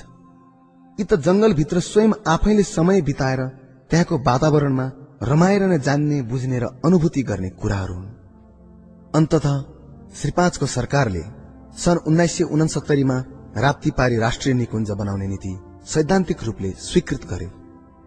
देशमा सर्वप्रथम बन्ने राष्ट्रिय निकुञ्जको सीमाङ्कन गर्ने जिम्मा मलाई नै दिइयो। यो मेरा लागि ठूलो गर्वको कुरा थियो। चितवनको राप्तीपारी सम्पूर्ण जंगल ठोरी माडी र त्रिजुगासम्म कहिले हात्तीमा कहिले पैदलै कहिले डुङ्गामा गई सीमाङ्कन गर्ने कार्य शुरू गरियो। गर्मीको समय पसिनाले निथुक्क भिजेको जिउ अनि सोमेश्वर डाँडाको धारिलो घाँसले खुट्टा र जिउमा घोच्दा असाध्यै पोल्थ्यो तर जब सर्वेक्षण र सीमाङ्कन कार्य निर्विघ्न समाप्त भयो त्यस बेला मनमा अपार सुखको अनुभूति भयो। जंगलमा काम गर्दा समय समयमा फरक फरक घटनाहरू अनुभवहरू हुने नै भए। एक दिनको कुरा हो राष्ट्रिय निकुञ्जका पूर्वाधारहरू तयार गर्ने क्रममा वनकट्टाको गाउँ र जंगलको बीच गैडाको आवत रोक्न छ सात फिट गैडा खाडलहरू खन्ने कामको निरीक्षण मैले गरिराखेको थिएँ। रुखको एउटा हाँगामाथि बसेर काम हेरिराखेको थिएँ। अकस्मात मैले दूरबीनबाट निकै पर बाक्लो ढड्डीमा एक छेउमा एउटी आइमाई घाँसको भारी टाउकोमा बोकेर आइराखेकी र अर्को तर्फबाट एउटा ठूलो गैडा मक्ख परेर खुरु खुरु आइराखेको देखे। आइमाई र गैडा दुवै मस्त भएर निर्वाध स्वाभाविक गतिमा हिँडिराखेका थिए। अग्लो र बाक्लो घाँसको ढड्डीका कारण एकले अर्कोलाई देख्न सक्दैनथे तर मैले चाल पाइसकेको थिएँ। अब कुनै पनि बेला दुवै प्राणीको अप्रत्याशित चम्काभेट हुनेछ। म चिच्याएँ। तर आइमाईले मेरो आवाज सुन्नै सकिनन्। उनको बचाउका लागि मैले हतपतले हतपत मेरो हात्ती र माउतीलाई त्यहाँ पठाइहालेँ। हात्ती पनि उनीहरूलाई बचाउन दौडियो। तर हेर्दा हेर्दै गैँडा र आइमाईको जम्का भेट भइ नै हाल्यो। म दूरबीनले हेर्दै थिएँ। आफ्नै सुरमा मस्तसँग आइराखेकी आइमाई र गैँडा दुवै एकदम झस्किए। र क्षणभरका लागि स्तब्ध भए। दुवै प्राणी अचल अकर्मण्य। तर एकैछिनपछि आइमाईको होस पनि आइहाल्यो। उनी चिच्याएर आफूले बोकेको घाँसको भारी गैँडा अगाडि फ्याँकेर दौडिन थालिन्। पहिले त गैँडा ठिङ्ग उभिराखेको थियो। जब आइमाई चिच्याएर भागिन् गैँडा पछाडि पछाडि लागिहाल्यो। म त्रस्त भएर हेर्दै थिएँ मेरो सास फुल्न थाल्यो मुखबाट आवाजै आएन। जिन्दगीमा अहिलेसम्म मैले कुखुरा बाहेक खसी बोका काटेको देखेको पनि छैन। तर आज कुनै पनि क्षणमा मेरा आँखा अगाडि एउटा स्वस्थ र मस्त महिला मर्न पनि सक्छ। मैले त्यस्तो जीवन र मृत्युको दौड कहिले देखेको थिएन। चौरमा आइमाई चिच्याउँदै भाग्दै थिइन् गैडा फटफटाउँदै लखड्दै थियो आखिर गैडाले आइमाईलाई भेटाइहालेर हानिहाल्यो धन्न थोरै रौँ प्रमाणको फरकले गैडाको सिंह आइमाईको जिउमा नलागिकन फरियामा मात्र लाग्यो। लगभग एक हजार किलोको भीमकाय गैडाले हान्दा जिउमा नलागिकन फरियामा मात्र लागेको हुँदा गैडाले आफ्नो शरीरलाई सन्तुलित पार्न सकेन र परलक्कै पल्टियो। मलाई त विश्वासै लागेन। त्यस्तो विशालकाय गैडा कसरी हावामा बुर्लुक्क उफ्री जमिनमा ढ्याम्मै लडेको? धुलो त बादल जस्तै उड्यो। वातावरण धुलाम्ने भयो। महिला त एक नाचले भागेको भागै थिइन् पछाडि हेर्दै नहेरी। उनलाई थाहै भएन। उनलाई लखेट्ने गैडा त परलक्कै पल्टिसकेको छ भन्ने कुरा। केही छिनपछि उनले एउटा सिमलको रुख भेटाइन्। बस आफ्नो ज्यान बचाउने सुरमा काँडै काँडा भएको त्यही रुखमाथि चिप्लेकिरा जस्तो चढिहालिन्। उता लडेको गैडा उठ्यो। यता उति हेऱ्यो। आइमै गायब भएको देखेर छक्क पर्यो। जब आइमैको आवाज गैडाले सुन्यो ऊ हानिएर सिमलको रुखमुनि पुग्यो र रिसले चुर भई रुखको चारैतिर फन फनी घुम्न थाल्यो। त्यस बेलासम्म मेरो हात्ती त्यहाँ पुगिसकेको थियो। गैडालाई लगारी ती आइमाईलाई हामी कहाँ ल्याइयो? मेरो आँखै अगाडि भएको जीवन र मृत्युको भयावह रौँ ठाडो पार्ने त्यो दौड अहिले पनि झलझली याद आउँछ। हजार किलोको गैडा कसरी दौडँदो रहेछ? एउटी पातली आइमाई आफ्नो ज्यान जोगाउन म्याराथन धावक जस्तै कसरी दौडन सकिन्? र अप्रत्याशित एवं आकस्मिक आपतकालीन उपायद्वारा कसरी बाँच्न सफल भइन्? सम्झिँदाखेरि अहिले पनि रोमाञ्चित हुन्छ। आइमाईका हात र तिग्रा सिमलको रुखको काँडाबाट रगतम्य भएका थिए। तर त्यो भन्दा भयानक यथार्थ कालको पन्जाबाट फुत्कन सक्षम ती आइमाईलाई घाउको दुःखको पीडा र वेदनाको अनुभव भएको देखिँदैन थियो। जंगलको त्यो रोमाञ्चक भयानक संघर्षमय घटना सम्झदा मलाई काम छुट्ला जस्तो लाग्छ। तर जंगलमा यस्ता घटना कति भए होलान्? र कतिजनाले आफूलाई बचाउन सके होलान्? हामी जस्ता सहरवासीले कहिले थाहा पाउनु? चितवनको जंगलमा मैले बिताएको समय मेरा लागि अविस्मरणीय रहेको छ। अहिले पनि जब म शहरी जीवनबाट दिक्क र वाक्क हुन्छु सधैँ त्यहाँ रमाउन जान्छु। चितवनमा सूर्यास्तको समय अति नै रमाइलो हुन्छ। धप धप बलेको आगोको डल्लो जस्तो रातो सूर्यको लालिमाले आकाशमा छरिएका बादलहरू गाडा फिक्का हल्का राता र मिश्रित रंगमा रंगिएका हुन्छन्। सूर्य अस्ताउँदाको रातो रंग जब राप्ती नदीको संग्लो पानीमा छायाङ्कित हुन्छ त्यस बेलाको वातावरण साँच्चै रोमाञ्चक विलक्षण र रमणीय हुन्छ। गर्मीको राप अलिक कम हुँदै गएपछि हावा नचल्दा पसिना आउने क्रम भने जारी नै रहन्छ। चालिस वर्ष पहिले सौराहामा मानिसको त्यति चहल पहल थिएन। पर्यटक त पटक्कै हुँदैनथे गाउँलेहरू पनि कमै थिए। चितवनको जंगलको शिविरमा बसेर स्थलगत भ्रमण रिपोर्टहरू तयार गर्ने बेला कहिलेकाहीँ साँझ हात्ती लिएर जंगल घुम्न जान मलाई असाध्यै रहर लाग्थ्यो। टुडी खेलदेखि केशर महलसम्म। माया गरेर हो वा ईर्ष्याले हो? कहिलेकाहीँ साथीहरू भन्छन् धेरै काम नगर धेरै तनाव लियो भने हृदयघात होला। कोही व्यङ्ग्य गर्दै भन्छन् मरेपछि लिएर जानु के छ र?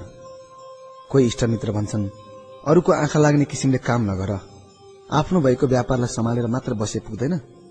कति नयाँ नयाँ कुरा गर्नुपर्ने। कतिपय भनाइहरू जानेर वा नजानेर स्नेह र मायाले आएका होलान् र कसैले भने आफ्नो मनभित्रको जलनलाई सभ्य भाषामा पोखेका पनि होलान्। काम वा उद्योगको विस्तार पैसा कमाउनका लागि मात्र होइन मनको सन्तोषका लागि पनि गरिन्छ। उद्योग धन्दा पनि एक किसिमको पेसा हो सेवा हो र अझ भन्नुपर्दा देशभक्ति पनि हो। चित्रकारले चित्र कोरे जस्तै कविले कविता रचे जस्तै फिल्म निर्माताले फिल्म बनाए जस्तै उद्यमी पनि उद्योग गरेर कहिले थाक्दैन। मनमा सोच भएका दिमागमा सपना बोकेका सृजनशील पेसागत मानिसहरूको लक्ष्यको सीमा नै हुँदैन। कवि फिल्म निर्माता पेशेवर खेलाडी एकपछि अर्को सफलता प्राप्त गर्न निरन्तर लागिरहे जस्तै। उद्योग धन्दा विस्तार गर्नु पनि एउटा त्यस्तै चाखको विषय हो। मैले कुनै पनि नयाँ काम पैसा कमाउँछु भन्ने एकमात्र उद्देश्यले गरेकै छैन। सधैँ चुनौतीका रूपमा हेर्ने गरेको छु हरेक कामलाई। हो मेरो इच्छा पैसा कमाउने भन्दा इज्जत कमाउनेतिर बढी ढल्किएको छ। यदि पैसा मात्र कमाउने हो भने मैले आफ्नो एउटै होटेलमा मात्र बढी ध्यान दिएको भए पनि अहिले भएको आमदानी भन्दा धेरै जुटाउन सकिन्थ्यो होला। होटेलमा दुई सय जना भन्दा बढी पर्यटकहरू बस्छन्। उनीहरूलाई बहालमा साइकल मात्र दियो भने पनि दिनको हजारौं रुपियाँ बढी कमाउन सकिन्छ। होटेलभित्रै धेरै पसल थाप्न सकिन्छ। पदयात्राबाट फर्काइएका सेकेन्ड ह्यान्ड टेन्ट र ज्याकेटहरूको व्यापार गर्न सकिन्छ। पदयात्रा सञ्चालन गर्न सकिन्छ। तर मैले त्यसो कहिले गरिन। अझ रेस्टुरेन्ट समेत अरूलाई चलाउन दिए। यदि म चौबिसै घण्टा होटेलभित्र बसेर कहाँबाट कसरी बढी पैसा कमाउन सकिन्छ? खर्च कसरी घटाउने? आदि इत्यादि हिसाब किताबमा मात्र अल्झिरहने हो भने मेरो दिमागको सृजनशीलता खत्तम हुन्छ र अरू काम गर्न म असमर्थ हुनेछु। त्यस्तो जिन्दगी के जिन्दगी? सबै उद्यमी व्यापारी हुन सक्छन् तर सबै व्यापारी उद्यमी बन्न सक्दैनन्। उद्यमीहरू आफ्नो व्यापारको संकीर्ण घेरामा मात्र बाँच्न चाहन्नन्। उनीहरू आत्मसन्तुष्टिका लागि अन्य उद्योग विस्तारका साथसाथै आफ्नो व्यापारसित संलग्न नभएका अन्य समाज उपयोगी विधा र क्षेत्रहरूमा पनि काम गर्न रुचाउँछन्। ममा सायद उद्यमीको केही अंश र भाव होला। नेपालमा नयाँ नयाँ काम गरेर इज्जतका लागि सफलता हासिल गर्न खोज्ने उद्यमीहरू धेरै छन्। तर उनीहरूको उद्यमशीलतालाई हामी प्रशंसा गर्न चाहँदैनौ। हुलास चन्द्र गोल्छा र मणिहर्ष ज्योतिहरूलाई पैसा मात्र कमाउने इच्छा भएको भए एउटै मात्र उद्योगमा केन्द्रित भएर बस्थे होलान्। विभिन्न क्षेत्रमा हात हाल्दैनथे होलान्। समाजमा काम गर्न सक्ने उद्योगी एवं बुद्धिजीवीहरूलाई प्रोत्साहन गरेर उनीहरूलाई प्रयोग गरी उद्योग र विकासका अरू पाटाहरू खोल्न दिनुपर्छ। नेपालमा कुखुरी कहाँ बाँच्ने मानिसहरू धेरै छन् तर फूल पार्ने चाहिँ कम। बच्चैदेखिका मेरा एकजना साथी भेट्न साथ व्यङ्ग्यात्मक तरिकाले भनिहाल्छन् मेरो जिन्दगी त तिम्रो जस्तो तनावग्रस्त छैन बा। एकदम आनन्द। कुनै टेन्सनै छैन। बिहान भाषात खाएर पसल बस्छु अनि बेलुकी भाषात खाएर आरामले मस्त निन्द्रामा सुत्न जान्छु। यो कुरा यदि डोल्पामा बस्ने डोल्पालीले भनेको भए विश्वास गर्थे तर उनको त्यो कथन मलाई पटक्कै विश्वास लाग्दैन।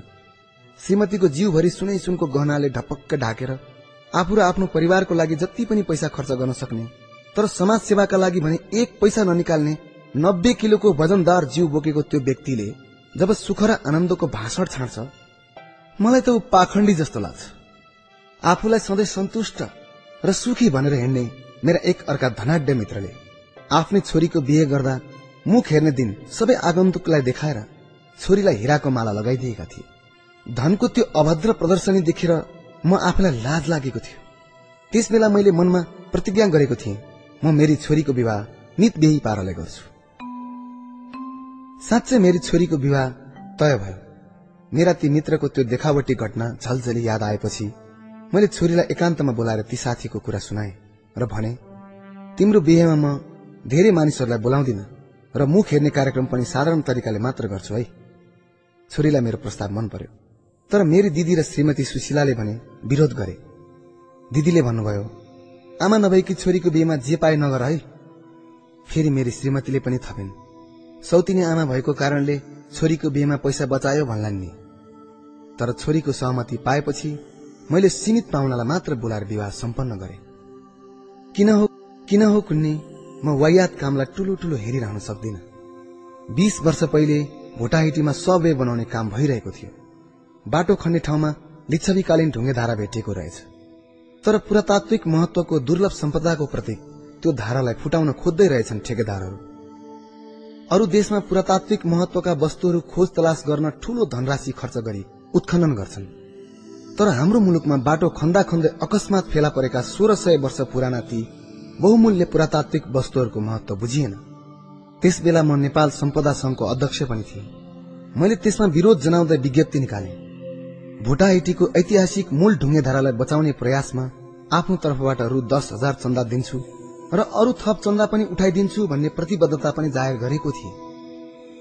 गोर्खा पत्रका तत्कालीन अध्यक्ष नगेन्द्र शर्माले मेरो विज्ञप्तिलाई महत्वका साथ पहिलो पेजमा त्यो पनि बक्स न्यूज बनाएर छापे। तत्पश्चात भोटाइटीको ढुङ्गेधारा बचाउन चेतनाको लहर आउन थाल्यो। सब वे बनाउन खोजिएको ठाउँमा भोटाइटीको ढुङ्गेधारालाई सुनधारा जस्तै खुल्ला राखी संरक्षण गर्दै आकाशीय पुल बनाउने प्रस्ताव दिएको थिएँ मैले। त्यो प्रस्तावमा पुरानो काठमाडौँभित्र पस्न पाटन ढोकाको जस्तै भोटाइटीमा ढोका राख्ने अनि त्यस बेलाका पार्क रेस्टुरेन्ट र त्यहाँका सटरवाला पसलहरू भत्काएर रत्न पार्क र रानी पोखरी जोड्ने बीचमा बटुवाहरू मात्र हिँड्ने बाटो बनाउने सुझाव समेत नगर पञ्चायतलाई दिएको थिए। त्यस बेलाका नगर पञ्चहरू सक्रिय भइदिएका भए त्यो मेरो प्रस्ताव त्यसै बेला नै पास हुने थियो। म बोर भएर बस्नै सक्दिन। केही समय पायो भने मन कुनै न कुनै सोचमा डुबिहाल्थे कुरा हो सन् उन्नाइस सय छयानब्बेतिरको। म विद्युत प्राधिकरणबाट सिंहदरबार जाँदा भद्रकालीसम्मको बाटो पार गर्न झण्डै आधा घण्टा लागेको थियो। बाटोभरि बस विक्रम टेम्पो र अन्य थुप्रै गाड़ीहरू जथाभावी गुडिरहेका थिए। थोत्रा गाड़ीको धुवाले आँखा पोडिरहेको थियो। आधा किलोमिटर बाटोमा मोटर हाँक्न मलाई आधा घण्टा जति लागेछ। ट्राफिक जाममा गाडी हाँक्दा हाँक्दै मेरो मनमा एउटा विचार फुर्यो। टुडी खेलको वरिपरि लथालिङ्ग त्यसै खेर गइरहेको जग्गामा पेटी सारेर सड़क चौडा किन नपार्ने?